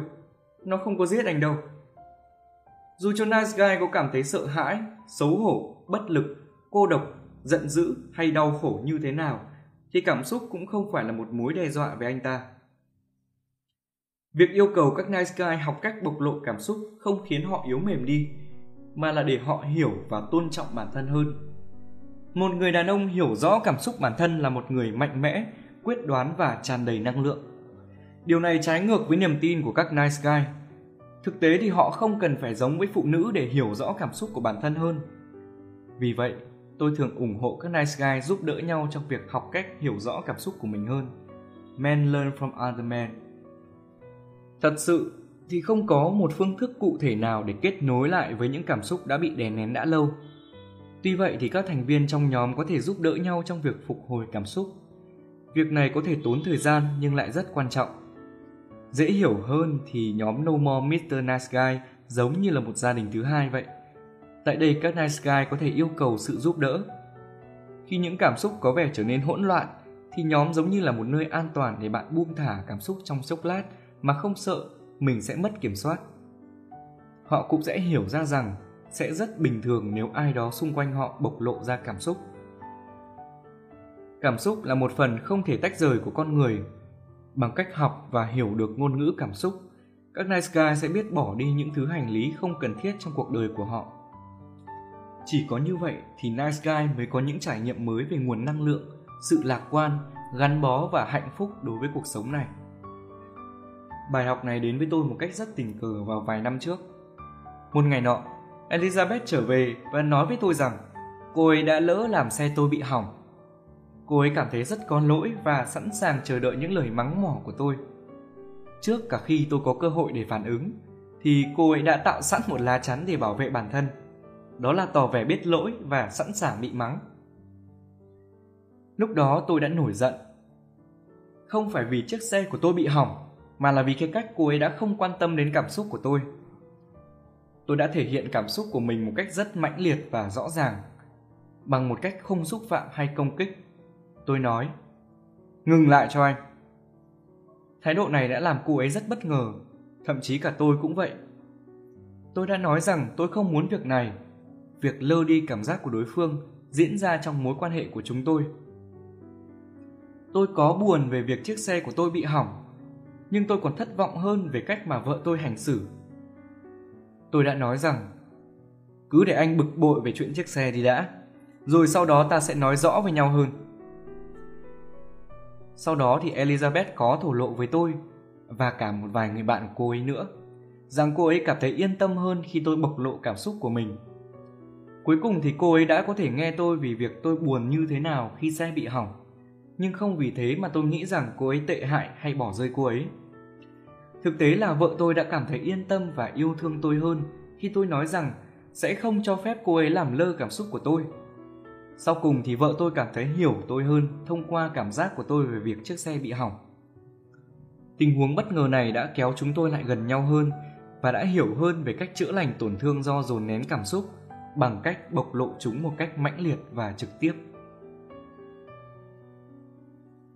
Bài thực hành số 20 sau đây là một vài lời khuyên dành cho các cảm xúc bị dồn nén. 1. Đừng tập trung vào người khác. Anh làm em tức điên lên rồi đấy. Thay vào đó, hãy tập trung vào cảm xúc của bản thân hơn. Anh đang rất tức giận đấy. Đừng cố miêu tả những gì bạn đang nghĩ. Ví dụ như tôi cảm thấy Joe đã cố lợi dụng tôi. Thay vào đó, hãy chú ý hơn về diễn biến bên trong bạn tôi cảm thấy bất lực và đau khổ tóm lại hãy tránh nói những câu mà mục tiêu là người khác hãy tập trung và tập bắt đầu bằng câu nói tôi trước tiên. Hãy đương đầu với nỗi sợ. Sợ hãi là một trạng thái rất đỗi bình thường của con người. Ai cũng từng sợ hãi ngay cả những người dường như không biết sợ là gì. Sợ hãi lành mạnh là một báo hiệu của cơ thể đối với những nguy hiểm sắp xảy ra. Điều này hoàn toàn khác với nỗi sợ vô lý của các nice guy. Nice guy thường sợ hãi những điều rất chi là nhỏ nhặt, thậm chí là ở mức tế bào, cực nhỏ. Nỗi sợ đó có thể là ký ức về những thứ có vẻ sẽ đe dọa đến cuộc sống của họ, hay một trải nghiệm đáng quên thuở nhỏ khi mà họ còn phải phụ thuộc và vô dụng. Sự sợ hãi vô lý này bắt nguồn từ việc không được đáp ứng nhu cầu một cách kịp thời và đúng cách nó được nuôi dưỡng bởi hệ thống tâm lý sợ hãi, một hệ thống tâm lý luôn bảo thủ với niềm tin của mình và tránh né rủi ro. Sự sợ hãi này càng được củng cố bởi một thực tế rằng cuộc sống này luôn đầy rủi ro, hỗn loạn và không thể đoán trước. Tôi gọi nỗi sợ này là nỗi sợ quá khứ. Do nỗi sợ quá khứ được tạo nên từ thuở nhỏ, nên các nice guy thường tiếp xúc thế giới xung quanh họ với tâm lý rằng nó rất nguy hiểm và quá sức đối với họ để đối diện với thực tại tàn khốc, các nice guy thường chơi theo kiểu dè chừng và luồn cúi. Cũng chính bởi cách chơi này mà các nice guy thường gặp phải những đau khổ không cần thiết. Đau khổ vì tránh né những cơ hội mới, những cách chơi mới. Đau khổ vì chỉ dám chơi theo kiểu quen thuộc và nhàm chán. Đau khổ vì họ đã trì hoãn, tránh né và thất bại trong việc kết thúc những gì mà họ đã bắt đầu. Đau khổ bởi vì họ đã làm cho tình huống trở nên tệ hại hơn chỉ vì lặp lại lối chơi vô dụng trước đó. Đau khổ vì tốn quá nhiều năng lượng để cố kiểm soát những thứ không thể kiểm soát. Nolan là một ví dụ cụ thể cho việc mắc phải hiệu ứng tê liệt do nỗi sợ quá khứ. Anh ta tìm đến tôi qua lời giới thiệu của một người bạn. Anh đã ly thân với vợ được một năm rồi, nhưng vẫn không thể đưa ra quyết định về việc có ly hôn hay không. Nolan thường nói với tôi rằng anh đang cảm thấy mình dối như tơ vò và nó còn đi cùng với cảm giác tội lỗi cùng cực.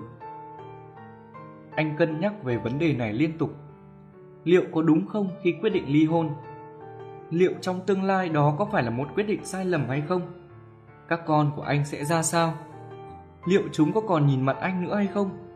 Liệu bạn bè có đảm tiếu anh hay không? Chúa có trừng phạt anh hay không? Chừng nào mà Nolan còn đang mắc kẹt trong mớ suy nghĩ lộn xộn này thì chừng đó anh còn ở trạng thái tê liệt. Tôi đã nói với Nolan rằng không phải anh đang dối trí, mà thật ra anh đang sợ hãi. Ngay từ lúc đầu anh đã vào trạng thái phòng thủ rồi. Nolan thì lại không cho rằng anh ta đang sợ hãi. Sau đó thì chúng tôi đã bàn về những nỗi sợ hãi của anh thuở nhỏ. Dần dần, Nolan nhận ra những lỗi lầm anh mắc phải thuở nhỏ đến bây giờ vẫn để lại hậu quả. Anh ta cũng tin rằng đây chính là nguyên nhân của tình trạng hiện tại. Đằng sau sự sợ hãi việc ra quyết định của Nolan trưởng thành là sự sợ hãi việc không thể kiểm soát được những thứ sẽ diễn ra của Nolan thuở nhỏ. Sau đó, tôi đã giúp Nolan vẽ ra những viễn cảnh có thể xảy ra nếu như anh ly hôn vợ. Và đằng sau những viễn cảnh đó đều là sự sợ hãi vô thức của anh về việc không thể kiểm soát được chúng. Tôi đã để Nolan về nhà cùng với một danh sách những nỗi sợ của anh. Bên cạnh mỗi nỗi sợ đều có một dòng chữ. Dù chuyện gì xảy ra thì tôi vẫn sẽ kiểm soát được. Tuần tiếp theo, Nolan tự hào báo cáo cho tôi biết rằng anh đã liên hệ với luật sư để làm thủ tục ly hôn. Mặc dù đã có lúc anh cảm thấy rất là bất an và sợ hãi, nhưng dần dần anh đã lấy lại được sự bình tĩnh với câu thần chú tôi sẽ kiểm soát được. Đối diện nỗi sợ hãi hiện tại là cách duy nhất để có thể đánh bại được nỗi sợ hãi quá khứ. Mỗi khi nice guy đương đầu với nỗi sợ anh ta sẽ hình thành niềm tin trong vô thức là anh ta sẽ kiểm soát được tình hình dù cho anh ta có đang sợ hãi. Sự đương đầu này giúp anh ta đối diện với những nỗi sợ quá khứ. Điều này giúp cho những nguy cơ xung quanh anh ta sẽ giảm đi sự đe dọa. Nhờ vậy, nice guy sẽ có thêm dũng khí để đương đầu với chúng. Càng tự tin bao nhiêu, thì cuộc chơi này càng dễ dàng bấy nhiêu. Bài thực hành số 21 Hãy viết ra một nỗi sợ đã thao túng cuộc đời của bạn. Một khi bạn đã quyết định đương đầu với nó, hãy luôn nhắc nhở bản thân rằng tôi có thể làm được. Dù cho có chuyện gì xảy ra, tôi sẽ kiểm soát được. Lặp lại câu thần chú này cho đến khi bạn hành động mà không còn cảm thấy sợ hãi. Tiếp theo chúng ta sẽ bàn đến việc phát triển sự chính trực của bản thân. Nhiều nice guy thường tự hào vì mình trung thực và đáng tin. Nhưng trên thực tế, các nice guy thường rất kém trung thực. Họ có thể nói dối, che đậy sự thật mà vẫn tự huyễn hoặc bản thân rằng mình là người trung thực. Dối trá là hành vi được tạo ra bởi nỗi sợ và việc nói dối và che đậy sự thật là thứ cướp đi sức mạnh cá nhân của các nice guy Tôi định nghĩa dối trá là những gì ít hơn sự thật, cho dù đó có là một nửa sự thật đi chăng nữa. Định nghĩa này có vẻ là điều hiển nhiên với nhiều người. Nhưng việc định nghĩa dối trá và nói ra sự thật rất là quan trọng, bởi vì các nice guy thường rất giỏi trong việc lấp liếm khái niệm để che đậy hành vi của bản thân. Không lạ gì khi nghe những câu như tôi khá là thành thật này, tôi không thường hay nói dối. Đây là những câu chứa đầy sự mâu thuẫn với thái độ như một đứa nhóc, các nice guy thường ngụy biện rằng Tôi đâu có nói dối đâu, chỉ là tôi không nói ra toàn bộ mà thôi. Joe từng là chủ của một công ty xây dựng có tiếng. Anh ta thường xuyên đi làm về sớm một tí để đi xem phim trước khi trở về nhà. Bởi vì sợ vợ mình giận, anh thường tìm cách nói dối về việc buổi trưa hôm đó mình đã làm việc như thế nào. Joe luôn có sẵn trong mình những câu chuyện ngụy biện để đề phòng trường hợp vợ anh bất ngờ gọi điện. Điều buồn cười ở đây là Joe không có lý do gì để nói dối vợ mình cả. Mặc dù anh đã dành nhiều công sức để lừa vợ mình, nhưng anh chưa từng mảy may nghĩ rằng anh không chỉ lừa vợ, mà anh còn đang lừa cả chính bản thân. Điều đáng nói ở đây là việc nói dối sẽ tạo nên tâm lý sợ hãi trong mối quan hệ vợ chồng của anh, và joe đang mất dần đi sức mạnh cá nhân của mình. Khi nice guy bắt đầu tập thành thật, tôi thường yêu cầu họ hãy nhấn mạnh những điểm mà họ không muốn người khác chú ý nhất hay muốn che đậy nhất. Đây chính là những điều họ nên nói ra nhất đôi khi các nice guy phải tập nói ra một vài sự thật trước khi có thể nói ra toàn bộ mà không giấu giếm. Đôi khi các nice guy cảm thấy việc nói thật là một việc làm sai trái và ngu ngốc vì người nghe sẽ cảm thấy tức giận. Việc nói thật không phải là một chìa khóa để có một cuộc đời suôn sẻ, nhưng sống một cuộc đời thành thật sẽ thanh thản hơn là một cuộc đời đầy rẫy sự dối trá và che đậy phát triển sự chính trực chính là một phần quan trọng nhất để có thể thoát khỏi hội chứng nice guy tôi định nghĩa chính trực có nghĩa là quyết định xem điều gì là đúng đắn và thực hiện nó. Chúng ta không nên dựa theo số đông để ra quyết định, vì không phải lúc nào số đông cũng đúng. Việc dựa theo số đông chính là con đường dẫn tới sự dối ren, sợ hãi, yếu nhược và dối trá. Trong trường hợp một nice guy chưa từng tự vấn bản thân rằng đối với tôi, thế nào là đúng? Hay anh ta dựa theo số đông để ra quyết định, thì anh ta sẽ chẳng bao giờ có được tính chính trực. Nếu anh ta đã tự hỏi bản thân mình câu hỏi trên, nhưng lại không làm theo niềm tin của bản thân, anh ta cũng không phải là người chính trực. Chỉ khi tự vấn lương tâm và làm theo niềm tin về lẽ phải của bản thân, thì khi đó anh ta mới là một người đàn ông chính trực. Bài thực hành số 22 Hãy nghĩ về một việc nào đó mà bạn không thật sự chính trực. Sau đó, tự vấn lương tâm mình xem điều gì đã làm mình sợ hãi mà không nói ra sự thật và làm theo lẽ phải. Hãy chia sẻ với người mà bạn tin tưởng, sau đó hãy nói ra sự thật và làm theo lẽ phải tự nói với bản thân rằng bạn sẽ kiểm soát được có thể việc phải nói ra sự thật sẽ gây khó chịu cho bạn và người khác nhưng hãy tin rằng đó là điều đúng đắn hãy đặt ra giới hạn. Đặt ra giới hạn là điều cần thiết cho việc sinh tồn. Học cách đặt giới hạn cũng giúp cho các nice guy ngừng mang tâm lý nạn nhân và tìm lại được sức mạnh cá nhân đã bị đánh mất. Tự tạo ra giới hạn của bản thân là một trong những kỹ năng cơ bản nhất mà tôi dạy cho các nice guy. Tôi thường dùng một cọng dây dày và đặt nó trên mặt đất để biểu hiện cho ranh giới, cho cái giới hạn của một nice guy. Và tôi nói với anh ta rằng tôi sẽ vượt qua lằn danh này và ép anh ta phải lùi lại và tôi dạy cho anh ta rằng phải ngăn tôi lại ngay khi anh ta bắt đầu cảm thấy không thoải mái không có gì lạ khi các nice guy để mặc cho tôi xâm phạm qua làn danh giới hạn và đẩy lùi họ. Họ thường phản ứng rất yếu ớt, thường là bị tôi đẩy lùi vài cái rồi mới bắt đầu phản ứng. Có người yếu nhược đến mức cứ để tôi ép tới khi anh ta áp lưng vào tường. Tôi dùng bài tập này để minh họa cho các nice guy hiểu về tầm quan trọng của việc đặt ra giới hạn cho riêng mình trong mọi khía cạnh của cuộc sống. Các nice guy thường có xu hướng nhún nhường khi ai đó vượt qua làn danh này – vì họ nghĩ rằng nếu họ chịu lùi lại một tí thì sóng yên biển lặng. Cũng không có gì lạ khi các nice guy thường thể hiện quá trớn khi họ bắt đầu hiểu ra bài học này. Họ thường có xu hướng cực đoan hóa vấn đề. Dần dần, họ trở thành kẻ quyết tử vì lằn danh giới hạn, phản ứng quá mức cần thiết. Thay vì dùng dây giày, họ lại dùng búa tạ và mã tấu để tạo ra làn danh của mình. Trong quá trình học hỏi này, họ cũng nhận ra rằng vấn đề không phải là thay đổi người khác mà là thay đổi bản thân nếu ai đó xâm phạm giới hạn của họ lỗi không phải ở người đó mà là vấn đề do họ quá nhu nhược bởi vì ảnh hưởng của nỗi sợ quá khứ các nice guy thường vô thức nhân nhượng những hành vi quá quắt đối với họ bởi vì vấn đề gặp phải tuổi nhỏ của mình các nice guy đã vô tình khiến cho những người xung quanh họ biết rằng họ sẽ nhún nhường dù cho có bị xâm phạm giới hạn một khi đã hiểu ra vấn đề, các nice guy sẽ thay đổi cách mà họ để người khác cư xử với mình. Hành vi của các nice guy sẽ dần thay đổi. Họ sẽ không dung túng cho những hành vi quá sức chịu đựng của họ nữa. Từ đó thì những người xung quanh sẽ thay đổi cách ứng xử của họ theo chiều hướng tích cực hơn và các mối quan hệ sẽ có cơ hội tồn tại và phát triển. Jack, một quân nhân ở độ tuổi ngoài 20. Anh là một ví dụ cụ thể cho việc nếu nhún nhường quá mức thì một mối quan hệ sẽ trở nên tồi tệ ra sao và lợi ích của việc tạo ra giới hạn trong các mối quan hệ. Vợ anh, Kisha, đã từng cắm sừng anh khi vụng trộm với bạn trai cũ ngay trước khi hai người kết hôn. Bởi vì quá yêu Kisha nên Jack đã tha thứ cho cô và hứa sẽ không oán trách cô. Điều này tạo điều kiện cho Kisha trở nên xem thường anh và làm bất cứ thứ gì cô ta muốn. Trong khi Jack thì phải dồn nén chịu đựng và nhẫn nhịn.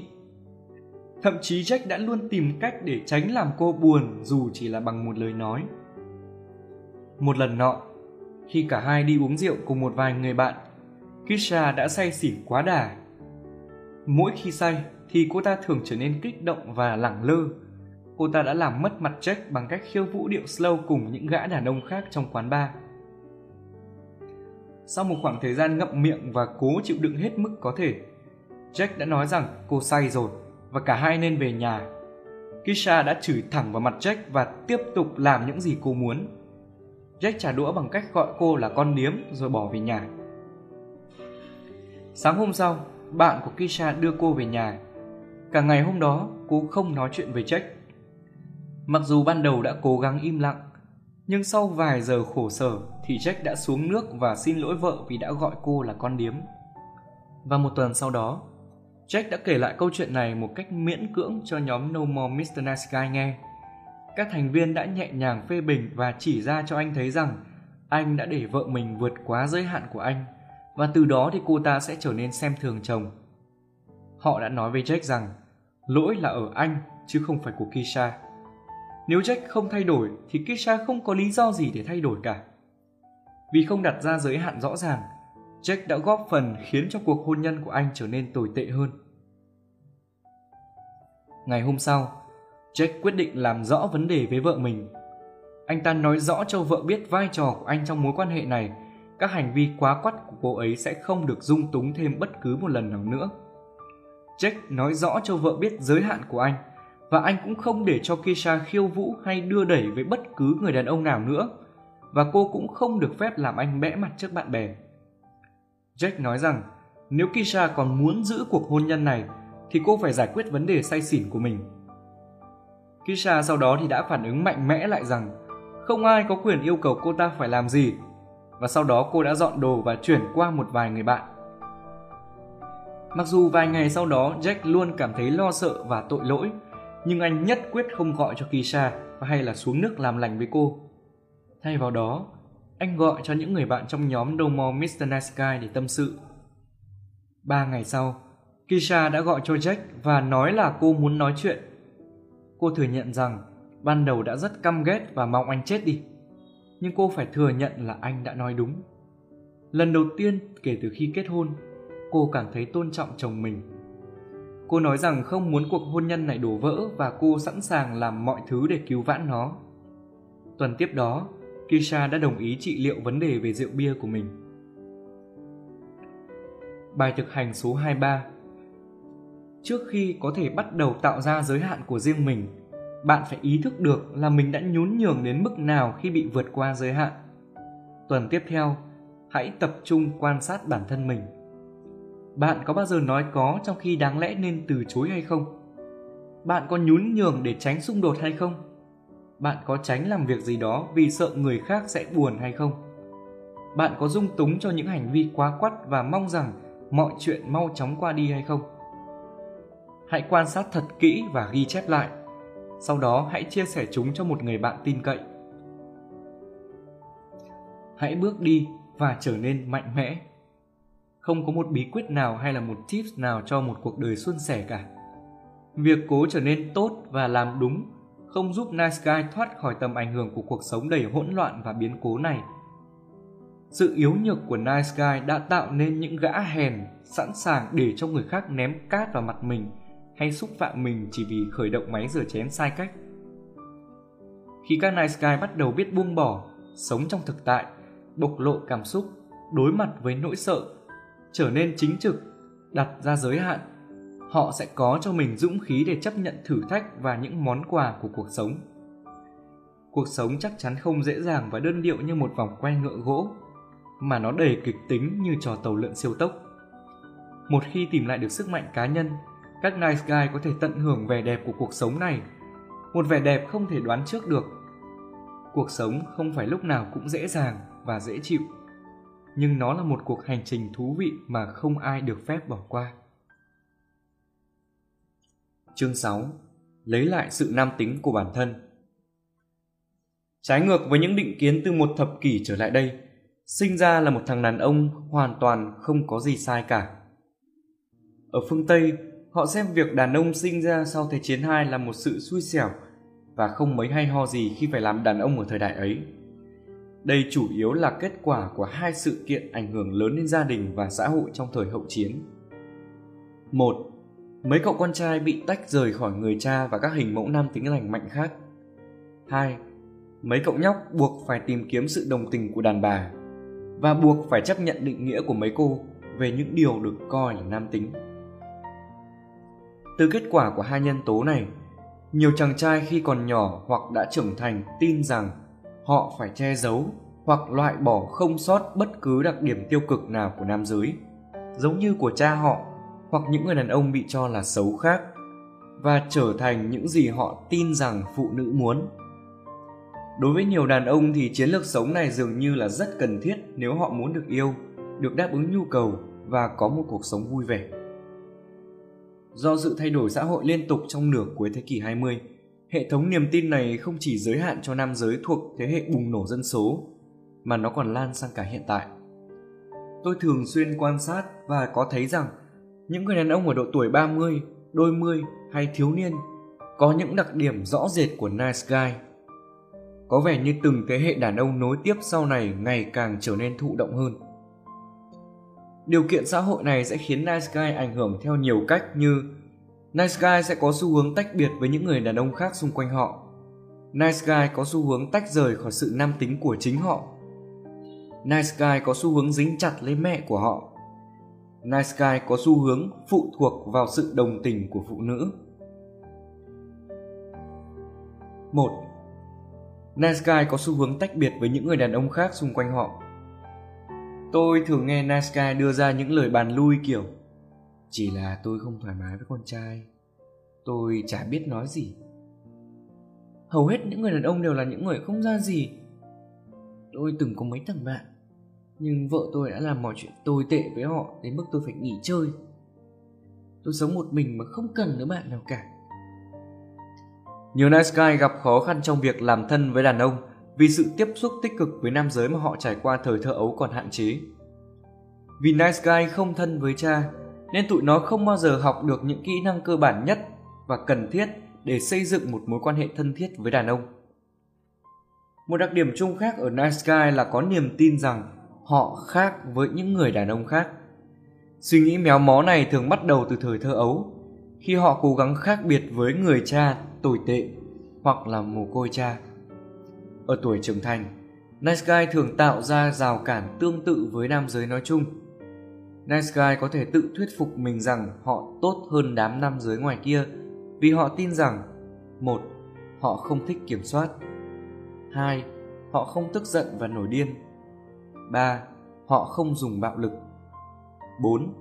Họ quan tâm đến nhu cầu của phụ nữ 5.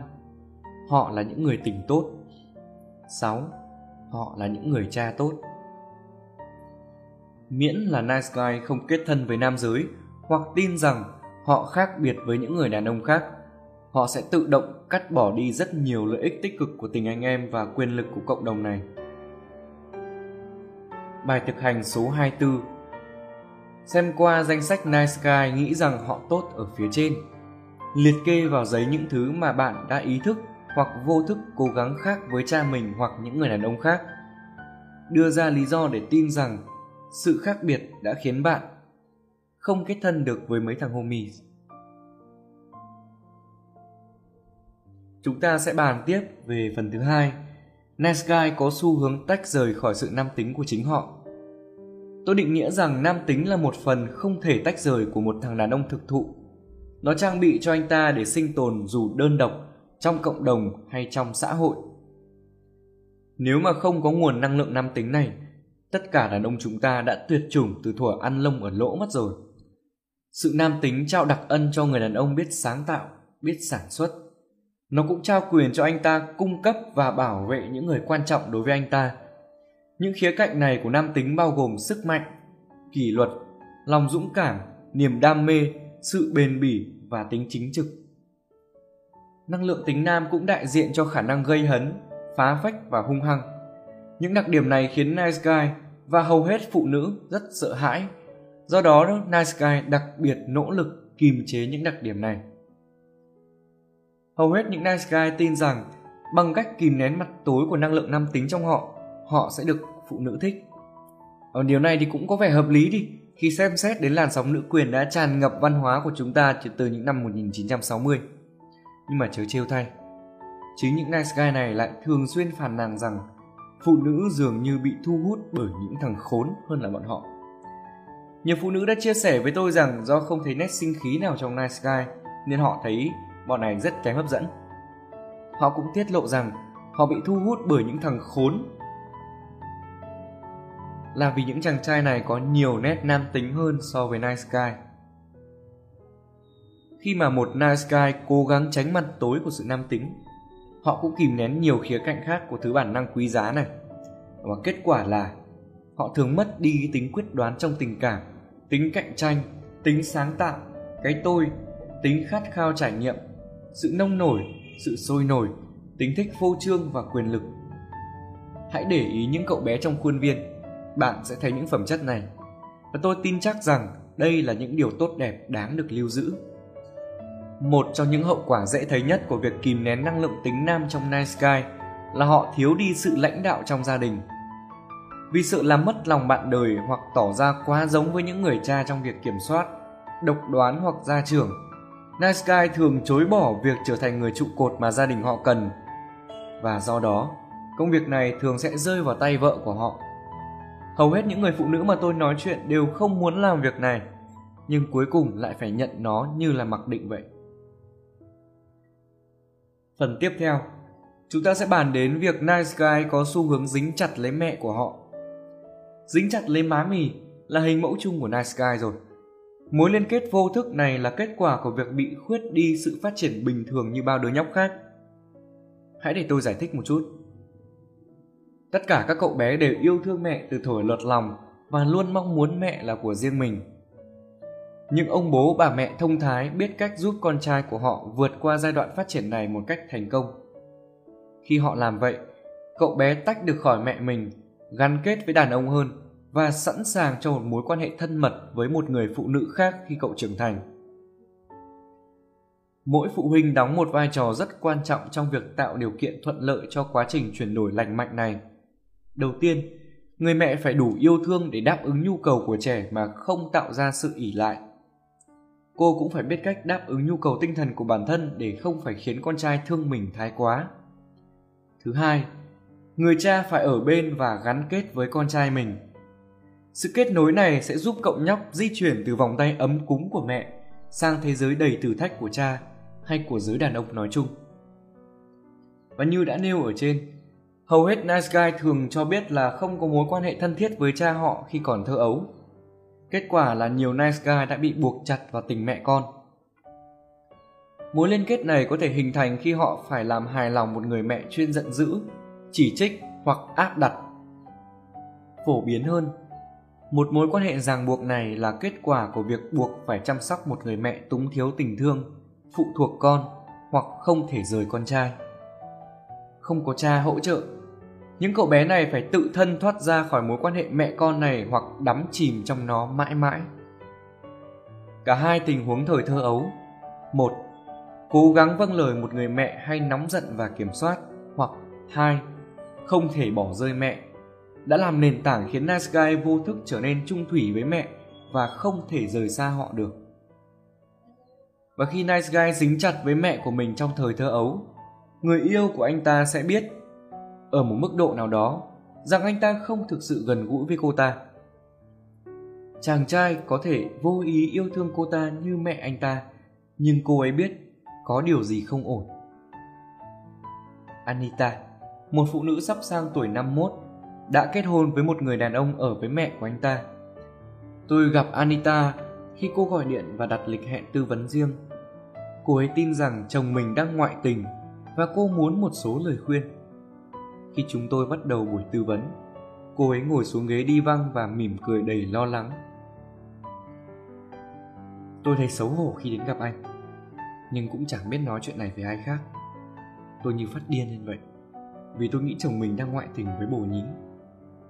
Anh ấy phủ nhận điều đó, nhưng tôi biết có điều gì đó sau lưng tôi, bởi có quá nhiều bằng chứng rồi. Nụ cười của Anita dần biến mất, và thay vào đó là một ánh mắt đau buồn. Cô lấy khăn giấy chấm vào khóe mắt. Đu chồng, chồng tôi, gần đây đã phải trải qua rất nhiều thứ.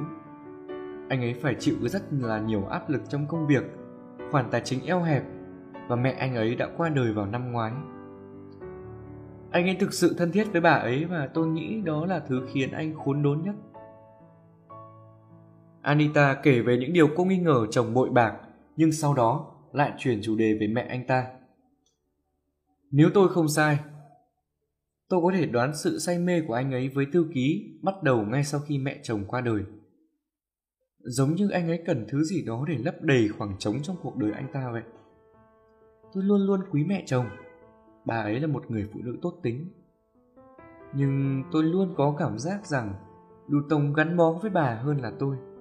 Có điên rồ không cơ chứ? Cô hỏi một cách khó hiểu. Ai lại đi ghen với mẹ chồng của mình? Tôi khuyến khích Anita kể cho tôi nghe nhiều hơn về gia đình của đu Tông. Khác với cha anh ta, cô ấy tiếp tục. Anh ta nói câu đó và tin rằng điều này thật tuyệt. À, đó là do mẹ anh ta tác động, tất nhiên. Bà thì thật sự y như thánh chúa trời vậy. Cha anh ta thì cực kỳ nghiêm khắc. Bà là người duy nhất anh có thể tìm đến để tâm sự. Bà thật sự rất giỏi trong việc lắng nghe và luôn luôn ở đó vì anh ta. Anita có vẻ nhẹ nhõm khi có thể nói về điều gì đó ngoài sự nghi ngờ của cô về chồng mình. Trước khi bà mất, Du Tông đã trả tiền để họ có thảm trong nhà và mua cho họ hai chiếc ghế tựa rất đẹp mắt vì anh ấy biết cha anh ấy không bao giờ làm việc tương tự. Anh ấy thường chờ bà ấy đến chỗ làm vì anh biết bố anh ấy không bao giờ làm điều tương tự. Anh ấy đối xử với mẹ anh ấy rất đặc biệt. Tôi nghĩ những điều anh ấy làm là để bù đắp những gì bà phải trải qua khi sống với bố của anh ấy. Một lần tôi giận anh và tôi buộc tội rằng sao anh quan tâm mẹ hơn em vậy? Lúc đó anh ấy như nổi khùng luôn. Nói tới đó, hai tay của Anita run bần bật. Anh ấy nói với tôi rằng, đừng bao giờ nói điều đó một lần nào nữa. Anh ấy đã chiến tranh lạnh với tôi trong hai tuần sau đó. Tôi đã phải làm lơ chủ đề đó đi mà không dám đề cập lại. Anita dừng lại trong giây lát, rồi hỏi, Anh nghĩ rằng có thể có một mối liên hệ nào giữa việc mẹ anh ấy mất và việc anh ấy ngoại tình không? Họ quấn quýt với nhau như Sam vậy. Có thể thư ký của anh ấy lấp đầy được chỗ trống đó. Điều đó nghe điên rồi anh nhỉ? Chúng ta sẽ cùng bàn tiếp về Nice Guy có xu hướng tìm kiếm sự đồng tình của phụ nữ Do gia đình và điều kiện xã hội của họ, Nice Guy có xu hướng tìm kiếm sự đồng tình của phụ nữ. Ngay cả khi họ đang cố gắng biến mình thành những gì gái muốn, làm những gì họ tin là gái thích, và khi đạt được sự đồng tình mà tụi hắn mong muốn mãnh liệt rồi, thì lại có xu hướng cảm thấy thất vọng tột độ. Lạ nhỉ? Sự thất vọng này do thực tế rằng, nói chung, phụ nữ coi những gã được dựa cố gắng làm hài lòng họ là yếu đuối và xem thường những thằng đái ngồi này. Hầu hết phụ nữ không muốn một thằng đàn ông cố gắng làm hài lòng họ. Họ biết là họ muốn một người đàn ông biết cách chăm sóc và chăm chút cho bản thân của hắn. Phụ nữ luôn chia sẻ với tôi rằng họ không muốn một người thụ động, dễ dãi. Họ muốn một nam tử Hán, cái người mang nét phong trần nam tính. Vậy thì làm thế nào để lấy lại sự nam tính của bản thân? Việc tránh tiếp xúc với nam giới và tìm kiếm sự đồng tình của phụ nữ khiến Nice Guy không đạt được điều họ thực sự muốn trong tình yêu và cuộc đời. Để đảo ngược tác động của hội chứng Nice Guy, hắn phải lấy lại cái chất nam tính của riêng mình. Quá trình này liên quan đến việc Nice Guy phải tin rằng thật sự là một điều tốt khi là đàn ông và chấp nhận tất cả những đặc điểm tính nam. Và để lấy lại sự nam tính, cần, một, Kết thân với những người đàn ông khác 2. Trở nên mạnh mẽ hơn 3. Tìm kiếm những hình mẫu đàn ông thực thụ 4. Xem xét lại mối quan hệ của người đó với cha của họ Làm thế nào mà kết thân với đàn ông lại giúp Nice Guy lấy lại sự nam tính? Kết thân với đàn ông, kết nối với đàn ông là điều thiết yếu để lấy lại sự nam tính. Xây dựng mối quan hệ với phái mạnh đòi hỏi một nỗ lực có ý thức. Quá trình này bắt đầu với việc phát triển tình huynh đệ, homies. Để làm được điều này, Nice Guy đang tái hòa nhập phải sẵn sàng bỏ thời gian chấp nhận rủi ro và dễ bị tổn thương bởi những lời châm chọc. Đối với hầu hết các Nice Guy, thời gian dường như là một yếu tố to lớn khiến họ mất kết nối với đàn ông. Họ cần dùng thời gian này để trò chuyện với một ông hàng xóm, gọi cho một thằng bạn hoặc đi xem đá banh vì nhiều nice guy có sự hiềm khích với mấy cô vợ, gia đình hoặc với công việc của họ. Do vậy, hãy dành thời gian cho những việc kể trên. Kết thân với nam giới bằng những thứ thằng anh thằng em hay làm với nhau. Khó mà có thể diễn giải bằng lời, nhưng nó có thể bao gồm những hoạt động như là tham gia một hội nào đó. Tất nhiên là không phải hội thánh đức Chúa Trời nhé. Xin vào đội thể thao, boxing, đá banh hoặc là gym, vào sòng bài đêm, làm tình nguyện, đi câu cá, chạy bộ hoặc đơn giản là đi chơi. Alan là ví dụ điển hình cho việc một chàng nice guy lâu năm đưa ra quyết định đi kết bạn với mấy thằng ngoài kia. Anh đã có một khoảng thời gian tồi tệ khi không quan tâm đến mình, đặc biệt là với những chàng trai xung quanh anh ta. Khi dùng lý trí để bắt đầu giải quyết vấn đề này, trước tiên anh ta phải xem điều gì khiến anh mất kết nối với đàn ông và những gì anh ấy có thể làm để bắt đầu thay đổi bộ khung các mối quan hệ một trong những điều đầu tiên Alan làm là đã tham gia một nhóm trị liệu dành cho nam giới. Thậm chí phải mất hơn một năm trước khi anh bắt đầu tiếp xúc nhiều hơn với những người đàn ông bên ngoài. Khi anh bắt đầu làm vậy, những thanh niên trong nhóm của anh cho anh lời phản hồi về